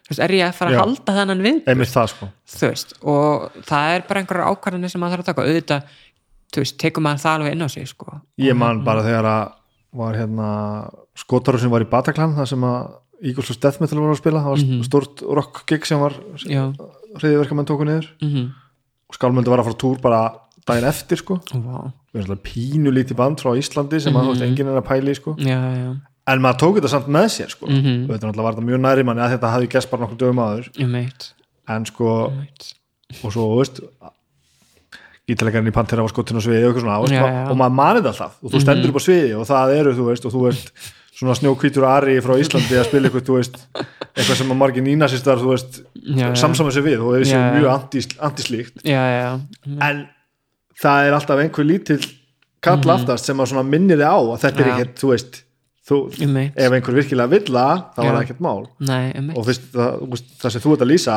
er Mhm. svolítið það í þúsundastafeldi sko. og en þú veist, emitt, og ég upplýði þetta sem betur fyrir ekki á Íslandi veist, ekki þess að hræðslu við það að það muni eitthvað gerast ef ég er að fara eitthvað, þannig að það hefur líka hjálpað mér að þú veist, ég er með annan fótun á Íslandi það er einhvern svona allt öðruvísi landslag á Íslandi, þú veist, auðvitað eru alls konar áskorunir og alls konar hluti sem það er ennþá að vinna í og fordómar sem það þarf að uppræta. En við erum bara einhvern veginn á allt öðrum stað en Breitland og það kom mér líka bara mjög óvart þegar ég fylgti til Breitlands að ég bara áttaði mig ekki á því hversu langt á eftir Breitland er bara almennt í jafnrættismálum Já. og þú veist, bara þegar kemur að basic kvennréttundum, þá er það bara ekki á sama stað, þannig að það er eitthvað svona sem ég þurfti svolítið að átta mig á og þú veist, og, og mamma mín er bara stundum hrættu mig, sko. Þú veist, það er bara eitthvað sem hún hefur líka aldrei upplegað, veist, kannski fyrst þegar að koma til skáttum með eitthvað svona þegar voru mikið meiri fordómar á Íslandi, en á Íslandi óttast hún það aldrei, en í Bretlandi er hún bara eitthvað, er ekki einhver bara að fara að gera eitthvað? Já. þú veist, er ekki einhver að fara að gera þér eitthvað af því að þú ert svona opinber manneskja heldur vissum að þú viljir vera í þessu að Sýsti mín býr í London sko Aha, og ég, þau eru út á ástandinu er, hún og breskan mann sko eru þau bara að koma hingað og Mhm. Já. ætla að vera eitthvað ég er bara frekka fegin sko Já, Þú veist, einmitt. hún segir mann oft eitthvað sem er bara einhverja sögur bara það sem að Einmitt. sem að myndi bara vera svo glæpsamlega fr- framkoma hérna heima sko. Einmitt, bara miklu það meiri glæpir almennt og þú veist og COVID er náttúrulega bara þú veist það var aldrei verið fleiri smit í Byrjatland heldur en núna og eitthvað. Þannig að það er bara svona allt einhvern veginn stigmagnast bara. Já, þannig að þú veist Byrjatland er bara rosa þú veist gefur sér út fyrir að vera eitthvað svona rosa stöðugt og statt land eitthvað en það er bara allt í svolítið miklu voli í Breitlandi bara almennt og mikil stjættaskipting og, og fleira þannig að já, ekki besta landi heimi sko En ég og Fox sem alveg talaði um að flytja til Ísland líka sko. Ok. Þannig að það geta alveg gerst á næsta ára sko. hvernig þú veist að því að nú þú tala um þess að tvo kabla í, í lífiðinu, þú mm svona lifir einhvern veginn ekki á hérna á, á alveg á réttum fósendu framan af Mhm. Hva, hvað er maður svo stattur í lífinu þú ert komið núna, þú veist Já, ertu bara svona, sko ég á svo erfitt með að hugsa til hvernig þetta var þá eða þú veist, því núna er þetta bara svo sjálfstætt að þetta sé svona eins og það er í dag. Já, þannig að þú veist, en ég horfi líka aðeins öðruvísi á það núna af því að þú veist, mér þykir alveg vænt um þú veist, hvar ég ólst upp og, og fleiri möstu smið þú alveg vænt um þessa personu sem að kannski fólk held að ég væri. Já, þú veist, þessi valur var ekkert eitthvað slæm manneska, þú veist, mér þykir bara pínu vænt um þá, þú veist, þá tilfinningu eða þá pælingu að það hafi verið einhver manneska, en er samt í rauninni ég líka, þannig að þetta er svona, pínu skrítin pæling einhvern veginn að hugsa tilbaka og einhvern veginn sjá einhverja mannesku sem er ekki ég en er samt ég. Og þú veist, og þetta kom alveg upp þegar ég kom út á skáknum að mamma var alveg bara, vilt að þú veist, mamma á sko einu stofu eru með þúsund fjölskyldumyndir, bara allir vekkarinn er bara teppi af myndum. Og hún var bara, vilt að ég taka allar gömlu myndirna niður, fermingamyndina en og batnamyndir og eitthvað svona áður og ég var bara eitthvað nei, þú veist, ég, þetta er alveg ég, þú veist, þetta er bara hluta mínu lífi og ég er ekkert að fara að fela það eða þú veist, eða þú veist, mér fannst það alveg pínu óþægilegt og finnst alveg ennþá óþægilegt að horfa á fermingamynd menn ég held að öllum finnst óþægilegt að á hafi ekki endilega en, hérna, en, en gera. líka bara út af þessari vípt bara eitthvað svona, ok, þú veist en í dag finnst mér bara pínu væntum að líka þú veist, að því að veist ég væri ekkert svo sem ég er í dag nema fyrir það að ég væri trans.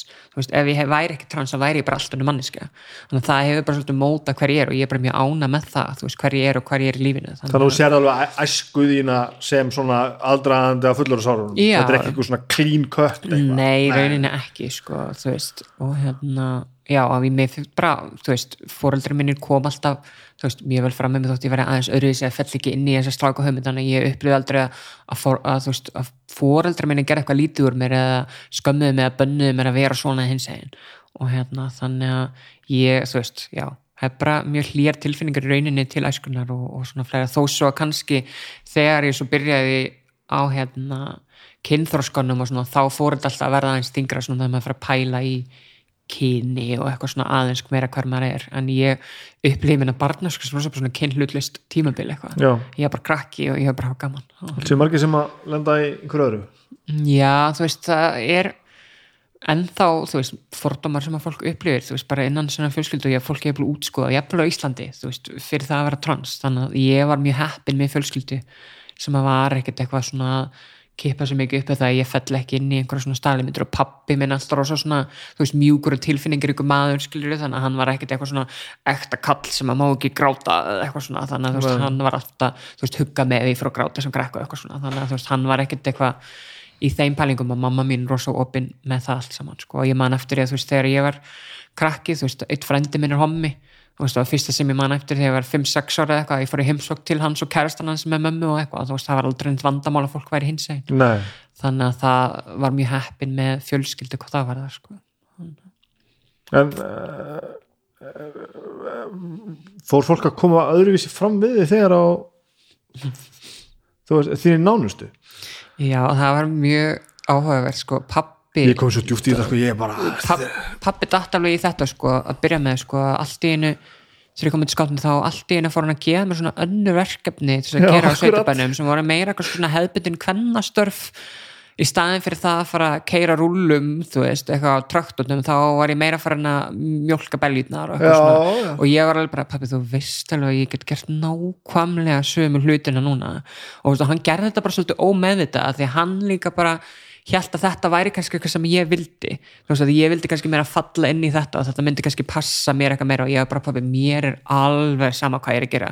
Ég upplifi ekkert eitthvað neikvæðni við það, þú veist, ég sé að fara að gera eitthvað eh, þú veist, kallastarf og sveitabænum eitthvað, en þú veist, mamma hvort þið er gerði alla hluti líka. Þannig að þetta var einhvern veginn svona rosa skýt hann einhvern svona reyna þú veist, uh, reyna að taka mig bara eins og ég er að reyna að gera eitthvað gott svona ómeðvita líka þannig að það voru svona áhugaverða pælingar og allt einu sko var ég orðin sko óhæf til að gera ákvæmna hluti sem áður fyrr, þú veist, hefði aldrei neitt sett sér byrningum eitthvað, ég fór til dæmis einhvern tímann í, í hérna fjölsmiðina á Akureyri sem er góði hýrðirinn uh, á Akureyri og pantaði mér einhvern svona, svona stóran hægjendastóla þú veist og, og var að fara að kaupa og fór svo að kassanum og ætlaði að borga og, og afgriðslega maður var bara, eru strákarnir með þér og ég bara, já, við erum með nönd saman. Já, ok, þá þeir eru haldið á stólnum fyrir þig. Og ég bara þú er aldrei sagt þetta við mig. Hefði ég komið hérna fyrir svona tveimur árum síðan. Nei. og ég sagði bara já ég get líka bara alveg haldið á þessum stól sko. Og þú veist alls konar svona þú veist hvernig fólk byrja að koma fram við mann og byrja að bjóða manni hjálp oftar eða þú veist uh, einhvern veginn sko taka minna mark á manni í samræðum líka. Ég upplýði það allt í en allt í einu þurfti ég að hafa meira fyrir því að koma mínum skoðanum á framfæri sem er mjög áhugaverð tilfinning. Hann er rosalegt að hafa prófa bæði. Og þú veist, vinur minn sem er transkarl hefur mikið talað um þetta að hann upplifið mikið, þú veist, hann er alltaf að hafa ókslega mikið fyrir að koma og ald- aldrei tekið mark á hann svo þannig hann kemur út og er núna þú veist, kall og lifa sem kall hann þarf ekki einu svona fyrir því að koma skoðinu sem að framfyrirstundum, sko, fólk tekur bara mark á hann strax og eitthvað svona svona pælingar. Þetta er svakalegt maður. Og það er meira að dæmum það að trans fólk sem kemur út skapnum lækki í launum eða hækki í launum. Uh, þó þessi í sömu vinnu og hækki og lækki bara við það eitt? Bara við það að það sé komið kvennmannsnafn eða karlmannsnafn á launaskrona sko. og það er bara þetta er ótrúlegt. Og samt er fólk bara eitthvað að segja nei, það er ekkert svona tilengur í samfélaginu, maður er bara, jú bara víst. Og þú veist, transfólk er bara lifandi dæmi um það hvernig þetta byrtist hvernig er þetta heimsvísu er fólki hættu fyrir að vera fyrir að vera trans eða já, sko, fyrir kynning sína eitthvað, eitthvað þessu tengt Já, í rauninni sko mörgum, mörgum í heiminum þú veist, getur ekkert lifað bara sem ópenbyr hins einn manneski að lifa þunni lífi, sko. Það er, er þetta ólöld þegar staðar ennþá? Já, það er líka einhverjum 70 okkar löndum í heiminum, sko. Fucking shit. Þannig að þú veist, það er bara dauðarefsingi sem er löndum, sko. Þannig að þetta er ennþá bara, veist að við erum hérna í Evrópu og Norðurlöndunum sem bara komin tiltrúlega langt og þú veist, erum alltaf að færast lengra. Það eru bara lönd ennþá sem er bara Býtum við, er löglegt að drepa það einhvers staðar í heiminum? já, Ef þú færir eitthvað í heiminum mætti þá tak, það mætti taka það á lífi? Já. Þannig að þú veist, þú getur ekkert farið hvert sem er sko. Ég myndi náttúrulega aldrei fara bara til, þú veist ég veit ekki hvað lönda eru þú veist, uh, einhver lönd með östurlönd, þú veist, alls konar lönd þar sem að það er bara mjög hættilegt, þú veist, eins og flóta kona frá Jórdaníu sem að kom sem er trans, hún myndi að flýja frá Jórdaníu að hún er trans, þú veist, ég myndi aldrei fara bara eitthvað til Jórdaníu, eða þú veist, til einhver svona landa sem ég veit að ég gæti bara þú veist, en ég kannski fell í fjöldan tiltrúlega vel, þannig að fólk myndi ekki vita að ég verið trans. En þú veist, ef að þú ert manneska sem er kannski meira sínilega trans og fellur ekki að vel í fjöldan þá ert þú ekkert að fara hvert sem er sko. Og þú veist, þú jafnvel ferði ekki einu sinni, þú veist, ef þú ert transmanniska og, og kannski, þú veist, ert sínilega trans, þá ert þú heldur ekkert að fara neyri bæ á djammið hvernig sem er jafnvel í Reykjavík, sko. Þannig að þú getur bara lent í alls konar aðkasti. Þú veist, transfólk lendir mest í aðkasti á Íslandi í, á djamminu og nýri bæ. Þannig að þú veist ég myndi ekkert endilega alltaf fara þú veist, ég myndi ekkert ekki að fara hann á B5 sko. Eða hvað sem heitir núna ekki B5, ég held ég búið að loka þessu. Já, já, þú veist, hvað sem er, þú veist, ég myndi ekkert fara á hvað stað sem er sko. Allavega ekki ein. Jafnvel þótt að ég falli vel í fjöldan og sé sjálfsörugu og þú veist og allt það, þá myndi ég ekkert fara og bara litla sætt að falla í Íslandi það sem, er, sem ekkert slemt gerist. Er nei, þannig að þú veist ég held að fólk áttist ekki alveg á þessu líka sko, þú veist að þú veist bara eins og að það var eitthvað dæmi núna bara í fyrra þar sem að þú veist transkona var neitað að fara hann á skemmtista að því hún var gaur í kellingapels og það var bara eitthvað uh, ok, geggjað En ég meina ef ég var í gaur í kellingapels ef ég kem í kellingapels, ég myndi alltaf fá að fara inn sko. Þannig að hræstin er algjör Já. hún er marga ringi sko. Þannig að veist, þetta er einmitt, veist, og já, ég til dæmis, fór einu sinni til Úslands og ég gerði það ekkert í einhverju kærlusu, sko. Nei, Það var alveg, þú veist, okkur var búið þess að koma á einhverja hins en hátíð í Rúslandi sem verið að halda, það er bara að vera að halda prætháttíðir í Rúslandi sem er bara ótrúlegt að þau þóra að gera. Og ég og Fox fórum að saman.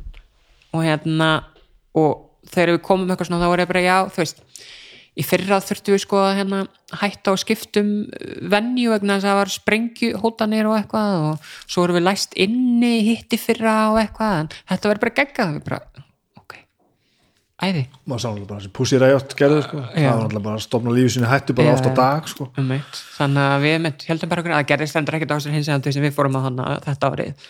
En þú veist, það var bara raunveruleg eitthvað sem gæti raunverulega gerst að einhver myndi bara koma og ráðast á hátíðina og ráðast á fólk og eitthvað. Og það er bara eitthvað svona mikið reality check að vera bara eitthvað þú ert ekkert örug bara fyrir það að vera hins einn einu upp á sljómsýttum mér í heiminum heitir Against Me. Já, tekir það? já, Um, ég, bara, ég spilaði hittaði fyrir Against Me á, hérna, á Grand Rock hérna fyrir 100 árun síðan. Mhm, og bara búin að hlusta bandir á því gátt fyrstu plötuna og búin að fylgjast með um allir tíman sko. mhm, og hann hérna Thomas, söngvari mhm. hann kemur svo loksins út Já, sem já. transkona. Já, og þess að heitir Laura Jane í dag. Laura Jane Grace, já. og þetta er í rauninni svona, sá, bara, svona það, svo einsýn sem ég hafði í þetta sko. já, já, Það er búin að lesa bókinu þar ég er ekki búin að lesa bókina, nei Masterpiece, kannski líka því að, að því ég er gaman af, af tónlistinni sko. já, hún er frábær sko. hún er algjör snillingur sko. Mhm. uh, að lesa það sem að, sem að hún skrifar í bókinni sko, já, það er sko að því að ég held hún hafi ekki breytt neinu sko. Nei, nei, nei, það er búin að vera ægilegri svona sjálfsvitundar Já, já, krísu sko, alltaf kom ekki út fyrir sko, undir þrítugt eða eitthvað sko. mitt. heldur hún sé aðeins yngri en ég held það sé ekki svona, já, tíu ár sem hún kom út eða eitthvað Mhm. og, já, og, og hún er bara ennþá frontarinn í sömu hljómsdýni með sama ramaskítarinn að, sy- að að syngja sömu lögin veist, sem, og, og það gefur þessu svo hérna Mhm. áhugavert sjónar, sjónarhótt mhm, að breyta engu mhm nema bara að koma út sem rétt kyn sko. já, og, og það er einmitt sögur hann í bókinni sem að sko, sem hvað margt verður miklu erfiðara bara við þetta eina sko. bara þessi, þessari vitsi breytt Já, og svo líka mjög fyndið að það verðist ekki hafa bjargað öllu í lífinu að koma bara út af því að hún er bara sama fokkopið og, og hún var áður en að Já. þannig að þetta bjargar ekki öllu sko. Nei, menn þetta er ekki svona töfralaus með öllu henni vandamálum og Nei. líka, þú veist, þegar að þú veist, eins og fólk heldur bara eitthvað svona að, þú veist, transfólk fer í eitthvað svona ferli og fer í einhverja aðgerð þá bara verði allt fullkomið. Já, En, þetta var ástæða fyrir að byrja að tala um þetta. Já, var nákvæmlega þetta, að þetta lagar ekki neitt. Nei, þú veist, þú lifir ennþá í sama samfélaginu uh, og þú, þú veist, ef þú ert með einhver, uh, þú veist, andlega vandamál þá eru þau alveg ennþá til staðar þó svo það er kannski auðveldar að díla við þau sem þú sjálf. Og það er kannski veist, það, sem já, já, já. það sem að það hjálpar þú veist, að vera þú sjálf að hjálpa þær að díla við hlutina betur. En veist, ef þú ert með einhver undirleikandi vandamál þú veist, eitthvað tráma eða eitthvað skilur það er ekkert að fara að hverfa bara af því að það gerist og þú veist, og þú ert alveg kannski að fara að veist, fordóma og mótlæti og fleira áfram sem er að fara að hafa neikvað áhrif á geðhulsuna þannig að þetta leysir ekkert eitthvað öll vandamál, þú ert ennþá bara manneskan þarf að díla við heiminn og, og díla við sjálfa þig og eitthvað, þannig að veist og það hlýtur að flækja fjandi margt. Já, það er það sem kemur líka gegn hjá, hjá, hjá henni sko. Einmitt. eins og þetta var mikið lettir sko. Og kannski að því að þetta gerir svo sent já, ég veist ég veit ekki hversu hvert meðaltalið er eða allavega hana, nei. einhvers staðar á, fullónis árum. Mm að þetta flækti svo margt og allt annað, svo margt annað hafi einfaldast.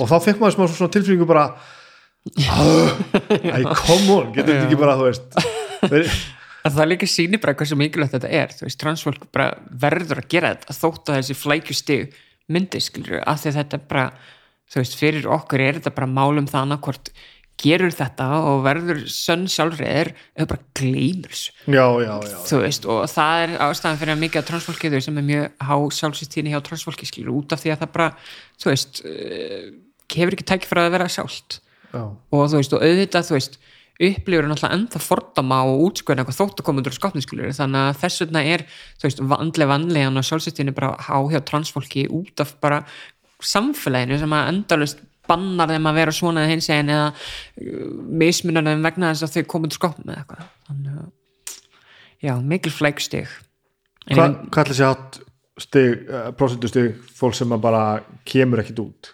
Það er mjög örögt að segja að þú veist, ég veit að þetta ég lesi miklu herra eldur en að fólk er þessi grein fyrir sko.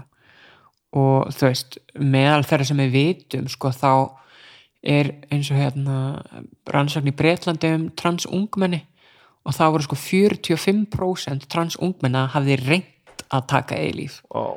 ekki bara að hugsa það með heldur reynda og það er sko 45% bara úlinga og 84% höfðu stundar sjálfskaða þannig að þetta er bara og þess að ef maður pælir í þessu fólkinu sem kemur aldrei út veist, þetta eru náttúrulega bara heiminn háa tölu sko. og Breitland er náttúrulega veist, líka á mjög slæmum stað þannig að þú veist, en á Íslandi eru tölur þú veist, það er engar almennilega tölur á Íslandi sko. það er ekki verið gerðan en almennilega rannsóknir um það hvað er mikið trans á Íslandi?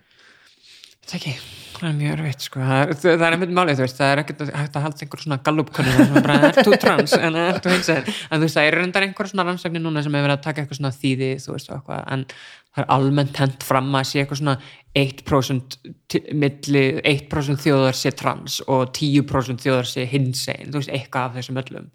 Þannig að þú veist, en það er úkslega erfitt að segja til að því að sumt fólk sem kemur kannski bara aldrei út eða skilgreinir sig eitthvað þannig hátt eða eitthvað.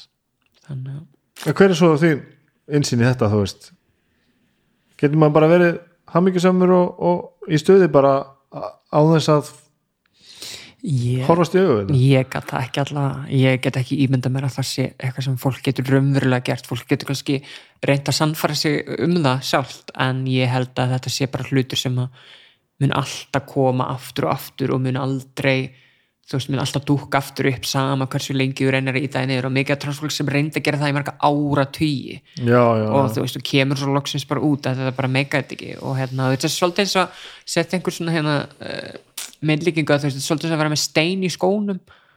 Já. þú veist, þú tekur allt aftur og þú getur alveg hunsaðan eitthvað, þú veist, en sko. þú getur alveg hunsað þetta drullu lengi, en, hérna, en svo bara einhvern tíman og einhvern tímapunkti getur bara ekki verið með hann stein í skónum lengur sko.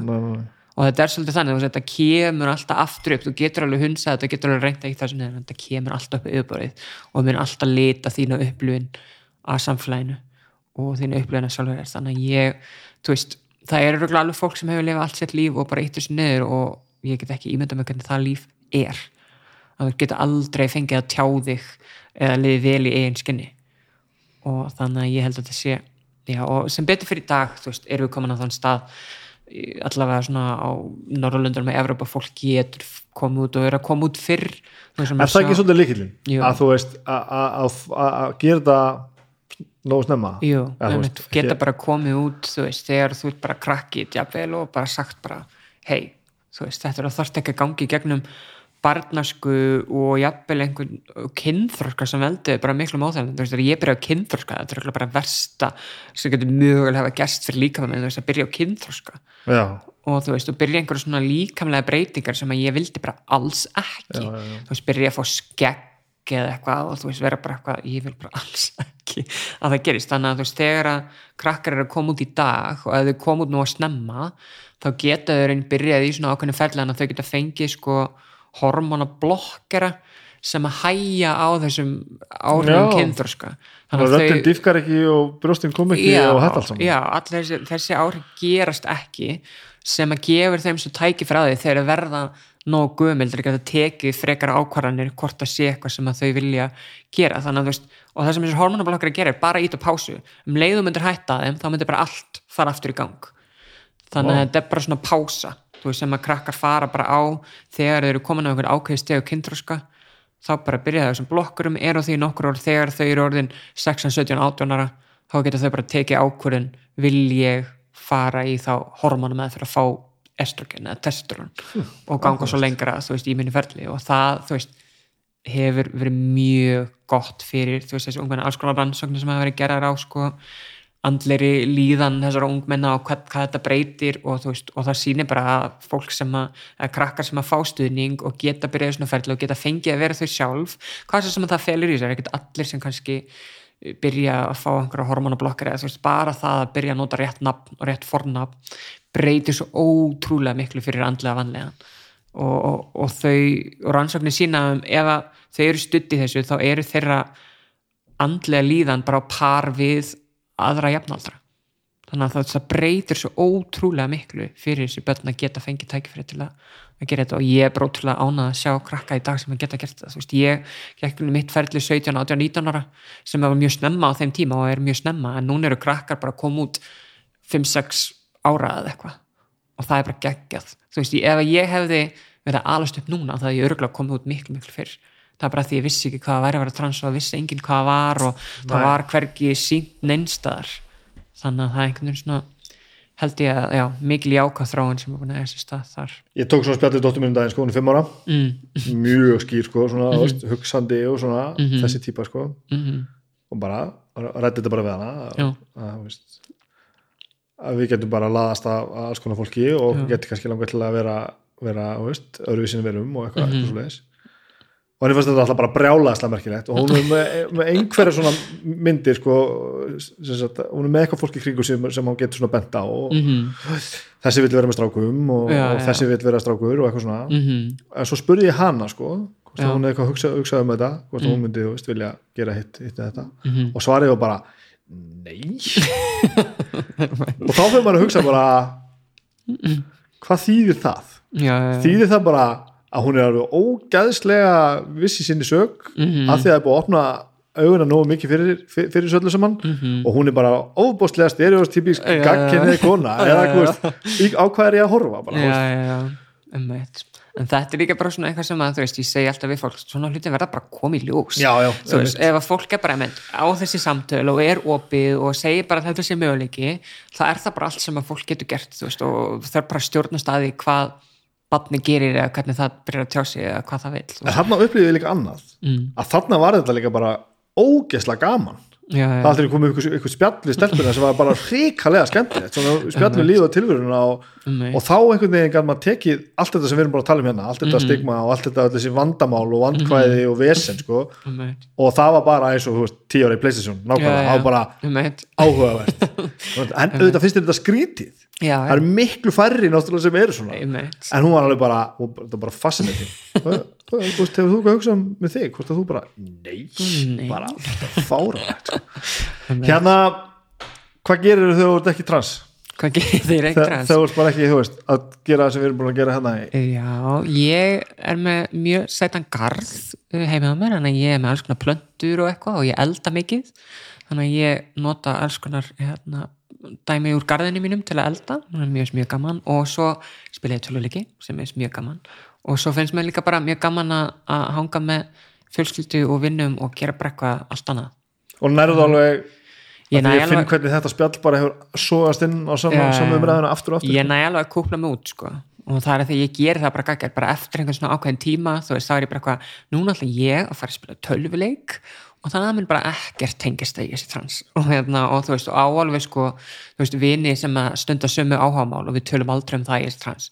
Þú veist, það er bara, við tölum bara um áhámál og við erum bara að gera eitthvað svona auðvitað tölun alltaf kannski eitthvað um hvað er að gerast, eitthvað í lífinu en aðal dæmi er bara að við erum að spila einhverju töluleiki eða við erum að, þú veist, ég og Fox erum að elda saman eða þú veist, ég er að fara í bíó og horfa á nýju Star Wars myndina eða eitthvað skilur, þannig að það tengist ekkert þú veist, það er trans, þannig að ég næ alveg svona að kúkla mig út, sko átalið líf sem að er ekki, ekki bara, bara og álega þú veist vini og, og fleira sem að tengjast í ekkert í þessi trans sko. þannig að það er bara mjög ég held að það sem mjög dýrum að fólk eigi það líka að því að við sko, þetta verður svo mikið nákvæmlega allt sem við erum einhvern veginn og þó að eigi náttúrulega ekki að vera það. Og þess vegna finnst, finnst mér að fólk þurfi líka eiga tækifæri að geta kúplað sér út úr þessu. Og til dæmis er ég núna veist, í ákveðnum hóp í World of Warcraft á netinu, veist, ég hef ekkert sagt að mig er trans en það hefur það bara ekkert komið til umræðu Nei, nei. og þessu myndi alveg segja þeim það að eitthvað svona væru aðstæður til þess. En við erum bara eitthvað einhverju gildi í World of Warcraft að spila tölvuleik og það skiptir ekkert eitthvað máli þannig. Þú veist, við höfum alveg talað um hinsegin málefni að það er alveg einhver sem eru hinsegin og ég hef alveg sagt þessi hinsegin en ég hef ekkert eitthvað farið út í dítela með það og það skiptir bara einhver máli og það finnst mér svo gott að hafa eitthvað svona svæði þar sem það skiptir einhver máli og ég get bara en það er ekki svona mörg svæði. Nei, þetta er eina sæði held ég þar sem að ég er ekki trans. Eitthvað svona, þú veist, það er tölvuleikir og, og þetta, þú veist, þegar ég og Fox erum bara eitthvað ein heima og elda veist, þannig að þetta er svona, það er alltaf og þegar ég fer kannski að heimsækja fóreldra minna heim í sveit og eru mjölka bellunar, skilur Já. bellunar með Það drull, drull sama já, þessu já, trans, og allir í kringu við vita nákvæmlega hverju vært og, og, og búin að tala út um þetta og Já, og veist, þetta kemur ekki til umræði við erum bara eitthvað, já, mamma erum bara eitthvað að baka veist, vegan uh, kökur og eitthvað í staðin og þú veist, og það tengist ekkert að þessi trans. Þannig að það eru svona alls konar öðru sér samskipti sem eru bara miklu, miklu betri og hotlari finnst mér oft, sko. Að- hver, hver, það er bara þegar þú segir eitt sko, þá kvikna bara hundra spurningar í viðbúð þetta er rosalegt. Sko. hvað hérna upp hvernig var að þetta, á þess að vera alveg alveg rángstæður þú veist upplifur það að þú skuldir mannesku að segja á, á þú sért trans? Ég til og með sem ég var að ganga inn í þú veist, ef, að að tala um þú veist, romantík og einhverja Já, já. svona, einhverja svona þú kynfræsla spennu eitthvað Já, svona. já, þú veist, hvenar á ég rétt innan allra gæðsalappa á því að vita það að þú sé trans? Já, þetta er góð spurning og ég hef ekki svör við nákvæmlega hvernig þetta á að skipta ykkur máli að því að ef þú ert hrifin að einhverja manneska lítur bara að vera hrifin að henni og það ætti ekki að skipta henni máli á þessu trans eitthvað og ef að þú ert ekki að henni en svo allt í henni kemur í ljós að þú ert ekki að henni að þú veist að henni er trans? Þá með þetta er svo mjög sko. skondan tilfleikar en ég persónulega hef bara alltaf verið mjög opinn með það að ég nenn ekki að eiga tíma mínum í eitthvað fólk Nei, nei, nei, sem er að fara að hafa fordóma eða er að fara að hafa vandamál að það er alltaf bara persónulega hjá mér verið upp á borðinu að ég sé trans eða einhverjum svona romantískum aðstæðum skilur að ég vil bara ekki setja mig í þar aðstæður að það getur jafnvel verið öryggis vandamál sko, ég get alveg bara lent í ofbeldi ef ég er í einhverjum svona aðstæðum sko. þannig ég hef bara persónulega en þú veist, það er ekkit allt transfólk sem að þú veist, þú trans skuldar engum neitt. Þú skuldar engum neitt fyrst og fremst, ég skulda engum það að segja ég sé trans sama hvað er að gerast. Þú veist, og það að fólki finnist ég skulda þeim eitthvað segir bara svo mikið hvernig fólk horfir á transfólk og þú veist að það finnist einhvern veginn að þetta sé einhver upplýsingum þú þurfir að vita, þú veist, þú veist ekki allar upplýsingur um alla mannesku sem er sefur hjá einhvers stóra djamminu, skilur það getur verið alls konar hlutir sem að þú getur bara aldrei samþygt sem að manneskan skoðanir sem hún hefur eða eitthvað, ég veit ekki hvað það er, skilur stereotypan er náttúrulega svo vandarlega ef þú vara mikið við og, og, og, og, og við fyrir heim saman þá hafi ég verið að ríða kallmanni á þess að vita. Já, það er, þú veist, hugmyndin. Og sem er náttúrulega bara svo bílpæling vegna þess að hver myndi horfa mig og þú veist, þú veist, ég skil ekki þessa pælingu, þú veist, auðvitað er ég augljóslega ekki kallmaður, hvorki, það er kemur neði hvernig ég, þú veist, hversu margir karlmenn eru eins og ég, hversu margir karlmenn þekkiru sem, sem eru eins og ég? Já, já. þú veist, engin að því að karlmenn, þú veist að því að það snýst alltaf bara fyrst og fremst hverju þú ert sem manneska þannig að þú veist auðvitað er þetta einhver svona, þú veist, pælingar að fólk geta bara ekki séð mig sem annað en kallmanna þegar ég fættust svo vonaði hins einn og þú veist, og þess vegna nenni ég bara ekki að standa í þessu. Og hef aldrei nennt að standa í þessu og er bara alltaf mjög upp á borðinu bara, þú veist, ég nenni ekki að vera í einhver svona aðstæðum þar sem að þetta er að fara að koma upp og einhver er að fara að vera óksla fúll eða reyður eða beita með óbildið eitthvað. Þannig að ég er bara eitthvað, nei, við skulum bara að röngum fósindum eða þannig. Já, bara fyrir mitt eigið öryggi Já. annað en það að mér finnst ég skulda fólk eitthvað mér finnst ég bara ekkert skulda fólki neitt það bara, það kemur þeim bara ekkert við að ég sé trans nema þú veist, já það kemur bara fólk ekkert við. Nei. þannig að mér finnst að, þú veist, fólk þú veist, en ég er svona persónulega mitt eða það er einhver svona romantísku eitthvað svona kemfrislegt þá vil ég bara að það sé upp á borðinu vegna þess að ég, vil ekki eigða tíma mínum í eitthvað fólk sem er að fara að vera með þvílika fordóma út af því þannig að brendi mig kannski svolítið að því fyrst þegar ég var eitthvað svona að deyta eins og þannig að gaurinn sem að hætti með mér að því ég var trans og eitthvað svona skilur ég einhvern veginn svona hefðaleg geta verið bara eitthvað, nei ok, þú veist geta tekið, þú veist uh, það voru alveg svona merki um það áður sko, þannig að ég hef alveg geta en hann reyndar vissi það alveg frá byrjun sko, þannig, þannig að hérna, en þú veist, bara svona alls konar sem að er mjög verður mjög flóki í þessu. En mér finnst fólk aldrei skulda fólki það eitthvað sérstaklega. En svo fyrir þetta náttúrulega að verða ókslega með flókir eins og sagður einhver heldur þetta eða manniskan er kannski ekki búin í kynfaraðgerð eða eitthvað og þá flækist málinu náttúrulega ennþá meira Já. og eitthvað svona. Þannig að þú veist en ég held að þú veist flest transfólk sér og sem meðvita um þessan annan öryggis vingil og sé ekkert að setja sig í þessar aðstæður uh, náðist að það sé eitthvað upp á borðinu. Og þú veist og það kemur oft upp eitthvað svona þú veist óbyrð einhver, ó ég vissi ekki hún væri trans. En þú veist, það fer ekkert á milli mála stundum að þú veist einhver svona æ það var eins og einhver kvikmynd um einhver bandarískan Hermann sem að fór til Filipseyja og þú veist pantaði sér einhverja konu sem var vinna í kynlífsvinni sem var transkona, þú veist vissálega hún var í transkliru og svo eitthvað sofaði saman og svo bara myrðar hann hana og segir svo bara öllum hann hafi ekki vita að hann var í trans.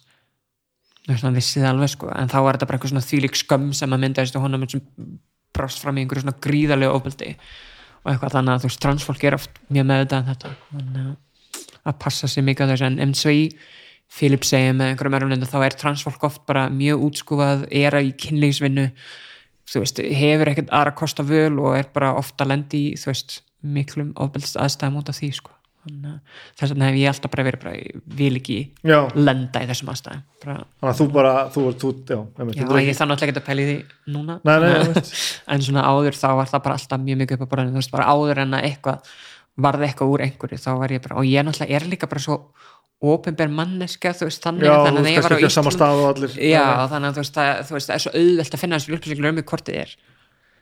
Ég, bara, ég er að pæla í núna sko, hva, hvernig ég myndi bregðast við sko. Já, þú er bara eitthvað ógæslega hreina gælu og fer heim saman og svo sagði hann að það vera trans, hvað myndir gera? þetta er svo frábært sko. ég, er í, ég er í fokk hissa sko. já, ja, þú veist, maður veit ekki hversu langt þetta þú veist, það getur að setja sig bara í einhverja aðstæður og, Nei, þess að ég fyndi að setja sér eitthvað svona hvað ef já, aðstæður. en, enga síður, þetta er samt mjög holdt sko. já, E- ef, ef ef við myndum til dæmis bara fullblón ríða sko, já, og á þess að við myndum gruna nokkuð svona ef við setjum þetta í alveg þessar aðstæður sko. mhm. Myndi það þá skipta einhverju máli? Og hvers ég þarf bara að fara að sofa og hvers vegna sko. myndi það skipta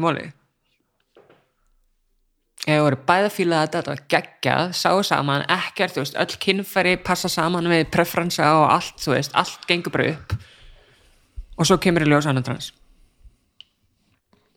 ég held að mér myndi finnst það ægilega gaman sko. ég held það í alveg að því bara gefnum eins og allt annað að þetta hafi bara verið gaman og, Já, veist, já. og við pössum eins og segi, bara pössum bara saman. Ég lenda með þessu samanæðum við vinn minn um daginn. Hann var eitthvað svona, já þú veist ég myndi aldrei vilja deyta transkonu.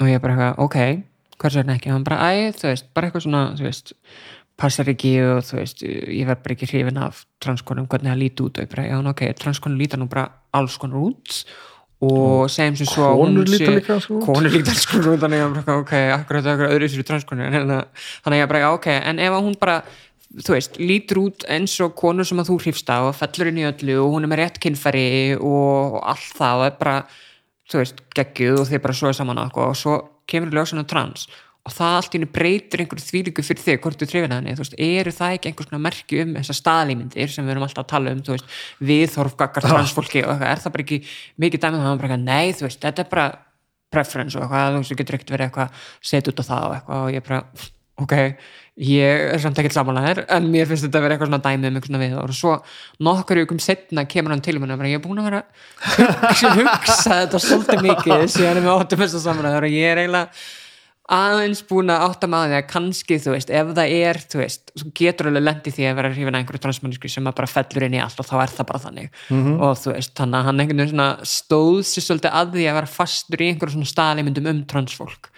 Og, og sagði bara já, þú hafðir kannski eiginlega bara rétt fyrir þér, kannski bara gæti það gerst að ég er þið einhvern tímann hrifin á einhverju mannisku sem er trans. Og það væri það bara þannig. Þannig transkonu sem að sérst, jafnvel, skilgjörni sem fúli sem konu Mhm. að það er samt alveg ný upplifun fyrir mig. Já, heilin í mér myndi ekki taka eins á því eins og sofa Nei. hjá ennetni konunni. Nei. Bæta við allar konuna. Nei, skilur, skilur hvað veist. En það er náttúrulega bara að því að við lítum á veist, transfólk öðrum augum heldur en annað fólk. Já, og þú veist, og auðvitað er náttúrulega alls konar víti sem fyrir að koma inn í bara, já, ok segjum sem svo að það var eins og eitthvað alvarlegt samband þú veist, hvernig eru fólk í kringum okkar að fara að taka á því og er fólk, þú veist, þá fyrir þú kannski að upplega fordóma frá einhverju fólki sem að segja bara, já, þú ert bara með einhverjum kallmanni, eða veist Já, já, ég heldur reyndar að mér var alveg nákvæmlega Já, um það sko. ég er bara að reyna að setja mig í þessar svona initial aðstæður sko. Mhm. en ég er eiginlega vissu það ég, ég myndi aldrei horfa á þetta nákvæm eins og ég var að sofa Nei. Nei, en það er einmitt, þú veist, þó að sé ekki nákvæmlega eins og það er ekki endilega að vera neikvæð nei, ég er ekki segja það sko. Nei, einmitt. En já, myndi, þessi pæling hvenær skuldar það að segja fyrir mér? Mæntalega aldrei sko. Já, í raunin aldrei Nei, þú veist, en já mjög ég, bara, ég bara það er alveg dæmum það, þú veist, ég þekk alveg transfólk sem að, þú veist, hefur svo hjá fólki og þú veist, aldrei vita að það verið trans. Já, og sem er alltaf best. og vita ekki einu sinni en þann dag í dag skiljur, þetta er bara svona fólk sem er sá hjá bara eitthvað, einn enn gaman skiljur who cares, mm. -hmm. veist, það skemmt sér allir og þú veist, og vinkonum minn er bara eitthvað skiptir einhver máli. Nei, sem það ekki náttúrulega sjálfsög gerir ekki sko. hann, Mö- hérna eh, hefur einhver tíman óskaðast að þetta væri bara ekki svona Já, þú veist, auðvitað vildi maður alltaf bara að þetta væri ekkert veginn og maður þurfti ekki að vera að standa í þessu og maður getur bara gert eitthvað annað en samt sem maður, þú veist telja mig alveg líka, þú veist, allt mitt líf hefur mótast þessu, þú veist, ég er svo sem ég er út af þessu, Já. þannig ég myndi ekkert endilega vilja hafa þetta mikið öðru, þú veist, auðvitað vildi ég náttúrulega þú veist, það væri ekki svona miklu fordómar og fólk væri ekki upplegabildi og allt skilur en, en ég, þú veist, lifi kannski bara við það mikil forréttindi sem Íslendingur að, þú veist, að geta verið á þeim stað að vera bara pínu þakklátt fyrir þá reynslu sem ég hef gengið í gegnum og sem ég er að gangi í gegnum. Og hérna, en auðvitað, þú veist, vildi ég náttúrulega bróskæðist að það væri ekkert vesen og þú veist, það að vera trans eða vera ekki trans væri bara ekkert vandamál og fólk gæti bara verið þess sem þau vildu hvort sem að það er trans eða ekki trans eða samkynnet eða tvíkynnet eða gagkynnet eða bara whatever og það væri ekkert svona vandamál sko. en það er kannski svona útópían sem er Já, ímynd, já, ímynda já. sér sko. en ég held að þetta mun alltaf skipta mála einhverju leiti þú veist, hugmyndur um kyn og kynneið og svona, þó sem hann kannski opnist og breytist og, og verði víðari, þá held ég að verði alltaf einhverjar skilgreiningar í samfélaginu en svona út frá sjálfur þess, þú veist bara þú svona, er aldrei komið svona auðminga ég Mm, nei, þú veist, ég man ekkert eftir að vorkend sjálfur mér rosa mikið, sko. Ég held að bara meira að lita á þetta sem einhvers konar tækfæri til að upplifa eitthvað sem það rosa fáir fá að upplifa. já, þetta er alltaf mjög heillandi sko. Þannig að, já, ég lít bara á þetta sem einstaka lífsupplifun og þú veist, ef þetta geta séð hlutina út frá báðum sjónarhaldum einhvern veginn, hvernig fólk kemur fram Já. Þannig að, já, ég lít bara á þetta sem mjög dýrmata lífsreynslu. Ef við hérna fyrir maður sér sál, sálgæsluna þegar við komum svona hryllilega djúpt í þetta Já, ef einhver er að hlusta sem er eitthvað að hugsa bæði, Mhm. þú veist, bara alveg saman hvort að viðkomandi er að hugsa um sjálfa sig eða aðstandendur eða bara Mhm. yfir höfuð, hvað á maður að gera? Samtökin 78 er með mjög góða ráðgjáþjónustu sem Ok. er frí þannig að fólk getur haft samband við Samtökin 78 og fengi ráðgjöf þá hjá fólki sem er bara mjög vanta að, að díla við fólk. Ég held að flesti sem komi í ráðgjöf til Samtökin 78 séu trans og og þau eru bara mjög góð í því að hjálpa hana hvort einstaklingum eða fjölskyldum eða eitthvað aðstandendum. Þannig að hérna, fólk getur alltaf hatt samband við samtök 78 og svo er náttúrulega Trans Ísland sem er líka félag transfólks. Þar sem að það er sko félagskapur transfólk sem að transfólk getur sótt í og getur hitt annað transfólk. Og, og svo er ungmennamiðstöð. Ef að fólk er náttúrulega yngra þá er ungmennamiðstöð samtökinu 78 sem er bara félagsmiðstöð fyrir hins en ungmenni. Þannig að fólk getur leita þangað uh, og bara, já ég mæli bara með því að fólk leiti sér stuðnings hjá öðru fólki og bara hafi samband við einhvern, þú veist, hvort sem það er transísland eða samtökun 78, það versta er að upplifa sig uh, að vera ein. Og, það sig enginn í kringum mann sem styður við mann eða skilum mann.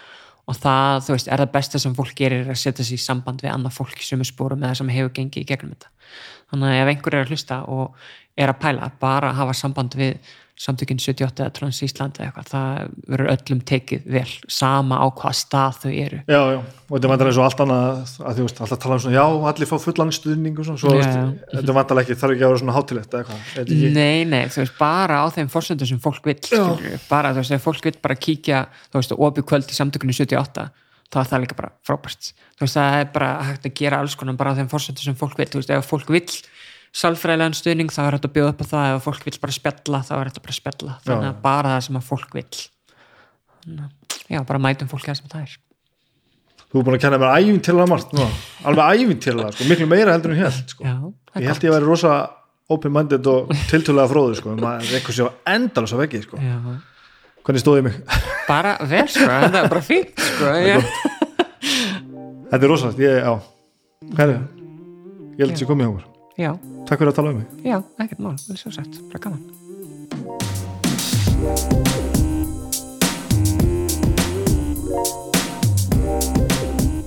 Ég myndi segja að þetta hætti að segja hlutinu eins og þeir eru. Þetta það var margt þarna sem þurfti að melda og margt sem að maður heldur um að viti og heldur um að sé rosalega rosalega einhvern veginn fróður og geti sett sér í spórannar og svona, það er ekki séns maður. Djöfulli margt sem maður einhvern veginn getur ekkert gett sér í hugalund en gríðarlega mikilvægir ambassadórar sem að geta tekið tekið spjallið svona og bara sagt og þeir eru. Framúrskarandi það var ótrúlega skemmtileg spjall og ég er enna að melta þetta allt saman að vinna úr þessu.